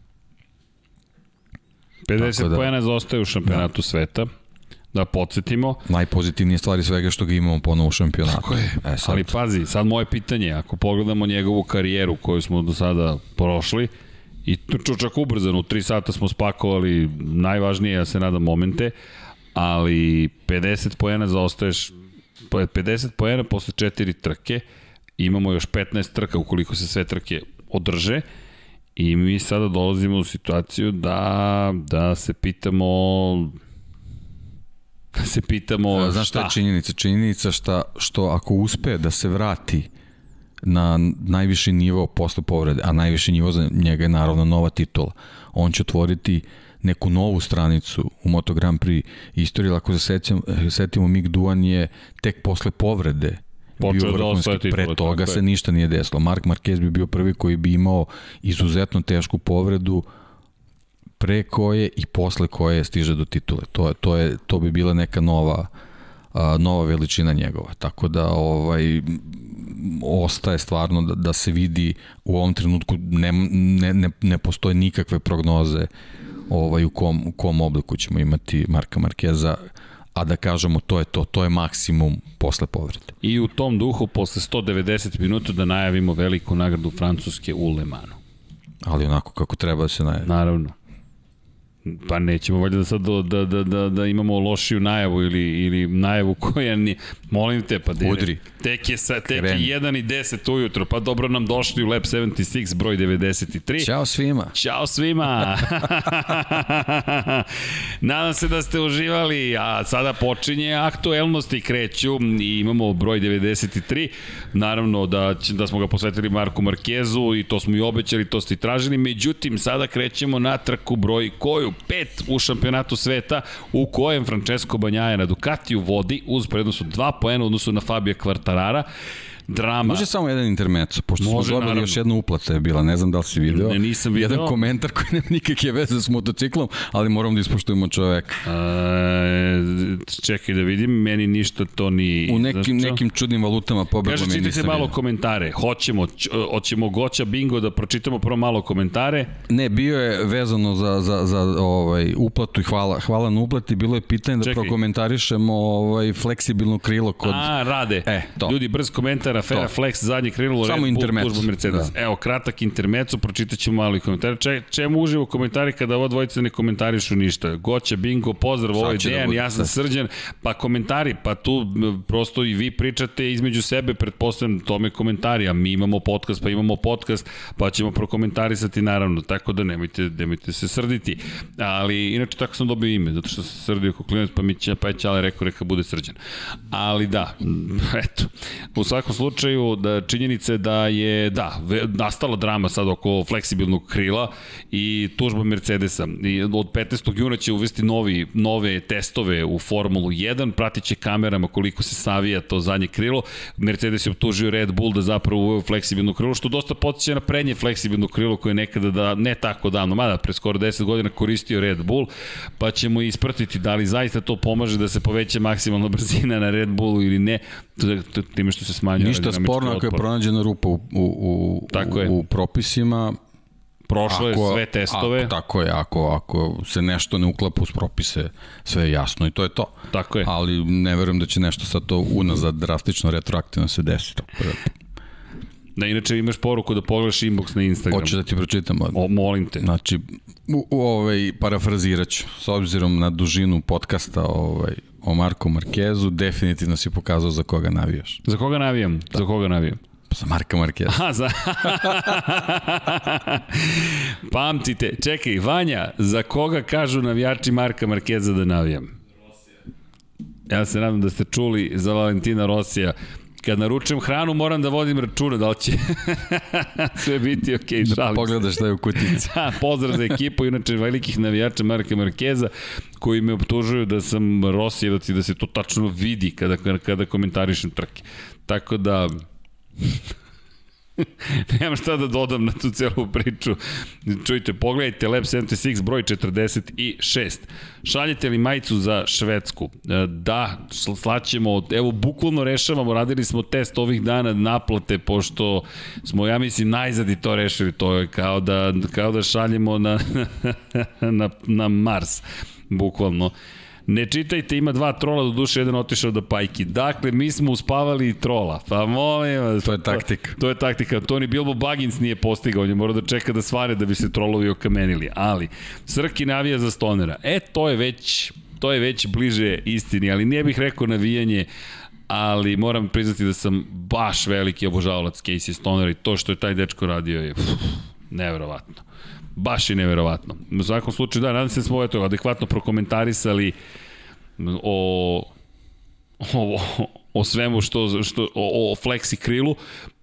Pravilnik za sada nije prekršen, pa ćemo videti da li će se nešto tu desiti sa Red Bullom ili ili ne. Dato mogućnosti naročbe rade, radimo na tome da do kraja maja najkasnije bude to završeno, pošto se nadamo da ćemo sutra zapravo bi trebalo da imamo najzad test na te naručbine, pa ukoliko sve to prođe kako treba, mi vam šaljemo informaciju i javno. I za Australiju i za sve ostale države. Samo da znate, tu postoji jedna stvar, ajde kad sam već ušao u ovaj, ovaj deo priče, prosto, um, samo budite svesni da vi morate da snosite troškove dostave koji mogu biti poveći, ne zamerite, to stvarno ne možemo mnogo toga mi da učinimo, ali eto. Ma Srki Markezo, Srki navija za Troje Bejlisa. Troje, me, o, Nina proziva, a o, Nina se javila.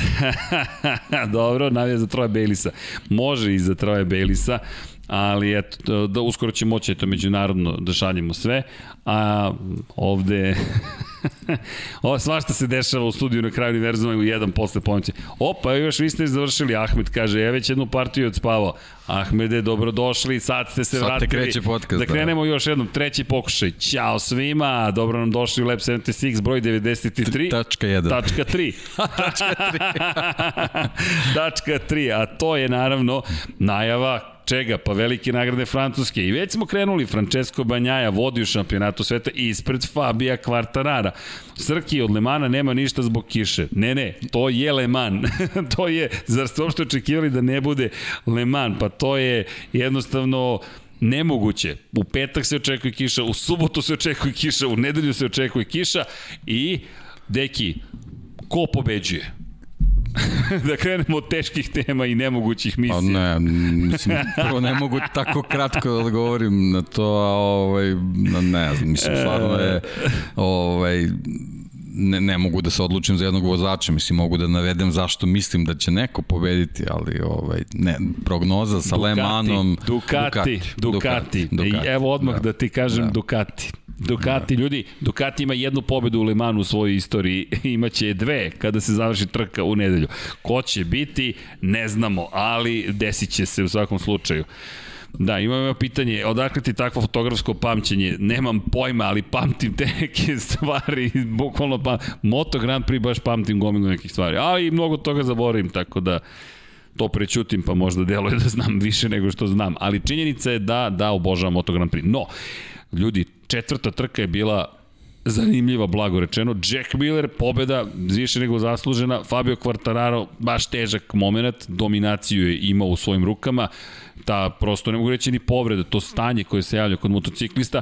Pričali smo o tome i pokazali koliko Moto Grand Prix mora da razmisli o tome koji je sledeći korak u, tehni, korak u tehničko-tehnološkom razvoju, ali Quartararo je operisan, ide u Francusku, stiže, vidjet ćemo da li može dovoljno brzo da se telo oporavi. Njegov izjav, on je ohrabren uh, rezultatom Jacka Millera, koji isto bio rekonvalescent ovaj, od iste operacije. Ovaj, tako da Fabio se nada da da će moći na isti način I kiša će da odreaguje, da, i ovaj, ohrabrenje što on već počeo sa treninzima, jako brzo posle operacije, tako da ovaj, on vidim da je veoma optimističan što se tiče ovaj, čitavog nastupa tamo, tako da ga treba računati u grupu favorita za visok plasman u Leman. Mislim da si lepo rekao, visok plasman, da. ipak je ovo Leman, ipak je ovo njegova kuća i tu mora da ipak po, po, po, pokaže neke stvari. Samo dva poena zaostaje za Francesco Banjajom koji je eto pouzdan. Favorit Treće, broj 1. Šesto. Po meni. Imamo isto razmišljanje. Verovao sam već u Herezu, sad sam prilično siguran u Lemanu da, da, da, da, da je ovo ta trka gde mora da zabeleži prvu pobedu u karijeri i pojača poziciju. On u formi, Ducati u formi. Tako je. Ovo je staza za Ducati. Kiša, vlažno, to je, to je ta neka dobitna kombinacija za njega. I verujem da će biti da će biti uzbudljivo kada u cijeli taj miks dodaš koktel zvani Joan Zarko na fabričkom Ducati u okviru pramak ekipe koji juri prvu pobedu u svojoj istoriji i mislim da Zarko mora da se nekako da, da si, ne da iskupi, ali da, da, da se nađe ponovo u poziciji do da Francuskoj i bude junak. Kada je poslednji put bio junak, taj Tech 3 Yamaha, uh, nije to baš izgledalo kako treba. Sada malo drugačiji čovek i, i jako da važna stvar, dobro. Zarko zadnjih 20 trka, u Le, 12 trka u Le Manu je završio. To je onako jako zanimljiva statistika. Ok, i da ne zaboravimo, da li će ovo biti za KTM, čisto da ubacim prošle godine, ko je ovde slavio Danilo Petrući, njegova omiljena staza. Ako su rešili problem sa, to. sa ovaj, prednjom gumom, to je, to je u stvari najvažnija zadrška za njih. Ako je to rešeno, onda možemo da ih, kako bih rekao, očekujemo mnogo, mnogo boljem izdanju. Jer to je, to je ozbiljan napredak kako je to rešeno. Znači ne, ne napredak od par pozicija, nego ozbiljan napredak. Da, i voleo bih iskreno. Malo još Vidjet ćemo, više da znači ono, ono što, smo, što pričamo tako stalno. Prvi treninzi, tu ćemo već videti čemu se tako radi. Je, tako je. I Le Mans, ljudi spremite se na mnogo padova. Nažalost, možemo Nažalost. to da kažemo, da. ali ta prednja guma, to će biti ozbiljna enigma u nekim trenucima ako se vreme bude menjalo. Ja se plašim iskreno i gledam ka Markezu ponovo, zato što mislim da će opet rizikovati, ne rizikovati, prosto voziti kao što i do sada vozio, da jednostavno to način na koji će nastaviti da funkcioniše i, i, i, i nema, Recept za uspeh u Le Manu će biti da se otkriju limiti, a znamo kako se limiti otkrivaju. Tako što odeš i padneš. Da to jest dođeš do toga da se eventualno izvučeš iz pada i, i to je manje više to. Ali da, biće... Kaubojski skočiš kod John Mir. To je, sećaš se kako se izvuka. Da. Hop. Da, Ništa ali to prošle da. godine bilo, samo, da. samo je nastavio, opa, da, da. i samo, samo je rekao, ok, to je to. 120 na sat, da. da, ali imali smo i stravične momente, Jeste. Jack Miller, baš raspad sistema. Luka Marini u dvojkama. Prošlogodišnji pad koji je možda doveo do toga da ne može ni da se bori za titulu šampiona sveta. Tako je. To je idemo, jedan... idemo na jako zahtevnu stazu po tom pitanju.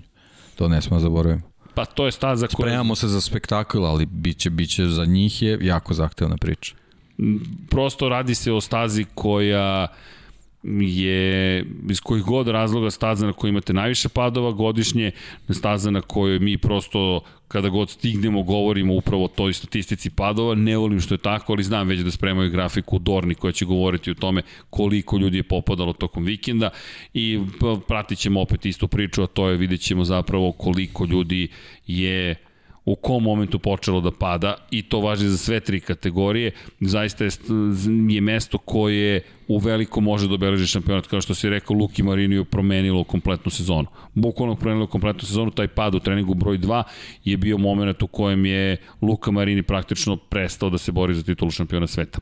Ali Luka Marini ove godine u Moto Grand Prix uči polako ili sigurno napreduje i bio je dobar na prethodnoj trci. Iako on nije bio zadovoljan, nije osvojio poene, videli smo opet da u kvalifikacijama u tom jednom brzom krugu je sve bolji i bolji. No, to je tamo negde na dnu liste. Maverick Vinales, veliko pitanje za drugo drugog vozača fabričke ekipe Yamahe.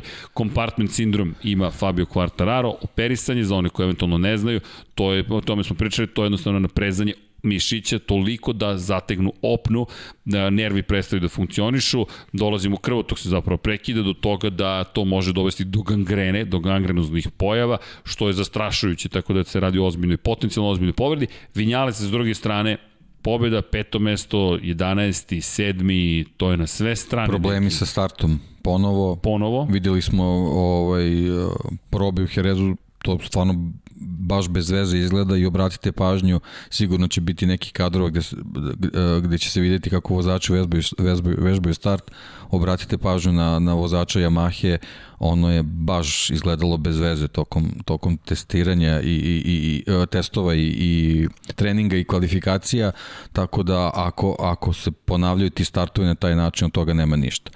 Uh, Le Mans je mesto gde Vinjale zabeležio svoju prvu pobedu u Moto, Moto3 ovaj, kategoriji, mesto njegovog prvog podijuma u Moto Grand Prix-u, ima tu lepih ovaj, uspomena i lepih priča, ali ne toliko da možemo da kažemo da mu odgovara staza, ali jednostavno zbog nekih rezultata Yamaha od ove sezone moramo da ih poštujemo i da kažemo da da u slučaju da, da, da vremenske prilike da im odgovaraju i oni Quartararo su tu ovaj, pri vrhu. Da, inače Michelin, čisto da spomenemo gume, kada je reč o gumama za kišu pre svega, simetrične napred, asimetrične pozadi, meke i srednje tvrde su izabrali za ovu trku i napred i pozadi kada je reč o kišnim pneumaticima, inače ova staza je poznata po tome što zapravo je mnogo, je staza koja je mnogo više optereće desnu stranu pneumatika, ali najviše se optereće centralni deo gume. Dakle, srednji deo gume se najviše optereće, ovo je takozvana staza stani kreni, 4185 metara dugačka, inače pravac je dugačak 674 metra. Govorimo o kratkim pravcima, neće tu do izražaja doći Ducati na taj način, ali će doći do izražaja ubrzanje, ne maksimalna brzina i zaustavna ne samo moć, već stabilnost na zaustavljanju, što je kod Ducati tekako izraženo. Zato i gledamo u toj meri u toliko ka Ducatiju. Mnogo tih zaista sporih krivina, inače 9 krivina u desno, 5 krivina u levo, ukupno imamo 14 krivina i trka koja je baš prava trka izdržljivosti. 27 krugova, oko 113 km je ukupna dužina, bogati verzija Le Mans staze u pitanju. I da spomenemo i gume za, za suvo, simetrične su meka i srednje tvrda napred, asimetrična je tvrda ponovo, ta asimetrična, asimetrična. prednja, prednja ne, fo, baš je forsira Michelin, ali ok, za sada je niko ne voli niti koristi. I pozadi asimetrična meka, srednje tvrda i tvrda standardno već leva strana gume je mekša. Kada govorimo inače o, o, o broju guma, spomenjali smo prošli put da imaju 10 guma napred, 12 guma pozadi, da možete po 5 na prednje, prednjeg pneumatika tvrdoće da izaberete. Dakle, do 5 mekih, do 5 srednje tvrdih, do 5 tvrdih, pozadi do 6 mekih, do 5 srednje tvrdih i do 4 meke. Međutim, kada govorimo o gumama za kišu, imate na raspolaganju šest prednjih guma, guma dve spe, različite specifikacije i imate sedam guma dve različite specifikacije pozadi. Tako da vodit ćemo računa i o tome ko kako čuva gume i šta se tu događa, ali gume mogu da odigraju zaista veliku ulogu iz perspektive toga da kažete samo gume za kišu nije dovoljno. Da li ćete meku ili srednju tvrdu u velikoj meri može da definiše kako će se stvari dešavati. Kažemo, prognoza najavljuje baš kišu od početka do kraja. Mi prvi put posle duže vremena imamo, imamo najavu koja govori o tome da neće biti promenjivo vreme, nego kiša, kiša i kiša. Vidjet ćemo ko tu može da se snađe. Ajmo da, da, da samo napomenemo, kada govorimo o vozačima koji su dobri po kiši, ovo može biti baš pravi dobar test i možda ćemo videti sad opet neka uslovno rečeno iznenađenja kada je reč o tome ko bi mogao da zabeleži pobedu? Setimo se da je Jack Miller slavio u Holandiji baš po kiši. Vinjales nije ekspert za kišu, makar nije bio do sada. Fabio Quartararo ne vidim da se toliko izdvojio po tom pitanju. Francesco Banjaja takođe nije dovoljno pouzdan. Da li je ovo možda prilika za Joana Mira, koji nije je prošle godine ovde učio trkanje po kiši. Suzuki su generalno bili katastrofalni u kvalifikacijama i oni i Rins, tako da... Ali ovaj, Rins prošle godine je imao šansu da pobedi. Imao je šansu, da, da, da, da, tako da, ali, ali ono, u, u situaciji kakva je bila prošle godine sa stazom, to je okej, okay, ali u situaciji da, da kiša bude čitavo vreme, to sad ne znamo, vidjet ćemo. Ali, da, da. ali što kažeš, oni su jednostavno imali, to jest Mir je imao taj, taj neki period učenja, vidjet ćemo. Hmm, baš je, baš je teško za prognozirati u ovoj situaciji i šta po mom mišljenju osim Ducati, zaista. Banjaja Ducati mi nekako baš iskaču i Zarko Ducati. Baš mi se izdvajaju u ovoj cijeloj priči. Mada, ko zna, Aleš Espargaro, koji je sedmi u šampionatu sveta, dva puta na poziciji šest. Inače, Aleš Espargaro je rekao da bi bilo baš romantično da ekipa Fausta Gresinija za koju trenutno vodi, vozi, a neće voziti naredne godine, stiže fabrički tim Aprilije, da bi bilo lepo da bude satelitska ekipa naredne sezone. I kad spomenjamo Apriliju, i kad spomenjamo kišu, da Treba da spomenemo da je Andrea Doviciozo testirao motocikl po kiši. Dva dana u Muđelu, jeste. Kažu da je baš bilo šteta jeste. što je kiša, ali kao nije mogao dobro da istestira šta je trebao, a test po kiši se desio pre trku koji će se voziti po kiši. A videli smo kako je Jerez po, prošao posle njegovog testa u Jerezu, tako da uopšte im ne verujem da je to bilo tek onako. Da, a pritom, pritom, pazi šta je zanimljivo, rekao je da bismo dali definitivni odgovor o tome šta će se događati u budućnosti, potreban nam je još jedan test da, da se isproba maksimum motocikla. Da. I to stoji i to je tačno. To, tačno, to je, ta je tačna definicija, ali ja čisto njegov neuspešan test gledam iz ugla sledeće trke. Kao pripremu za Leman. kao iz ugla sledeće trke, kao neko ko je stvarno iskusan u, u, u ovaj nekim zapažanjima vezanim, vezanim za ponašanje motocikla. Tako I, da... I, i Aprilija, pobedničko postolje i držim im palčeve, zaista bih to volio, ali i ovo što je Spargaro rekao, satelitski tim da im potreb, potreban, se, potreban im je satelitski tim, no, evo i publika kaže, nemojte zaboraviti osobu koja je pobedila po kiši, to smo spomenuli, Jack Miller, a na Ducatiju je. Zašto sam blago rezervisan kada je reč o Jacku Milleru? Bojim se kada je ovako euforičan, obično ne usledi nastavak te priče. Držimo palčeve. Bio je dobar u kvalifikacijama prošle sezone, Jeste. tako da Ima ležimo, osnova. Ležimo, ima, ima osnova, da. I, I kiša, i staza, i sve što je učinio. Ja samo psihološki se bojim da da još, da, treba mu još jedan korak. Da li može da ga napravi? Da, opet lepota toga da to saznamo i da otkrijemo zapravo šta će se desiti. E, ali znaš ko bi možda mogao ovo da iskoristi? Franco Morbidelli. Stari motor i on kaže, osjeća se, osjeća se prosto ta, ta situacija da vozi motor star dve godine, ali kiša je moment gde se stvari dosta lepo izjednače gde snaga... Pa ne, gubi se to, to ubrzanje na, na stani kreni krivinama, tako da to je, to je u stvari njegov ključni nedostatak. A sad, ako, ako on kiša bude ovako. takva, to jest vlažna staza koja će to moći da donekle anulira, njemu će biti sasvim dovoljno. Njemu ide ovako, trend je u porastu bez poena, 4 poena, 13 poena, 16 poena. Franko je opet zauzeo svoju putanju i fu, leti. Tako da može da se desi ovde Franko ponovo da bude na pobedničkom postoju. Pogledaj koliko ih je. Ovo, Jedino što, što ono, samo da, da, da ne bude da, da opet nešto tu prognoziram, imamo tu taj splet, tu prvu krivinu posle starta. To je teško je proći. Ko tu prođe, e onda možemo da, da prognoziramo ko će pobediti. To je, to je važno. Ma već smo Jako je važno da, da se bude u početku grupe. Da, da Rossi inače prošle godine ovde imao izletanje sa staze baš na početku trke za Valentino Rossi, inače nema mnogo izgovora, sam je rekao ljudi, ja nisam dovoljno brz, neću da se vadim na Michelin, Ostali su se prilagodili, svi imaju Michelin gume. Konačno rekli smo, u prve dve sezone korišćenja Michelina čovjek je bio vice šampion.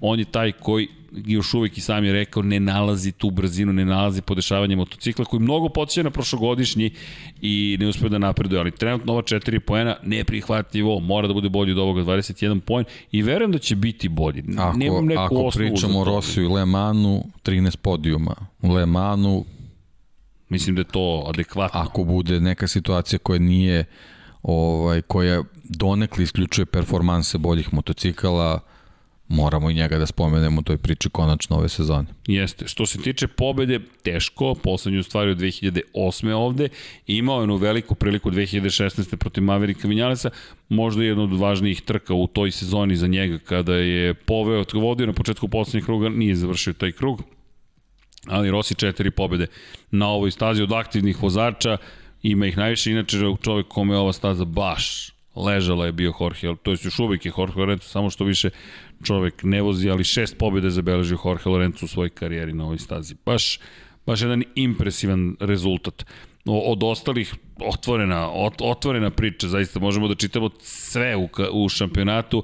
Od Rinsa rekli smo, čekamo Breda Bindera, čekamo kao i ostatak KTM-a, Miguel Olivira, Danilo Petrući, Iker Lekona, velika nepoznanica, međutim, postoje se pitanje šta će Honda ovde učiniti to ono što niko od nas ne zna. Alex Marquez je u katastrofalnoj formi, samo 8 poena, samo jedna završena trka od 4. Takaki Nakagami s druge strane na ovom hibridu, četvrta pozicija u Herezu, ali Herez je prošle godine bio sjajno lovište za Takakija Nakagamija, ne znamo, ne, ne, ne, nemamo jasnu, jasan pokazatelj napretka, dosta se priča o tome u kakvim je problemima Honda, ono što je fascinantno jeste ono što smo pričali prošli put, a to je izjava Pola Espargara da rade, svako radi za sebe, da nema u suštini sa, zajednički saradnje i da, da, da, da, da, da je to veliki problem, svako testira za sebe i Honda kao da čeka, ajde da vidimo ko će od ovih biti najuspešniji pa ćemo da, da, da forsiramo tog nekog, a najviše se gleda ka Marku Markezu, makar je to utica koji se stiče. Ne znam, Mark Marquez s druge strane mora da, da pa mo, za njega je dobro to što nešto se ovde događa. Čini mi se da imamo neke probleme s internetom. Vanja je smo oživeli. Ja bih rekao da smo spasili stream. Nadam se da smo spasili stream. U svakom slučaju, kada govorimo o Marku Markezu, da, u njega se najviše gleda, ali eto, nepoznanica Kiša mislim da ćemo pomoći. Zaista mislim da ćemo mnogo pomoći i da ćemo tu dobiti priliku da gledamo malo opet drugačije izdanje, ali iskreno iz nekog razloga, znači Freddy Spencer je rekao da očekuje od Valentina Rosija da još ipak pruži neki bitki. Imam neki osjećaj da će Liman biti bolji za, za Rosija nego ove prethodne četiri trke. Nemam neki argument ili konkretnu informaciju koja govori u prilog tome, ali to je makar moj utisak, da, da će biti mnogo bolja trka. Zaista.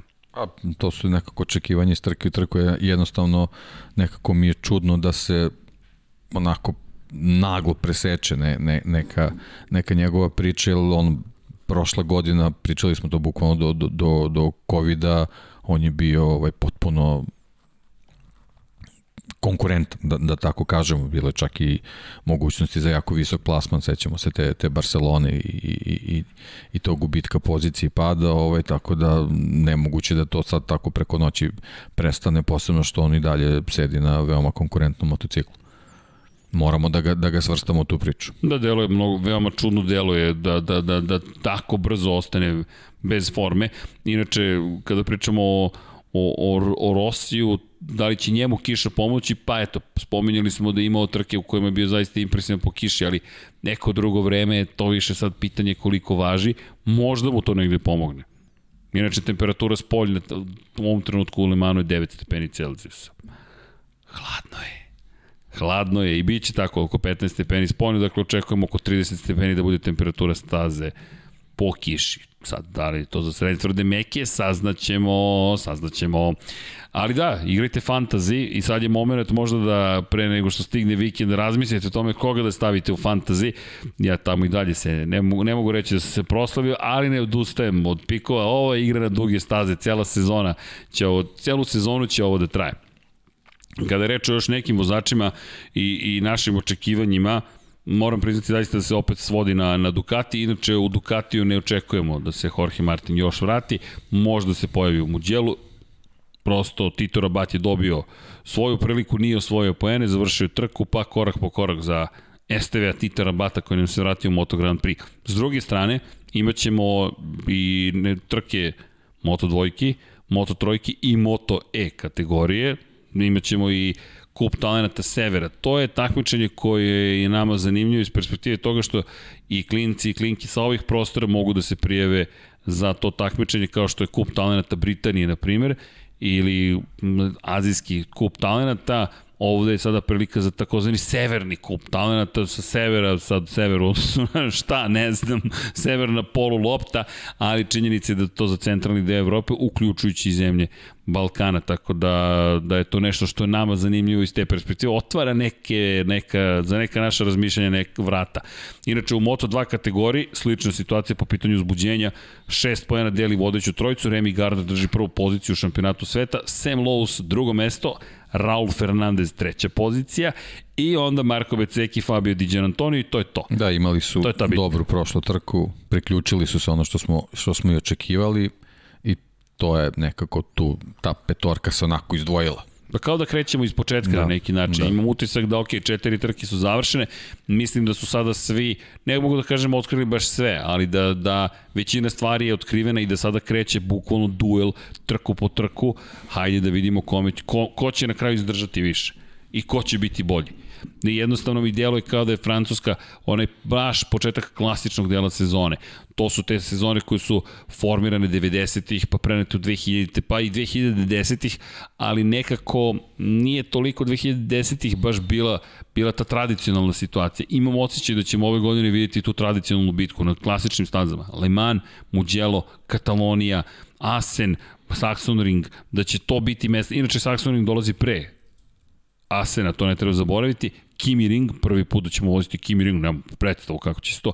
Nisu baš oduševljeni Kimi Ringom. Kažu da su maksimalne brzine relativno niske, ima dosta krivina, ali da nije, nije neka inspirativna staza. I onda Austrija, Velika Britanija, Aragon, Mizano, pa nadamo se da ćemo otići na, na, na, na, na azijski kontinent i okeaniju. E da, inače, počela je prodaje karata za veliku nagradu Mađarske Formula 1, tako da karte ulaznici se prodaju, ali molim vas, pročitajte vrlo pažljivo šta kažu i a ukoliko trka ne bude održana, da li će vam refundirati novac ili ćete dobiti karte za neku buduću trku u Mađarskoj. Zaista ne znamo, nadamo se da će organizator imati mogućnost da organizuju pred punim tribinama, skeptični smo, ali činjenice da eto, ulaznici se trenutno prodaju za veliku nagradu Mađarske, pa ko želi, planira ili planirao da ide na Formula 1, samo oprezno, ne znamo da li će vam vratiti novac ili da li ćete moći da koristite karte u budućnosti, stoga pažljivo pročitajte šta kupujete i šta plaćate, da ne dođete u situaciju da trka bude ne otkazana, već da publika ne bude u mogućnosti da, da dođe na stazu, a vi imate ulaznicu za koju vam neće vratiti novac. Samo budite oprezni, ništa drugo. Tako da u Moto2 kategoriji tih pet imena se izdvaja i onda naravno... Da, mislim da će imati taj neki karavan, tako da to je, to je, to je to i to bi bilo jako zanimljivo da tako bude da, da, da petorica ovaj, odlučuju u, u, u poslednjim krugovima pobedniku. I ostali će se povremeno pojavljivati. Joe Roberts, Aaron Kane, Ćavi Vjerhe možda nešto učini ova staza koja mu jeste odgovarala, Augusto Fernandez, samo prosto prolazi, prođemo kroz imena i Aju Gura kao Novajlija koji moram priznati da zaslužuje posebne pohvale uz Raula Fernandeza koji više ni ne deluje kao, kao Dobro, Novajlija. to je već negde skoro desetak vozača, tako da to je, to je sasvim pristojan broj. Jeste. Jeste. Za ovu kategoriju. Ali u trojkama Pedro Costa, tačka. Završena najava trke da. u Lemanu. Nadovezujemo se na specijal. Specijal, pa tri pobede u četiri prve trke i jedna pozicija broj 2. 95 od maksimalnih 100 poena, 51 poen prednosti u šampionatu, sve to su drugoplasiranog Nikola Antonelija koji je veteran, Andreja Minjo još jedan veteran je na poziciji 3, Romano Fenati još jedan veteran na poziciji 4 i Jaume Masija koji je između veterana i, i neke nove generacije. Pedro Acosta, pritom i Vajlija, četiri trke u karijeri, 95 poena. Svaka trka novi izazov koji odlično rešava, različite pobede, različiti podijumi, različite vožnje i sad dolazi na stazu gde može da budu da, da, da mogu da budu potpuno novi novi uslovi i staza prema njegovoj izjavi koju ne poznaje baš najbolje. Tako da je to potpuno nov, nov, nov izazov u njegovoj karijeri. Ovo je stvar gde, gde ćemo u stvari da vidimo od čega je sazdan i kakva je njegova veličina. Tako da sa, sa, sa velikim nestrpljenjem očekujem trku vezanu za njega u, u Moto Da, ali manje staza koja nekima je poznata, nekima nije, zavisi u kom ste šampionatu nastupali, da li ćete dobiti priliku da, da je naučite i s te perspektive neki će prosto imati... To je jednostavno novi izazov za njega koji sad u ovom trenutku sa, sa, sa, ovim, sa ovom reputacijom i ovom pažnjem koji je privukao na sebi sa, sad mora da, da reši na, na šampionski način. Ako je, ako je, to, ako je taj kov. Da, ali ono što je meni zanimljivo, na primjer, jeste činjenica da je ono što je rekao zapravo Mark Marquez, što je rekao Pedro Acosti, a to je da će pravi test po njegovom mišljenju biti Muđelo. Zašto? Da je to, da je rekao je Muđelo i Brno, ali u Brno se više ne ide, dugačke staze. I Mark Marquez istakao baš dugačke staze, e, kaže, e, tu koncentracija koja je neophodna je baš ozbiljna, tako da mislim da će Muđelo biti najveći test, a da Le Mans koliki god da bude test da, da ukoliko, a verujem da vredi verovati Marku Markezu u procenama, da ukoliko zaista omogućava da se relativno brže ovlada, da možda Pedro Costa i dalje ima šansu za Ok, ali hoću da kažem samo da je opet drugačija situacija odnosno na prethodne trke. To, to, Tako da, to, to, to, sigurno. To je ono što je zanimljivo ovaj, u praćenju njegove karijere. Čekaj, četvrta pobjeda, to je četvrti da, tip pobjede. Da, pritom on već ima toliko prednost da sad nije neophodno da da juriša na pobedu. Zavisi šta je, šta je njegova, e, sad, njegov plan. Šta je cilj? Tako je, tako je, to je to. Ili ti cilj 11 to. pobeda? To je to. Apsolutno to je situacija koju moramo da, da sagledamo. Kako da. razmišlja njegov tim. Da, da, asistent. pa tim ceo, ne verujem da sam jasno, samo Jasno, ne, ne, šalim se naravno, ali to jeste sada lepota tog pitanja i te potencijalno nove ere koju prisustujemo. Evo, Marquez nismo znali, pričali smo o tome ukoliko krene da pobeđuje, ko znaš dokle će ovaj momak je odmah krenuo da pobeđuje, nismo stigli ni da postavimo to pitanje.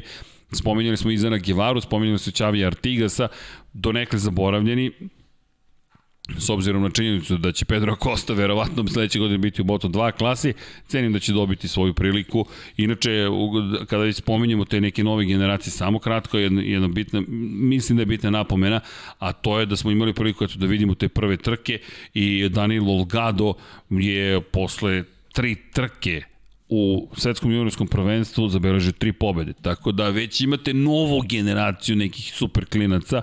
David Salvador nije loš, daleko od toga da je loš, ali čovjek zostaje 38 pojena posle tri trke. Isto važi za Ivana Ortolu. Dakle, mi već imamo jednog klinca koji kao da ide upravo tim stopama. Tako da zapamtite, Daniel Olgado, inače čudno mi čudo vozi za ekipu Jorge Martineza Aspara. Da, i u Moto dvojkama Fermin Aldiger koji je zabeležio takođe tri pobede, vredi spomenuti. Prosto tamo gledamo, inače na Bosko Skuru, to je ono što je fascinantno, Bosko Skuru ima tri dvostruke pobede u šampionatu Evrope u Moto2 klasi. Tako da Bosko Skuro cenim da će biti nešto bolji kao motocikl tokom ove godine, očigledno da se tu dosta investira i pobeđuje Kalex makar na evropskom nivou. Pa eto, da, da prosto spomenemo, da, da, da ne zaboravimo uh, da se i to održavaju i ta takmičenja, ali da se vratimo takođe na Moto Trojku kada je reč o Pedro Kosti, čovjek broj 1 po pitanju popularnosti. Derin Binder, dve trke bez poena, od njega očekujem dobru trku. Nisam siguran koliko će biti spreman da rizikujem, mislim da će uputstvo Petronosa biti završi trku četvrti, peti, šest, samo završi. Nešto pozitivno da im se desi. Umeđu vremenu je čovjek posle one kazne i incidenta, to je izbacivanje sa staze, Denis Onđo pao na šesto mesto, 36 poena i za ostatak u odnosu na Akostu 59 poena. Baš su ozbiljne, prevelike razlike. I nema, nema nešto mnogo što bi tu moglo da se doda. Ne zaboravimo Moto E, Alessandro Zacone, zabeleže pobedu Dominik Egerter, Jordi Torres. Erik Granado koji je bio fenomenalan do pada. Do pada. Tako da, osvojio tri pojena Brazilac. Da, to su vozači koji su u toj priči ozbiljni, ozbiljni. Da, pa da, kada... Ako bude bez komentara, uživat ćemo u zvuku. Hvala ti, Deki. Hvala ti, Deki. Hvala ti na tome. To je najmanje što možeš... Da Komentariši, ali, ali ovaj, pusti prolaze da čujemo. Hvala. Pa, potrudit ću se. A inače, kada spomenješ Erika Granada, 10 godina se vratim unazad, čisto da podsjetimo još jednom, Erik Granado, peti u šampionatu sveta u 125 kubika, iza Nikola Antonelija, Francesca Banjaje, Aleksa Markeza i Aleksa Rinsa koliko je da. i Granado... U, u Herezu do pade bio u drugoj dimenziji, apsolutno. Da. Apsolutno. Odličan, odličan Absolut. vozač. Odličan vozač Brazilaca za koga smo očekivali više, od koga smo očekivali više, ali Erik Granado imao čudnu putanju, otišao prvo u Moto dvojke, pa onda tek u Moto trojke, pa se tu već bio izgubio, sad je u Moto E klasi. Ali dobro, zaista, i, i to što je Brazilac nekako ga da. čini još zanimljivim i simpatičnim. Jednostavno vidiš absolutno. brazilsku zastavu i kažeš da, to. Da, on i Agerter su meni ostali najbolji utisak na prvoj trci. Da, Eto, Domi, to, to, Domi je ozbiljno bio precizan. Bukvalno je sve je isplanirao do tog poslednjeg kruga, taj, taj mali kiks, to, to, to, to bežanje motocikla u šestoj krivini, taman toliko da, da, da nije uspeo da, da izvrši napad za, za prvu poziciju koju je definitivno planirao, apsolutno se videlo. Tako da eto njih dvojica očekujem, zavisi sad opet vremenski uslovi, to je nešto što ne možemo da utičemo, ali vidjet ćemo. Da, ukratko, eto, potrudili smo se da bude ekspresna najava, da baš ne bude, da ne, nemamo 5 sati, evo Vanja se već bori da ostane budan, ali samo eto, da, da, da, da napomenemo da spremamo još specijala, je li ta? Naravno, naravno. Nećemo ovde stati. Inače, hvala svima na pažnji, hvala što ste još uvijek sa nama, 15 do 2 je ujutro i jesmo malo kasnije počeli. Pozdrav za Ahmeda, ode čovjek da spava, a da vidimo da li smo propustili neko pitanje, vraćali se Janone, Goća Bingo pita, Janone u isteče kazna za dve i po godine, ako se ja dobro sećam, da za dve i po godine mu ističe kazna, tako da ukoliko i dalje 2023. godine neko bude raspoložen da potpisuje ugovor sa Janoneom, eto 2024. će možda moći nešto da učini, ali eto, Janone umeđu vremenu postao čovjek koji se bavi ugostiteljstvom. Eto. Stevan, da, priča o dopingu se povela da, hvala vam na večerašnjem specijalu. Stevie G, tvoj čovjek, hvala tebi Stevie G za, za, za, za podršku. Daniel Pavić, veliko poštovanje za sve ovo što radite. Hvala vama mm, za podršku i mm, mogli su podeliti moderatore Uh, pretpostavljam da mi uh, polako. Viola Wing svaka čast treba izdržati ovoliko. Pa, pa volimo mi ovo. Tako da više to za, za Vanju koji nam je ceo dan uh, ovde i hvala Vanji na podršci, inače Vanja koji je baš mnogo posla imao ovih dana, a a tu je i ne odustaje. I rekao je Vanja, ajmo da napravimo super specijal. Uskoro specijal o Jorge Lorencu. Tako je, broj 99 se bliži, tako da ćemo sledeći podcast startuje u ponoć, pozdrav za Borisa. Borise, može, taman, pa onda od 4 ujutru. Pa ovaj je počeo malo posle ponoći. Marina kaže Igoru, molim te ne podsjećaj ih za sa Jorge Lorenza. Marina, kasno, kasno, i već je upisano 99 kada će biti tu, tako da nemojte ništa da brinete. Prosto, Jorge Lorenzo, opet čovek koji, ja mislim da je to najnepopularniji petostruki svetski šampion ikada, ali prosto nima ljudi koji imaju tu vrstu harizme i, i sećam se situacije, sedali smo u Yamahi dok je još vozio za Yamahu, došao je, ušao je, seo je i e, klima nije radila i izgledao je kao da je ljut na ceo svet dok je tražio upravljač za klimu. Uopšte nije bio ljut, ali morate da sedite s njim da razgovarate i izgleda kao da je zaista ljut svakog trenutka. Onda shvaćate da je čovek vrlo Zen potpuno. Da, i vrlo interesantan zapravo sagovornik, ako imate šta da ga pitate, naravno. Vanja će dobiti beneficirani radni staž, može. Svaka čast hvala. Sledeći u Seni zaslužili smo, e, pa ne znam da će biti sledeći, ali imamo o Schumacheru već e, u pripremi, tako da znate. E, kakve su šanse MMA Marka Markeza u Limanu, čini se da niste spomenuli. Pa, očekujemo Kiša da mu pomogne. Šta bi smo mogli? Izbegamo i neki ja neke prognoze. Ali... Žestok tempo mu jednostavno ne odgovara. Eto. Da. Ukratko, u, u da. ovom trenutku, zbog, zbog jednostavno stanja čitavog, znam, čitavog ja, organizma nešto slabiji tempo možda može da ja da tek prođe. od Red Bull ringa počinjem da. polako zašto ono što nam je otkrio posle prve trke mislim da je kritično i ti si to spominjao i to o tome smo pričali pre podcasta a to je da on ne može da trenira između trka. Ljudi telo koje je naviknuto da da da da bude stalno aktivno i da se odmara kroz poenta vežbu. Je, poenta je u tonusu mišića. Tako je. Ovo je sport gde, gde je neophodan tonus mišića, ti ako moraš da se odmaraš posle napora ne, nekoliko dana i onda da, da, da tvoje telo i tvoji mišići iz početka kreću u napor, to jednostavno ne može da se dovede na, na nivo koji je potreban. E, I to je nešto što A veliko smo... je pitanje zašto je preporuka da mora da se odmara. To je to... nešto što nam je sakriveno još. Tako uvijek. je. Ali je bio dovoljno otvoren da kaže da je to obaveza i da, je, da su mu lekari to postavili kao uslov da bi mogao da izađe na stazu i da vozi trke. Tako da njegova jedina fizička vežba je ono što gledate i vi zajedno sa nama, trening 1, trening 2, trening 3, trening broj 4, kvalifikacije, Q1, Q2 ukoliko mora, i jutarnji trening i trke. I to je to, 3 dana treniranja i onda pauza 11 dana.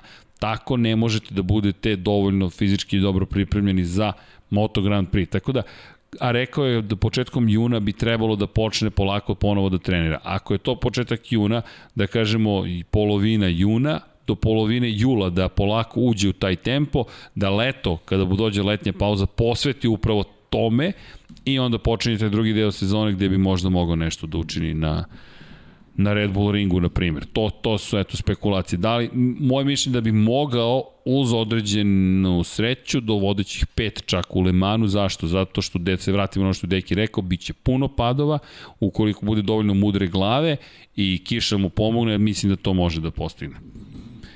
Prevelika kazna za doping, kaže Bruno, pa jer on je kažnjen sa 18 meseci suspenzije i onda se žalio i pošto se žalio, skrenuo je pažnju Vade, Međunarodne antidoping agencije na sebe i Vada je rekla po našem statutu, koji je potpisala i Međunarodna motociklistička federacija, najmanja moguća kazna je 4 godine suspenzije, tako da je Janone mogao već sada da se vrati na motocikl, ali u želji da mu ponište kaznu je dobio još veću kaznu. Šta da radite? Prosto tako ponekada sebi ne pomognete. Znate koga da zovete kada bude Alonsov specijal? Marko, pa pretpostavljamo da sad znamo koga bi trebalo da zovemo, ali, ali polako, jedno po jedno. E, Rossi čeka publiku da izjavi penziju, odlazak sa publikom. Vrlo, vrlo verovatno, da li imamo još neko pisanje. Ko još snima podcast do ovako kasno, pa niko, samo neka mala ekipa Lep 76 sa velikim srcem svakom čast. Hvala Darko, zaista hvala. I da, trudimo se, uživamo. Daj, e, ovde su sad neke diskusije, jedni između drugih. Srki, Dani, Pedrosa, specijal, Dejan Andrić, poseban pozdrav za Dejana kada bude 126. epizoda podcasta. The Conqueror, šta mislite, da li će Rossi se penzionira pre osvajanja 10. titula? Pa Conqueror, bojim se da ne može više ni da dođe do 10. titula, jednostavno i godine čine svoje i neke nove generacije. Velika konkurencija u ovom trenutku. Ljudi, on je inspirisao generaciju koju svratimo su 2002. 2003. 125 kubika. Imena su Casey Stoner, Dani Pedrosa, Jorge Lorenzo, Andrea Dovizioso, četiri... Oni ne voze više. da, čekaj, čekaj, ko vozi od ovih ljudi koje sam spomenuo? Dani Pedrosa ne, Jorge Lorenzo ne, Casey Stoner ne, Andre... Andrea Dovizioso ne, au. Da, a on je pokrenuo jedan novi trend, posle njih je došao Mark Marquez. Niko nema pravo ništa da mu kaže wow, u ovom trenutku. Ma ne, ma nikada, pa to je čovek je, ljudi, to je van vremenska priča, potpuno njegovo, ne mora ništa. A ova generacija sad, koja, koja se trka s njim i, i brže od njega, svako ima neku jarko-žutu boju na, na sebi. Negde. Ali ima tu još jedna priča on je inspirisao i stvorio jednu novu generaciju koja je morala njega da pobedi i, i, i pravila je novi sistem kao Lorenzo na hronometar vožnje. Pa Casey Stoner koji je najtalentovaniji vozač koga sam, koga sam ikad video, a onda dolazi Mark Marquez koji je kombinacija... Koji je imao sliku u sobi. Tako je. I koji je gledao pritom umeđu vremenu već i Lorenza i Stonera. Pa i Dovicioza dolazimo onda do sada post, ne post, nego Marquez generacije koja u sobi drži Marquezove postere, koja sada planira da pobedi Marka Marqueza. E, s tom generacijom već polako ali sigurno počinje Rossi da se bori. Ljudi, to je kao kada biste, čovek je, pa nije možda prikladno poređenje, ali gledajte to tako, to, to, to, to, to nije ništa strašno, ali imate automobil koji ima određenu tehnologiju od 1996. 7 2004. već to je čekaj, pa onda se prilagođavate. 2008. uf, čekaj, sad stigla nova generacija. 2012. ma, sada kada je neko sedne u novi automobil 2021. pa to ako nema automatik, tempomat i ne znam šta sve još, to se ni ne smatra, to neću ni da vozim. To 2000. godine, wow, to samo najskuplji automobili, NPR, ali ovo je iz perspektive ljudskog bića, ljudskih i priprema. Ko je vozio bicikl 1998. Moto Grand Prix. Jedan jedini vozač, Mick Duan. I niko više. I samo se on bavio biciklizmom. Sada bicikl, pa to vam je obavezna stavka. Tako da Rossi, teško. Rossi čeka Kostu da zajedno budu na podijumu i da Tako ovaj, je. onda proglasi da ne vozi više. Da,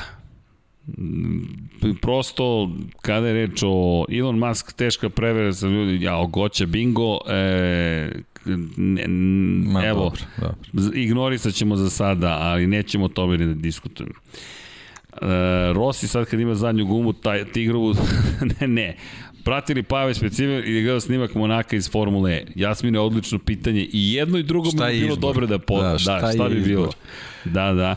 Darko, šta mislite da otvoriti Discord server? To nam je u planu, zahteva još prosto vremena ljudi, ponestaje malo, ali ima i nezvanični Discord server, ja ne znam tačnu adresu, tako da možete da, po, po, po, da potražite tamo koliko sam shvatio da se vodi ozbiljna diskusija, zabavno je i lepo se ljudi druže, tako da topla preporuka, ali nadam se da ćemo od naredne sezone ili možda čak i ranije imati i zvanični, da ga tako nazovemo, ali nadamo se da ćemo se uklopiti. Srki, kada bi seli zajedno Stoner, da Pedrosa, Dovi, Lorenzo i rekli samo jednu stazu da beremo, tražimo wild card i polažemo da nismo za star, pokažemo da nismo za starog vođe, ko bi pobedio po vama. A nekom drugom vremenu to bi bila... Pa ne, ako gledamo sad trenutnoj situaciji formi Pedrosa obišao bih za četav krug. Sve bi ih pobedio. Lorenzo da. ima jedno 15 kg više, Dovi da, s vremena na vreme opustio. sedne na motocikl Stoneru bi trebalo ozbiljan trening da, da, da se vrati u formu, ne, pošto peca tamo naravno, da. a Pedrosa čovjek koji, koji vozi, koji ima posao, nije uopšte za bacanje, tako da u ovom trenutku 400 motocikla Dani Pedrosa Slušaj Borisov bez, bez dileme. Bez, da, u ovom trenutku da, ali slušaj predlog a Kosta u VR46 u Moto Grand Prix. A, to je sad pa, bitka. Pa vidjet ćemo ko će pravi majice Kosti. Ali, ali, ali, će da nam ovaj, jeste, Boris, kaže. ali postoji jedan problem koji Rossi još nije prevazišao i pitanje da li sme, može, želi da ga prevaziđe. Nijedan vozač u njegovoj ekipi nije ne italijan I to je velika razlika između timova koji su u Španiji i koji su u Italiji i ne govorimo ovo na nacionalnom nekom nivou prosto imaju taj luksuz timovi u Španiji da mogu da budu međunarodni, da mogu da imaju jednog, dva španska vozača i trećeg italijanskog ili nemačkog ili iz Azije, kako god. S druge strane, italijani nemaju imaju za početak... Repsol I imaju Repsol. Italijani za početak nemaju federaciju koja, koja je iole organizovana, da ne može da se poredi sa španskom organizacijom i Rossi tu pokušava zapravo da otvori vrata italijanskim momcima. Da li će se to promeniti time što ulaz su ušli VR40 kao VR46 u Moto Grand Prix? To ćemo da vidimo, ali bi bilo zaista, da, bilo bi, bilo bi interesantno. Bilo bi zaista interesantno to vidjeti. Ok, a Costa u VR46. ok, nije loše.